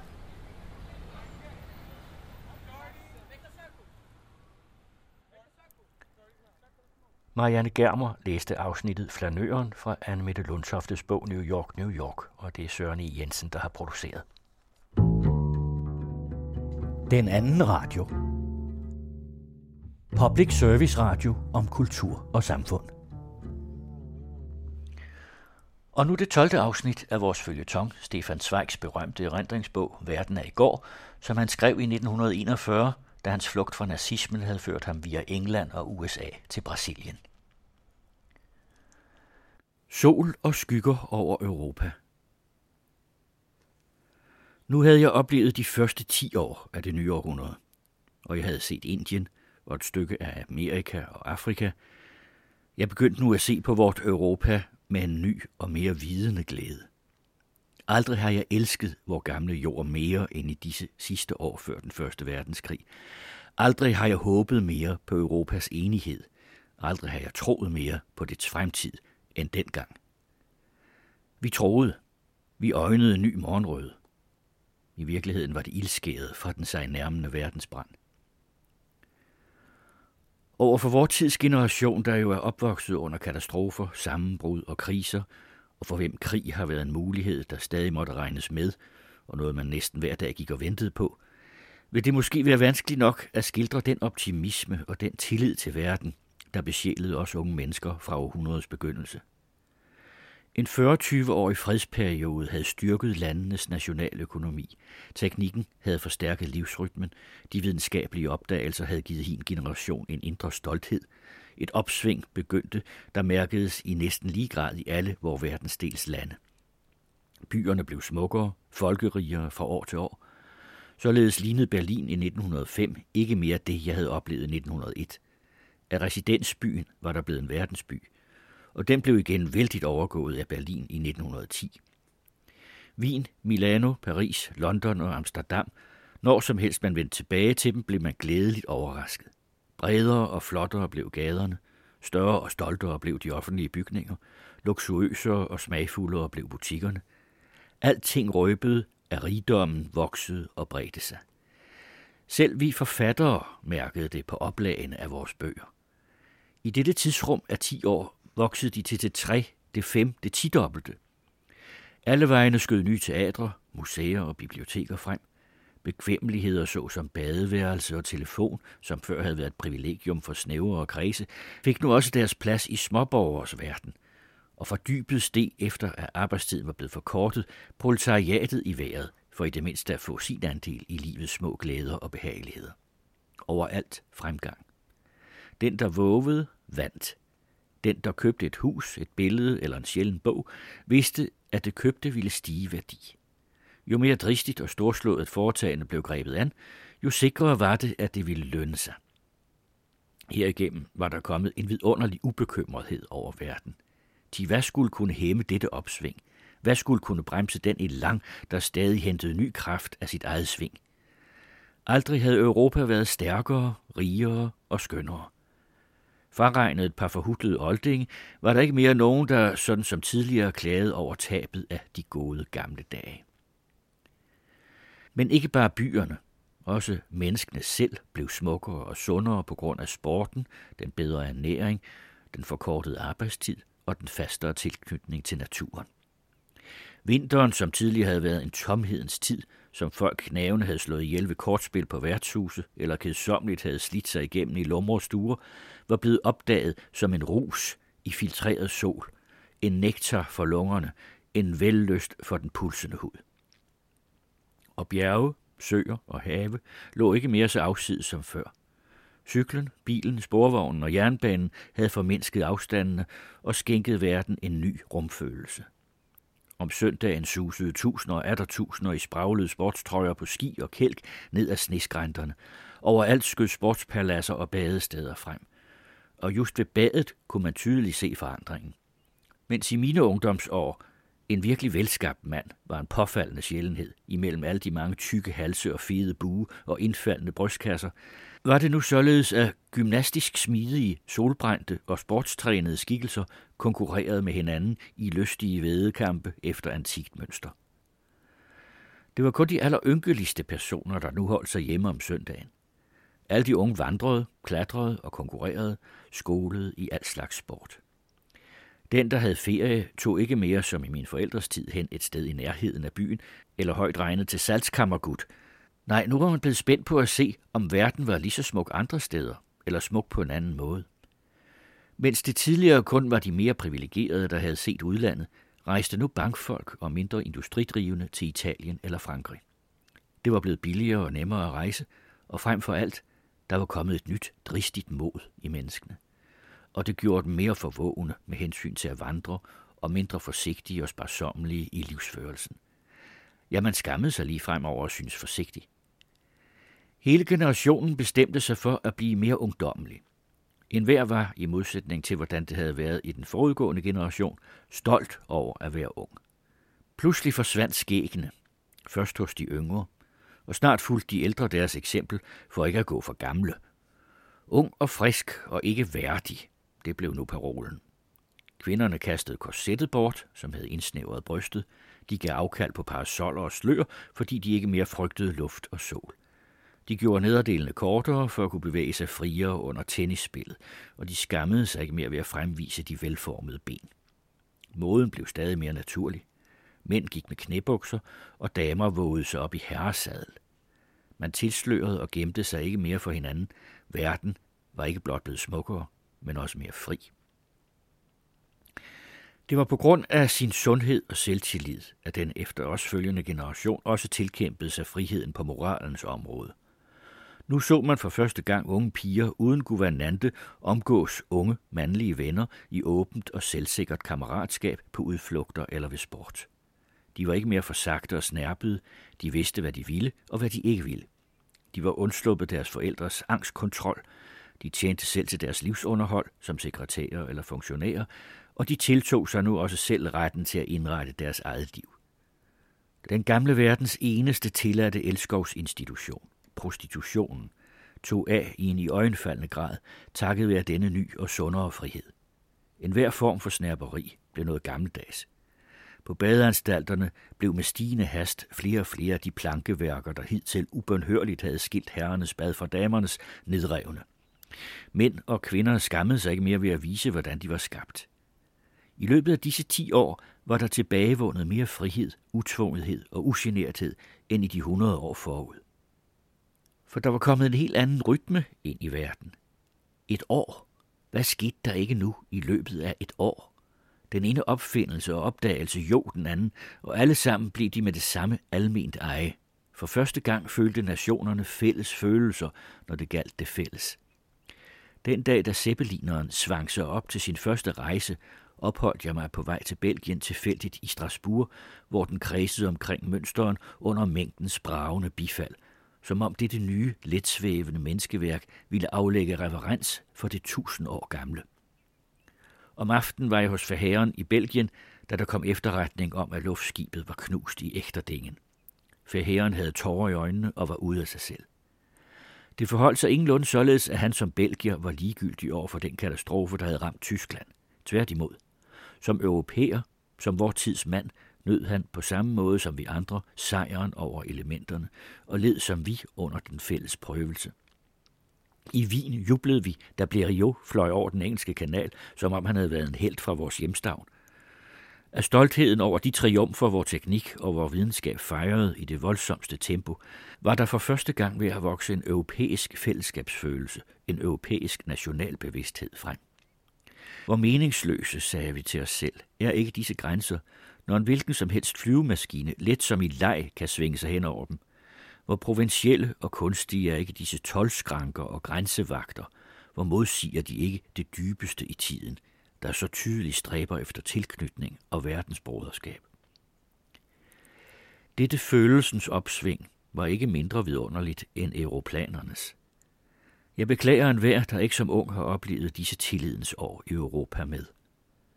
Luften er os jo ikke død og tom. Den bærer jo øjeblikke svingninger og rytme i sig. Den leder ubevidst denne rytme over i vort blod og dybt ind i vort hjerte og vor hjerne. I hine år hentede hver enkelt af os kraft fra tidens almene fremgang og styrkede sin egen personlige følelse af tillid gennem den kollektive. Måske vidste vi, utaknemmelige som vi mennesker er, ikke hvor stærkt og trygt bølgen bar os. Men kun den, der har levet denne verdens tillidens epoke med, ved, at alting siden da har været tilbagefald og formørkelse. Herlig var denne de toniske kræfters verden, der slog vort hjerte i møde fra alle Europas kyster. Men det, som gjorde os så lykkelige, var, uden at vi anede det, samtidig en fare. Den storm af stolthed og tillid, der dengang bruste over Europa, førte også skyer med sig. Måske var stigningen sket for hastigt. Måske var staterne og byerne for hastigt blevet mægtige, og menneskene, såvel som stater, forledes jo altid af deres styrkefølelse til enten at bruge den eller misbruge den. Frankrig bunede af rigdom, men det ville have mere endnu. Det ville have endnu en koloni. Det var nær ved, at det var kommet til krig for Marokkos skyld. Italien ville have Kyrenaika, Østrig annekterede Bosnien, Serbien og Bulgarien gik løs på Tyrkiet, og Tyskland, der hidtil havde været holdt udenfor, krummede allerede poten til et vredt slag. Alle vegne havde staterne for højt blodtryk. Ud fra den frygtelige vilje til indre konsolidering begyndte der alle vegne og på samme tid, som om der var tale om bakteriesmitte, at opstå ekspansionslyst. De franske industrifolk, der tjente styrtende med penge, agiterede mod de tyske, der sad lige så fedt i det, fordi de begge ønskede flere kanonleverancer, Krupp og Schneider Creusot. Hamburgs skibsfarten med dens vældige dividender arbejdede mod Southamptons. Ungarns landmænd arbejdede mod Serbiens, og det ene lands koncerner mod det andet lands. Konjunkturerne havde gjort dem alle sammen i alle lande vilde og gale efter mere og stadig mere. Når man nu roligt overvejende ser tilbage og spørger sig selv, hvorfor Europa 1914 gik i krig, kan man ikke finde en eneste rimelig eller fornuftig grund, og ikke engang en anledning. Det drejede sig ikke om idéer, og næppe nok om små grænsedistrikter. Jeg kan ikke forklare det på anden måde, end at der var dette overskud af styrke. En tragisk indre kraftophobning, der havde fundet sted i de 40-20 fredsår, og nu higede mod en voldsom udløsning. Hver enkelt stat besad med et denne følelse af at være stærk, og glemte, at de andre følte nøjagtigt det samme. Alle ville have mere endnu, og alle ville de have noget af de andre.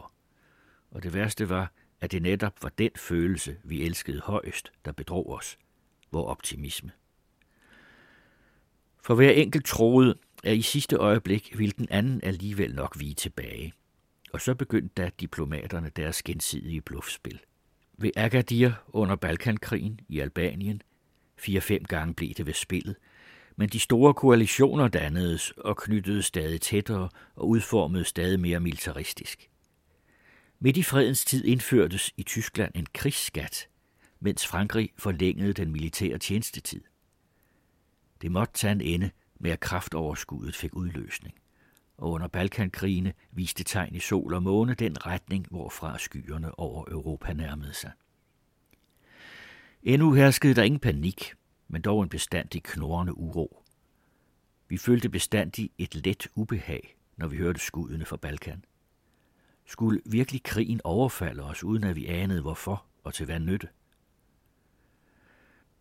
Langsomt, alt for langsomt, alt for tøvende, det ved vi nu, begyndte modkræfterne at samles. Der var det socialistiske parti, der talte millioner i alle lande, og dets program fornægtede krigen. Der var nogle internationalt sammenfiltrede koncerner, der var de mægtige katolske grupper under pavens ledelse, og så var der nogle få forstandige politikere, som satte sig op mod det underjordiske rænke og intrigespil. Og så var der også forfatterne. Også vi var med i rækkerne imod krigen, men vi stod ganske vist som altid individualistisk isoleret. Ikke i nogen energisk sluttet formation. De fleste intellektuelles holdning var desværre den ligegyldige passivitet hvor optimisme var skyld i, at problemet krig med alle dets moralske konsekvenser endnu ikke var kommet inden for vores indre synsvide. Af hin tids prominentes vigtigste værker er der ikke et, der indeholder en eneste principiel stillingtagen eller indtrængende advarsel. Vi mente, vi gjorde tilstrækkeligt, når vi tænkte europæisk og drak internationalt broderskab, når vi i vores egen sfære der dog kun er omveje påvirket realiteternes verden om os, tværs over sprog og landegrænser bekendte os til den fredelige forståelse og det åndelige broderskabs idealer. Og det var just den nye generation, der ivrigst dyrkede denne europæiske idé. I Paris flokkedes om min ven Basalget en gruppe unge mænd, der i modsætning til den forudgående generation havde opsagt enhver snæver nationalisme og aggressiv imperialisme, hulskab og troskab – Jules Romain, der under krigen skulle skrive det store digt til Europa, Georges Duhamel, Charles Vidrac, Durtin, René Arco og Jean-Ricard Bloch, først sammensluttet i Abbé og derpå i Effort Libre, var lidenskabelige forkæmpere for et kommende europæerskab, og urokkelige, det beviste de ved deres ilddåb under krigen, i deres afsky for militarismen. Det var en ungdom, hvis lige Frankrig kun sjældent havde sat i verden. Modig, begavet, moralsk beslutsom. I Tyskland var der Werfel og hans Weltfreunde, der tilføjede verdensbroderskabet den stærkeste lyriske accent. René Schickele, der som elsasser af skæbnen var anbragt midt imellem to nationer, arbejdede intenst for en forståelse. Fra Italien hilste G.A. Borghese os som kammerat. Fra de skandinaviske og de slaviske lande kom ligeledes opmundringer. En stor russisk forfatter skrev til mig, kom dog en gang over til os og vis vore panslavister, som vil hetse os ud i krigen, at I i Østrig ikke ønsker den. Og vi elskede al den tid, vi levede i, den tid, der bar os på sine vinger. Vi elskede Europa. Denne usagelige, lykkelige tillid til fornuften, denne usagelige, lykkelige tro på, at fornuften nok i sidste øjeblik ville hindre galskaben, den var vor eneste forbrydelse. Det er rigtigt nok, at vi ikke betragtede skrifttegnene på væggen med tilstrækkelig frygt. Men er det ikke netop typisk for den ægte ungdom, at den ikke er bange, men troende? Vi byggede på Jaurès og på den socialistiske internationale. Vi troede, at jernbanefolkene hellere ville sprænge skinnerne i luften, end transportere deres kammerater som slagte kvæg til fronten. Vi stolede på, at kvinderne ville nægte at ofre deres mænd og sønner til Molok. Vi var overbeviste om, at Europas åndelige og moralske styrke triumferende ville åbenbare sig i det sidste kritiske sekund.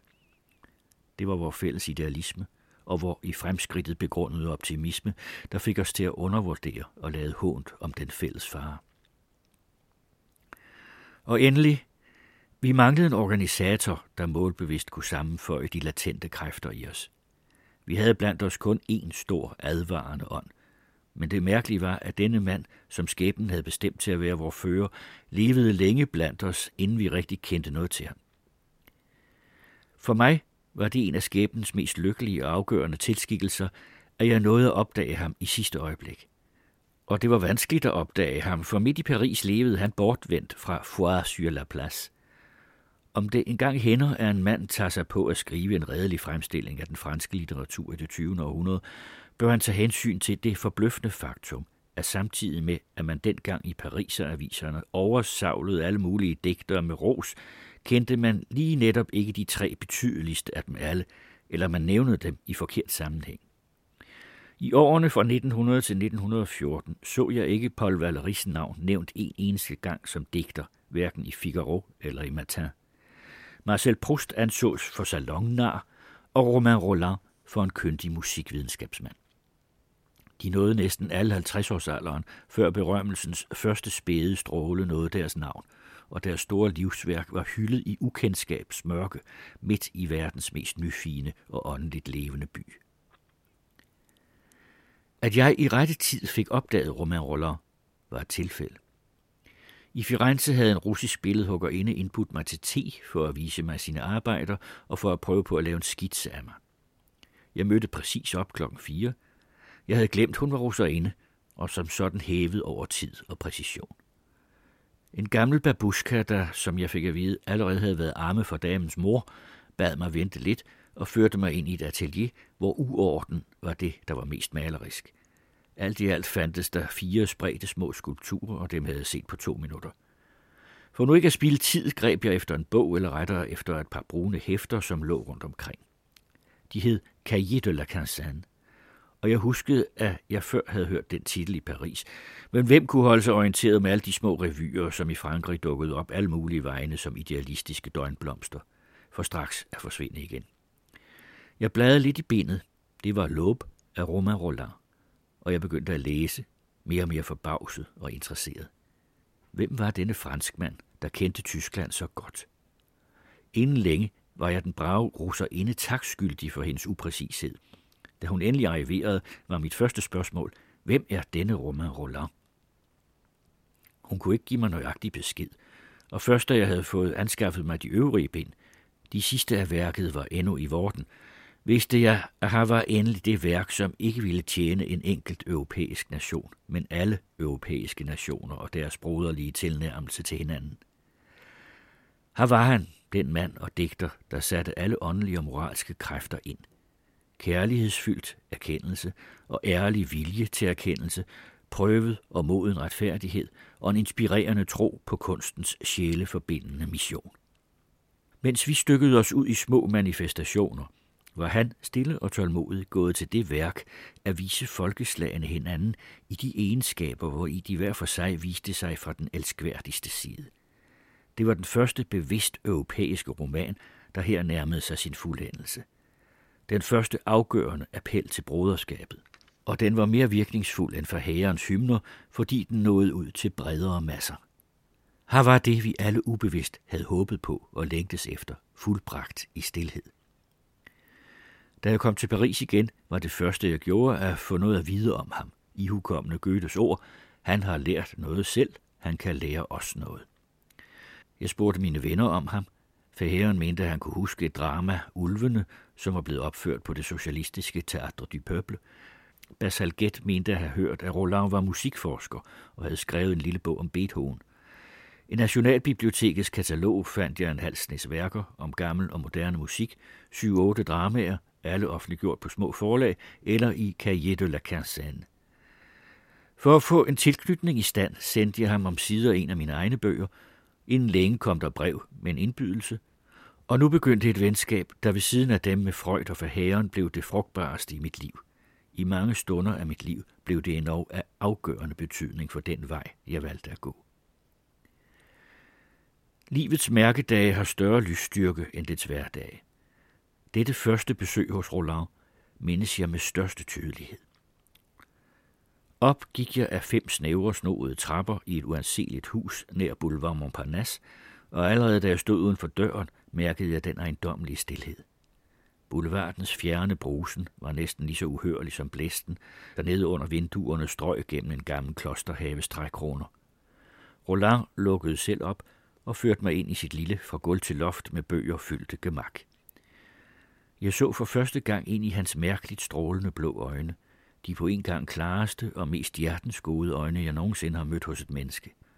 Disse øjne, som under en samtale drager farve og ild fra den inderste sjæl, dunkelt skyggede i sorgen, så at sige dybere under eftertanke og funklende, når sindet er i oprør.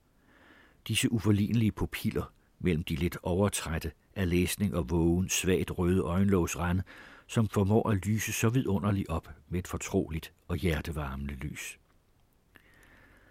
Jeg betragtede lidt bekymret hans skikkelse. Høj og slank, som han var, gik han lidt rundrykket, som havde de utallige timer ved skrivebordet bøjet hans nakke. Han så nærmest lidt sygelig ud, med skarpskårende træk af yderste bleghed. Han talte meget dæmpet og skånede sit læme så meget som muligt. Han gik næsten aldrig tur, spiste kun lidt, drak og røg ikke, og undgik enhver kropslig anspændelse. Men jeg fik senere lejlighed til med beundring at konstatere, hvilken uhyre udholdenhed der boede i dette asketiske læme, og hvilken åndelig arbejdskraft der lå bag denne tilsyneladende svaghed. Timer igennem sad han og skrev ved sit lille overlæssede skrivebord. Timer igennem lå han og læste i sengen, og han undte aldrig sin trætte krop mere end 4-5 timers søvn. Den eneste rekreation, han tillod sig, var musik. Han spillede vidunderligt klaver med et for mig uforklemmeligt nænsomt anslag. Han kærtegnede tasterne, som ville han ikke tvinge, men lokke tonerne frem. En af de virtuoser, jeg har hørt i mit liv, og jeg har hørt Max Reger, Busoni og Bruno Walter i snæverste kreds, har i den grad givet mig følelsen af at være i direkte, umiddelbar forbindelse med de elskede mestre. Hans viden var beskæmmende mangesidig. I enligste forstand levede han kun med sine læsende øjne, og derved beherskede han alle landes og tiders litteratur, filosofi, historie og problemer. Han kendte hver eneste takt i musikken, selv de mest afsides værker af Galuppi og Telemann, og af komponister af 6. eller 7. rangklasse var ham fortrolige. Og samtidig med alt dette tog han ivrig del i alt, hvad der skete i samtiden. I denne munkenøjsomme celle spejlede verden sig som i et kamera obscura. Personligt og menneskeligt havde han nyt sin tids stores fortrolighed. Han havde været elev af Renan, ven af Jaurès og gæst i Wagners hjem, og til ham havde Tolstoy rettet hin berømte brev, der som menneskelig bekendelse værdigt står ved siden af hans litterære værk. Her kunne jeg, noget der altid udløser lykkefølelse hos mig, spore menneskelig, moralsk overlegenhed og en indre frihed uden stolthed. Frihed i form af noget selvfølgeligt for en stærk sjæl. Ved første øjekast så jeg, og tiden gav mig ret, at han var den mand, der i den afgørende time skulle blive Europas samvittighed. Vi talte om Jean-Christophe. Roland forklarede, at han med dette værk havde søgt at opfylde en tredobbelt pligt. Sin tak til musikken, sin bekendelse til Europas enhed og et opråb til folkeslagene om besindelse. Nu måtte hver enkelt af os virke, sagde han, hver ud fra den plads, han indtog, hver ud fra sit land, hver på sit sprog. Det var nu tid at blive mere og mere vagtsom. De kræfter, som ophissede til had, var ifølge deres lavere natur mere voldsomme og aggressive end de forsonlige. Desuden stod der bag dem materielle interesser, som i sig selv havde færre skrubler end vi. Galskaben var åbenlyst nok på fære, og kamp mod den var for ham endnu vigtigere end kunsten i sig selv. Jeg mærkede sorgen over den jordiske strukturs skrøbelighed, dobbelt gribende her hos en mand, der i hele sit værk havde fejret kunstens uforgængelighed. Os, de enkelte, kan den trøste, sagde Roller, men den formår intet mod virkeligheden. Det var i året 1913. Det var den første samtale, der fik mig til at forstå, at det var vores pligt ikke at møde det mulige faktum, en europæisk krig, uforberedte og uvirksom. Og i det afgørende øjeblik var der intet, der i højere grad gav Roland den uhyre moralske overlegenhed over alle andre, end netop det, at han i forvejen med smerte havde styrket sin sjæl. Vi andre, vi i vor kreds, havde også ydet lidt. Jeg selv havde oversat meget og henvist til digterne i vores nabolande. I 1912 havde jeg ledsaget for herren gennem hele Tyskland på en foredragsrejse, der udviklede sig til en symbolsk tysk-fransk broderskabsmanifestation. I Hamburg omfavnede for herren og Demel, den største franske og den største tyske lyriker, offentligt hinanden. Jeg havde vundet Max Reinhardt for forherrens nye drama. Aldrig havde vort samarbejde tværs over grænserne været mere hjerteligt, intensivt og impulsivt, og i mange begejstringens time hengav vi os til den glade illusion, at vi havde vist verden det rette, det frelsende. Men verden brød sig kun lidet om slige litterære manifestationer. Den gik sin egen onde vej. Der var i bjælkeværket en elektrisk knitren, der hidrørte fra usynlige gnidninger, og gang på gang sprang en gnist frem, Taberen-affæren, Albanien-kriserne, et klodset interview. Det var altid bare kun en gnist, men hver enkelt gnist havde meget vel kunnet bringe det ophobede eksplosionsstof til udløsning. Navnlig vi i Østrig mærkede, at vi lå midt i urozonen. I året 1910 fyldte kejser Franz Josef 80. Nu kunne det ikke mere vare længe med den gamle mand, der allerede var blevet til et symbol. Og der begyndte at brede sig en mystisk stemningsbetonet følelse af, at når han faldt fra, ville opløsningsprocessen i det tusindårige monarki ikke mere kunne stanses. Inden for grænserne voksede nationaliteternes indbyrdes fjendtlige tryk, og udenfor ventede Italien, Serbien og Rumænien, og en vis forstand også Tyskland, på lejlighed til at opdele riget mellem sig. Balkankrigen, i hvilket Krupp og Schneider Crusoe prøvede deres materiel mod hinanden på fremmed menneskemateriale, som tyskerne og italienerne senere opøvede deres flyvevåben i den spanske borgerkrig, drog os mere og mere ind i strømvirvlerne. Gang på gang fik man et chok, men gang på gang åndede man igen lettet op. Endnu ikke denne gang, og forhåbentlig aldrig. Nu er det erfaringsmæssigt tusind gange lettere at rekonstruere en epokes fakta end den sjælelige atmosfære. Denne nedslag er ikke at finde i de offentlige tildragelser, men snarest i små personlige episoder. Og jeg vil her indskyde et par sådan. Jeg troede ærligt talt ikke på krigen dengang. Men to gange drømte jeg så at sige vågen om dem, og begge gange får jeg med dybt forfærdet sjæl op at drømme. Første gang var i anledning af Redel-affæren, der som alle historiens baggrundsepisoder kun er lidet kendt. Oberst Redel selv, helten i et af alle tiders mest komplicerede spionagedramaer, kendte jeg personligt kun ganske flygtigt. Han boede en gade længere borte, i samme distrikt som jeg, i den café, hvor den nydelsessyge, godmodigt udseende herre røg sin cigar, havde min ven sagfører T engang præsenteret mig for ham. Siden da havde vi været på hat med hinanden. Men først senere opdagede jeg, i hvor høj grad vi midt i livet er omgivet af hemmeligheder, og hvor lidt besked vi egentlig ved med mennesker i vores nærmeste omgivelser. Denne oberst, der i det ydre så ud som en god østrisk gennemsnitsofficer, var tronfølgerens tillidsmand. Ham havde man betroet det vigtige værv at lede armeens Secret Service og at kontrakarere modstanderens. Nu var det sivet ud, at i 1912 under Balkankrisen, da Rusland og Østrig mobiliserede mod hinanden, var den østriske armés allervigtigste geheimeagt, opmarschplanen, blevet solgt til Rusland. Noget som i tilfælde af krig kunne have forårsaget en katastrofe uden lige. Til ved hjælp af den kendte russerne forud og træk for træk hver eneste bevægelse, den østriske armé ville foretage. I generalstabskredse opstod der en frygtelig panik på grund af dette forræderi. Der påvilede nu Oberst Redel som øverste fagmand den opgave at afsløre forræderen, der jo kun kunne være at finde i allersnævreste, højeste kreds. Men, og her er et typisk eksempel på de høje myndigheders skinsyge indbyrdes modspil, også Udenrigsministeriet på sin side udsendte, da det ikke stolede synderligt på de militære instansers dygtighed, uden at underrette generalstaben sin parole om at anstille eftersøgninger på egen hånd. Og det pålagde nu politiet, at det til den ende, for uden alle andre forholdsregler, skulle åbne alle posterestante breve til udlandet, uden hensyntagen til brevhemmeligheden. Nu indløb der en dag på et postkontor et brev fra den russiske grænsestation Podvolochiska til posterestante-adressen Opernball. Og da det blev åbnet, viste det sig at indeholde ikke noget brevpapir, men 6-8 flotte østriske 1000 kronesedler. Det mistænkelige fund blev straks meldt til politidirektøren, og denne gav ordre til at anbringe detektiv i postkontoret, for at han ufortøvet kunne anholde den person, som ville reklamere det mistænkelige brev. En kort stund var tragedien ved at glide over i det vins gemytlige. Ved middagstid mødte en herre op og forlangte et brev med betegnelsen Opernball. Postfunktionæren gav øjeblikkeligt det hemmelige advarselssignal til detektiven, men denne var lige netop gået hen til sin frokostpilsner. Og da han vendte tilbage, formåede man kun at fastslå, at den fremmede herre havde taget en drosje og var kørt bort i ukendt retning. Nu satte hurtigt vinerkomediens anden akt ind.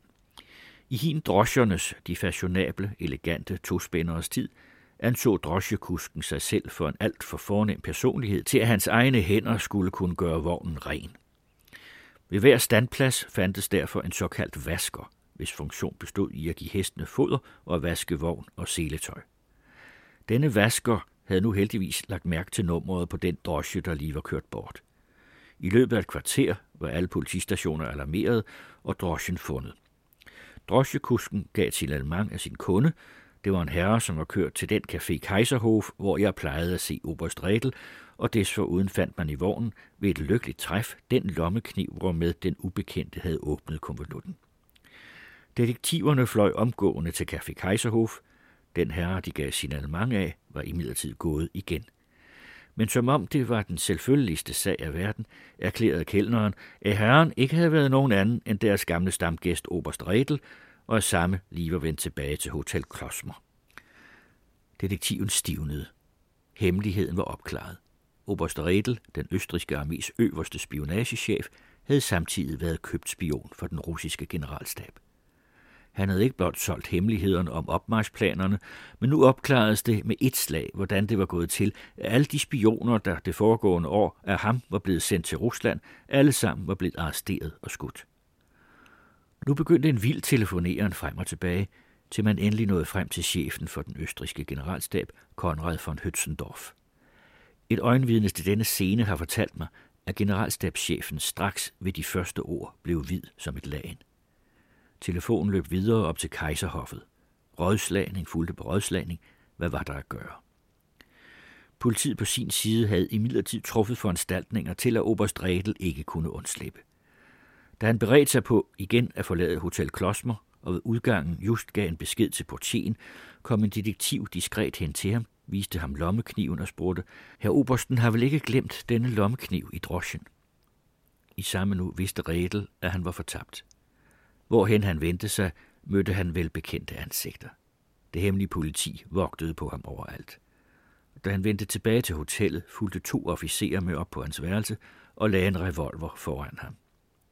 I mellemtiden havde man nemlig på allerhøjeste sted resolveret, at man på den mindst påfaldende måde måtte se at få en ende på denne for den østriske armé så beskæmmende affære. De to officerer patruljerede på gangen foran Regels værelse på Hotel Klosmer indtil klokken to om natten. Så først knaldede skuddet derinde.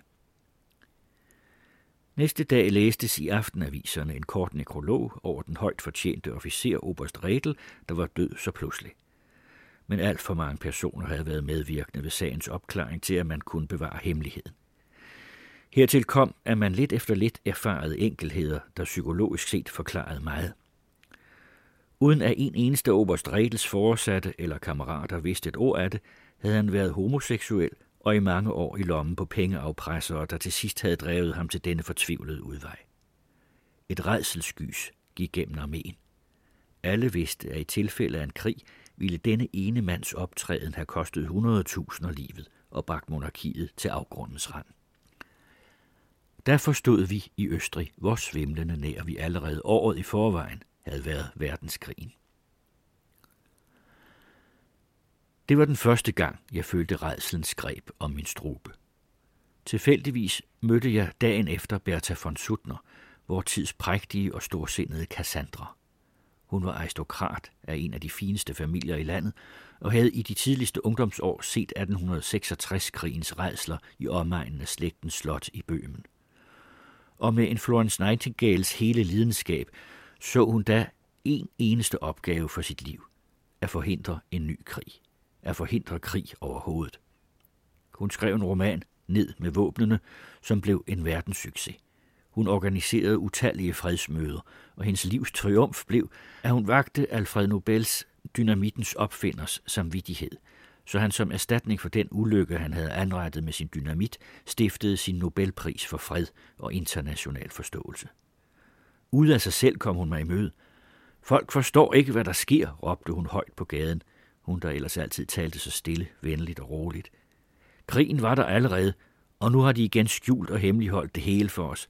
Hvorfor gør I dog ikke noget, I unge mennesker? Det vedkommer jo først og fremmest jer. Forsvar jer dog, slut jer dog sammen. Lad dog ikke bare os gamle koner, som ingen hører på, altid gøre det hele. Jeg fortalte hende, at jeg skulle til Paris. Måske kunne man virkelig prøve på en fælles manifestation. Men hun trængte ind på mig. Hvorfor bare måske? Det står værre til nu end nogensinde. Maskinen er allerede sat i gang. Urolig som jeg selv var, havde jeg besvær med at berolige hende. Just i Frankrig skulle jeg nu ved en ny personlig oplevet episode blive mindet om, hvor profetisk den gamle dame, som man ikke i Wien tog særlig alvorligt, havde set fremtiden. Det var en ganske lille episode, men den gjorde på mig et ganske særligt indtryk. Det var foråret 1914, og jeg var sammen med en pariser veninde rejst til Turin nogle dage for at se Leonardo da Vincis grav. Vi havde vandret timevis langs Loires milde solfyldte bredder, og da aftenen nærmede sig, var vi blevet ordentligt trætte. Da vi kom til Tornerosebyen Tour, besluttede vi derfor, efter jeg havde aflagt Balzacs fødehus min reverens, at gå i biografen. Det var en lille forstadsbiograf, der ikke mindede det fjerneste om nutidens paladser af krom og tindrende glas. Kun et nødtørftigt tilpasset lokale, opfyldt af jævne folk, arbejdere, soldater og markedskællinger. Kort sagt, rigtig det brede folk, som sad og sludrede gemytligt, og som trods rygeforbuddet pulsede blå skyer af skaffelati og caporal op i den kvalme luft. Som første nummer på programmet gik nyheder fra hele verden over lærredet. En kapsejlads i England, folk sludrede lå, en fransk militærparade, og så her kun liden deltagelse. Så kom billede nummer tre. Kejser Wilhelm besøger kejser Franz Josef i Wien. Og derop på lærredet så jeg nu den velkendte perron på Vestbanegården i Wien med et par betjente, som ventede på toget, der nærmede sig. Så et signal. Kejser Franz Josef skred sin æresgarde af, beredt til at modtage sin gæst. Da den gamle kejser kom til syne på lærredet og lidt duknakket, allerede lidt usikker i det, skred fronten af, lå folkene i tur godmodigt af den gamle herre med det hvide fuldskæg. Så så man på lærredet toget køre op, første, anden, tredje vagon, salonvognens dør sprang op, og med højt svunget overskæg og klædt i østrisk generalsuniform udtrænd Wilhelm den anden. I samme øjeblik kejser Wilhelm viste sig på lærredet, begyndte der ganske spontant en vild pipen og trampen i det mørke lokale. Alle råbte og pev i fingrene. Mænd, kvinder og børn brølede hånligt, som om nogen havde fornærmet dem personligt. Tours godmodige indbyggere, som jo ikke vidste mere besked om verden og om politik, end det de fik at læse i deres lokalaviser, var for en kort tid som bit af gale hunde. Jeg blev forfærdet. Jeg groede dybt ind i sjælen til jeg forstod, hvor langt forgiftningen gennem den i overvis førte hadpropaganda måtte være skrevet frem, når det var sådan, at selv her i en lille provinsby var de intetanende borgere og soldater blevet i den grad gejlet op mod kejseren og Tyskland, at selv et flygtigt filmspillede kunne få dem til at bryde ud i slidt raseri. Det hele varede kun et kort øjeblik. Da der kom nye billeder, var det helt glemt. Nu lå folk af den komiske hovedfilm deroppe af mavernes fulde kraft og klaskede sig af fornøjelse på knæene, så de knagede. Det havde kun drejet sig om et par sekunder, men det havde alligevel været et øjeblik, der viste mig, hvor let det ville være i tilfælde af en krig at hisse folkeslagene op mod hinanden, trods alle forsøg på forståelse og trods alle vores egne anstrengelser. Aften var ødelagt for mig. Jeg kunne ikke sove. Havde det samme udspillet sig i Paris, ville jeg også være blevet for uroliget, men ikke i den grad rystet. Men det, at hadet havde et sig ind i det naive, omgængelige folk dybt ude i provinsen, det fik mig til at gyse. De følgende dage fortalte jeg episoden til mine venner. De fleste tog den ikke alvorligt. Hvor lå og spottede vi franskmænd ikke over den tykke Victoria, og to år senere havde vi et forbund med England. Du kender ikke franskmændene. Politik stikker ikke dybt hos dem. Kun Roland så anderledes på det. Jo naivere folket er, jo lettere er det at vende og dreje. Det står ikke godt til nu, efter at Poincaré er blevet valgt. Hans rejse til St. Petersborg er næppe nogen forlystelsestur alene. Vi talte endnu længe sammen om den internationale socialistkongres, der var indvarslet i Wien den sommer, men også på det punkt følte Roland mere skeptisk end de andre. Hvor mange vil holde stand, når først mobiliseringsordrene er slået op? Hvem ved? Vi er gerådet ind i en tid, hvor masseinstinkt og massehysteri råder, og hvad magt de vil få i tilfælde af krig, kan slet ikke overskues. Men som jeg tidligere sagde, sådanne bekymringerne stunder, de fløj forbi som flyvende sommer. Vel tænkte vi nu at da på krigen, men ikke stort anderledes, end man tænker på døden, som noget, der er muligt, men nok ligger langt borte. Og der var så skønt i Paris dengang, og vi selv var for unge og for lykkelige. Jeg kan huske en fortryllende farse, Jules Romain fandt på.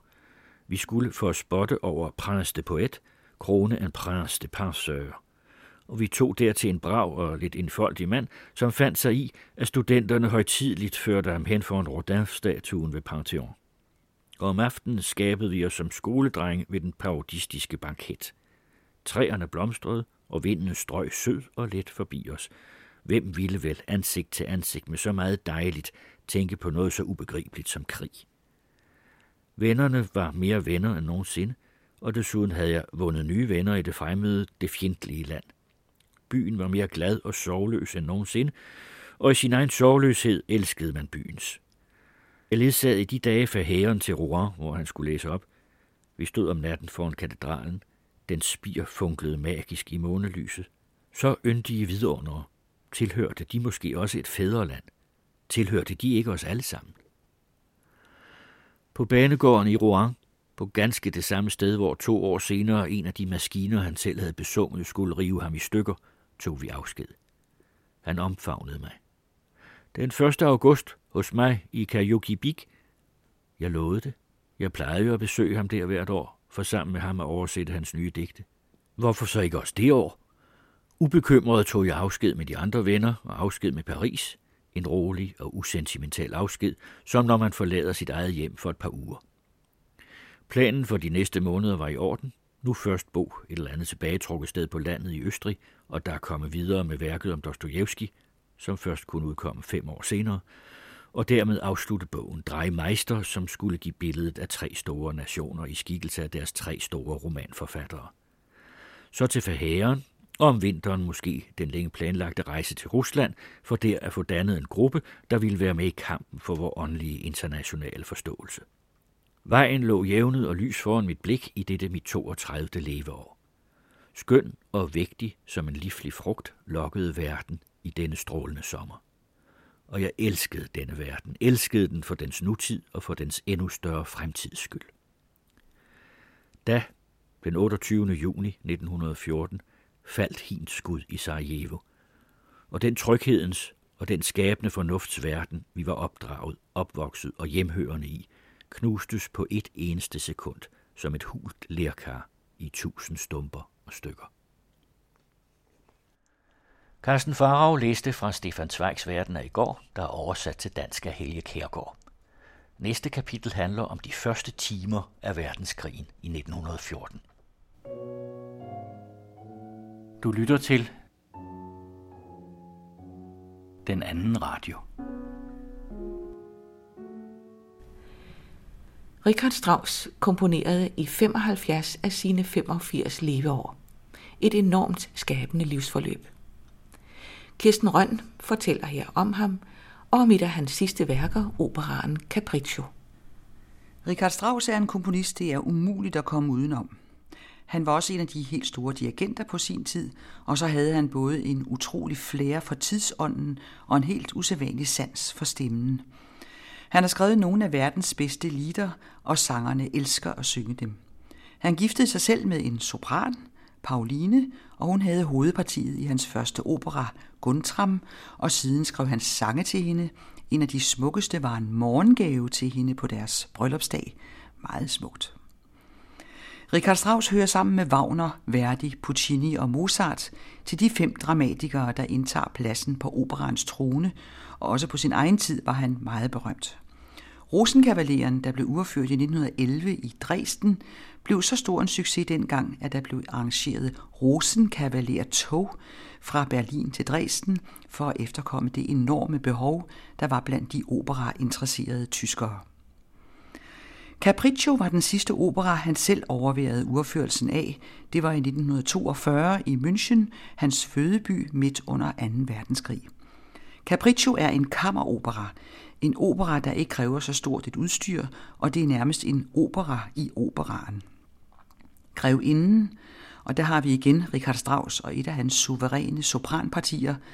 Grevinden holder et selskab, hvor hun har imiteret forskellige kunstnere, fordi hun vil opfordre dem til at skrive en opera til en fødselsdagsfest. En af de inviterede er komponist, og en anden er digter, og begge er de forelskede i grevinden og gør, hvad de kan for at gøre opmærksom på sig selv. Hun er i tvivl om, hvem hun vil have. Vælger hun den ene, mister hun den anden. Capriccio er bygget over en libretto af Giovanni Battista Casti fra 1780'erne, og den hedder Prima la musica, poi le parole, altså først musikken, dernæst ordet. Hvad er det vigtigste? Og det kan jo vendes og drejes i en uendelighed, og er sandelig også blevet det, også for eksempel af både Goethe og Stefan Zweig. Operaen slutter med en lang scene, hvor grevinden må se i øjnene, at hun ikke kan vælge, men den begynder meget usædvanligt med et stykke kammermusik, en strygesekstet, der sidder på scenen og spiller for grevindens indbudte selskab, sekstet for to violiner, to bratscher og to celli, og den skal vi høre nu.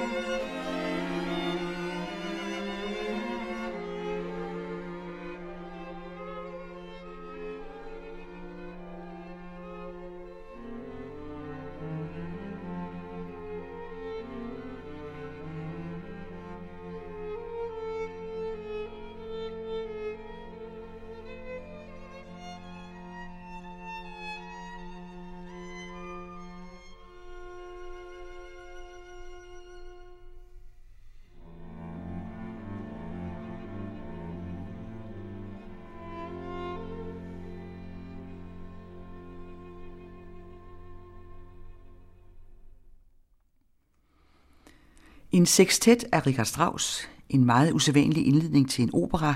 Seks musikere sidder på scenen og spiller til et indbudt selskab hos grevinden, hovedpersonen i Capriccio, Richard Strauss sidste opera, der blev udført i München i 1942 midt under 2. verdenskrig.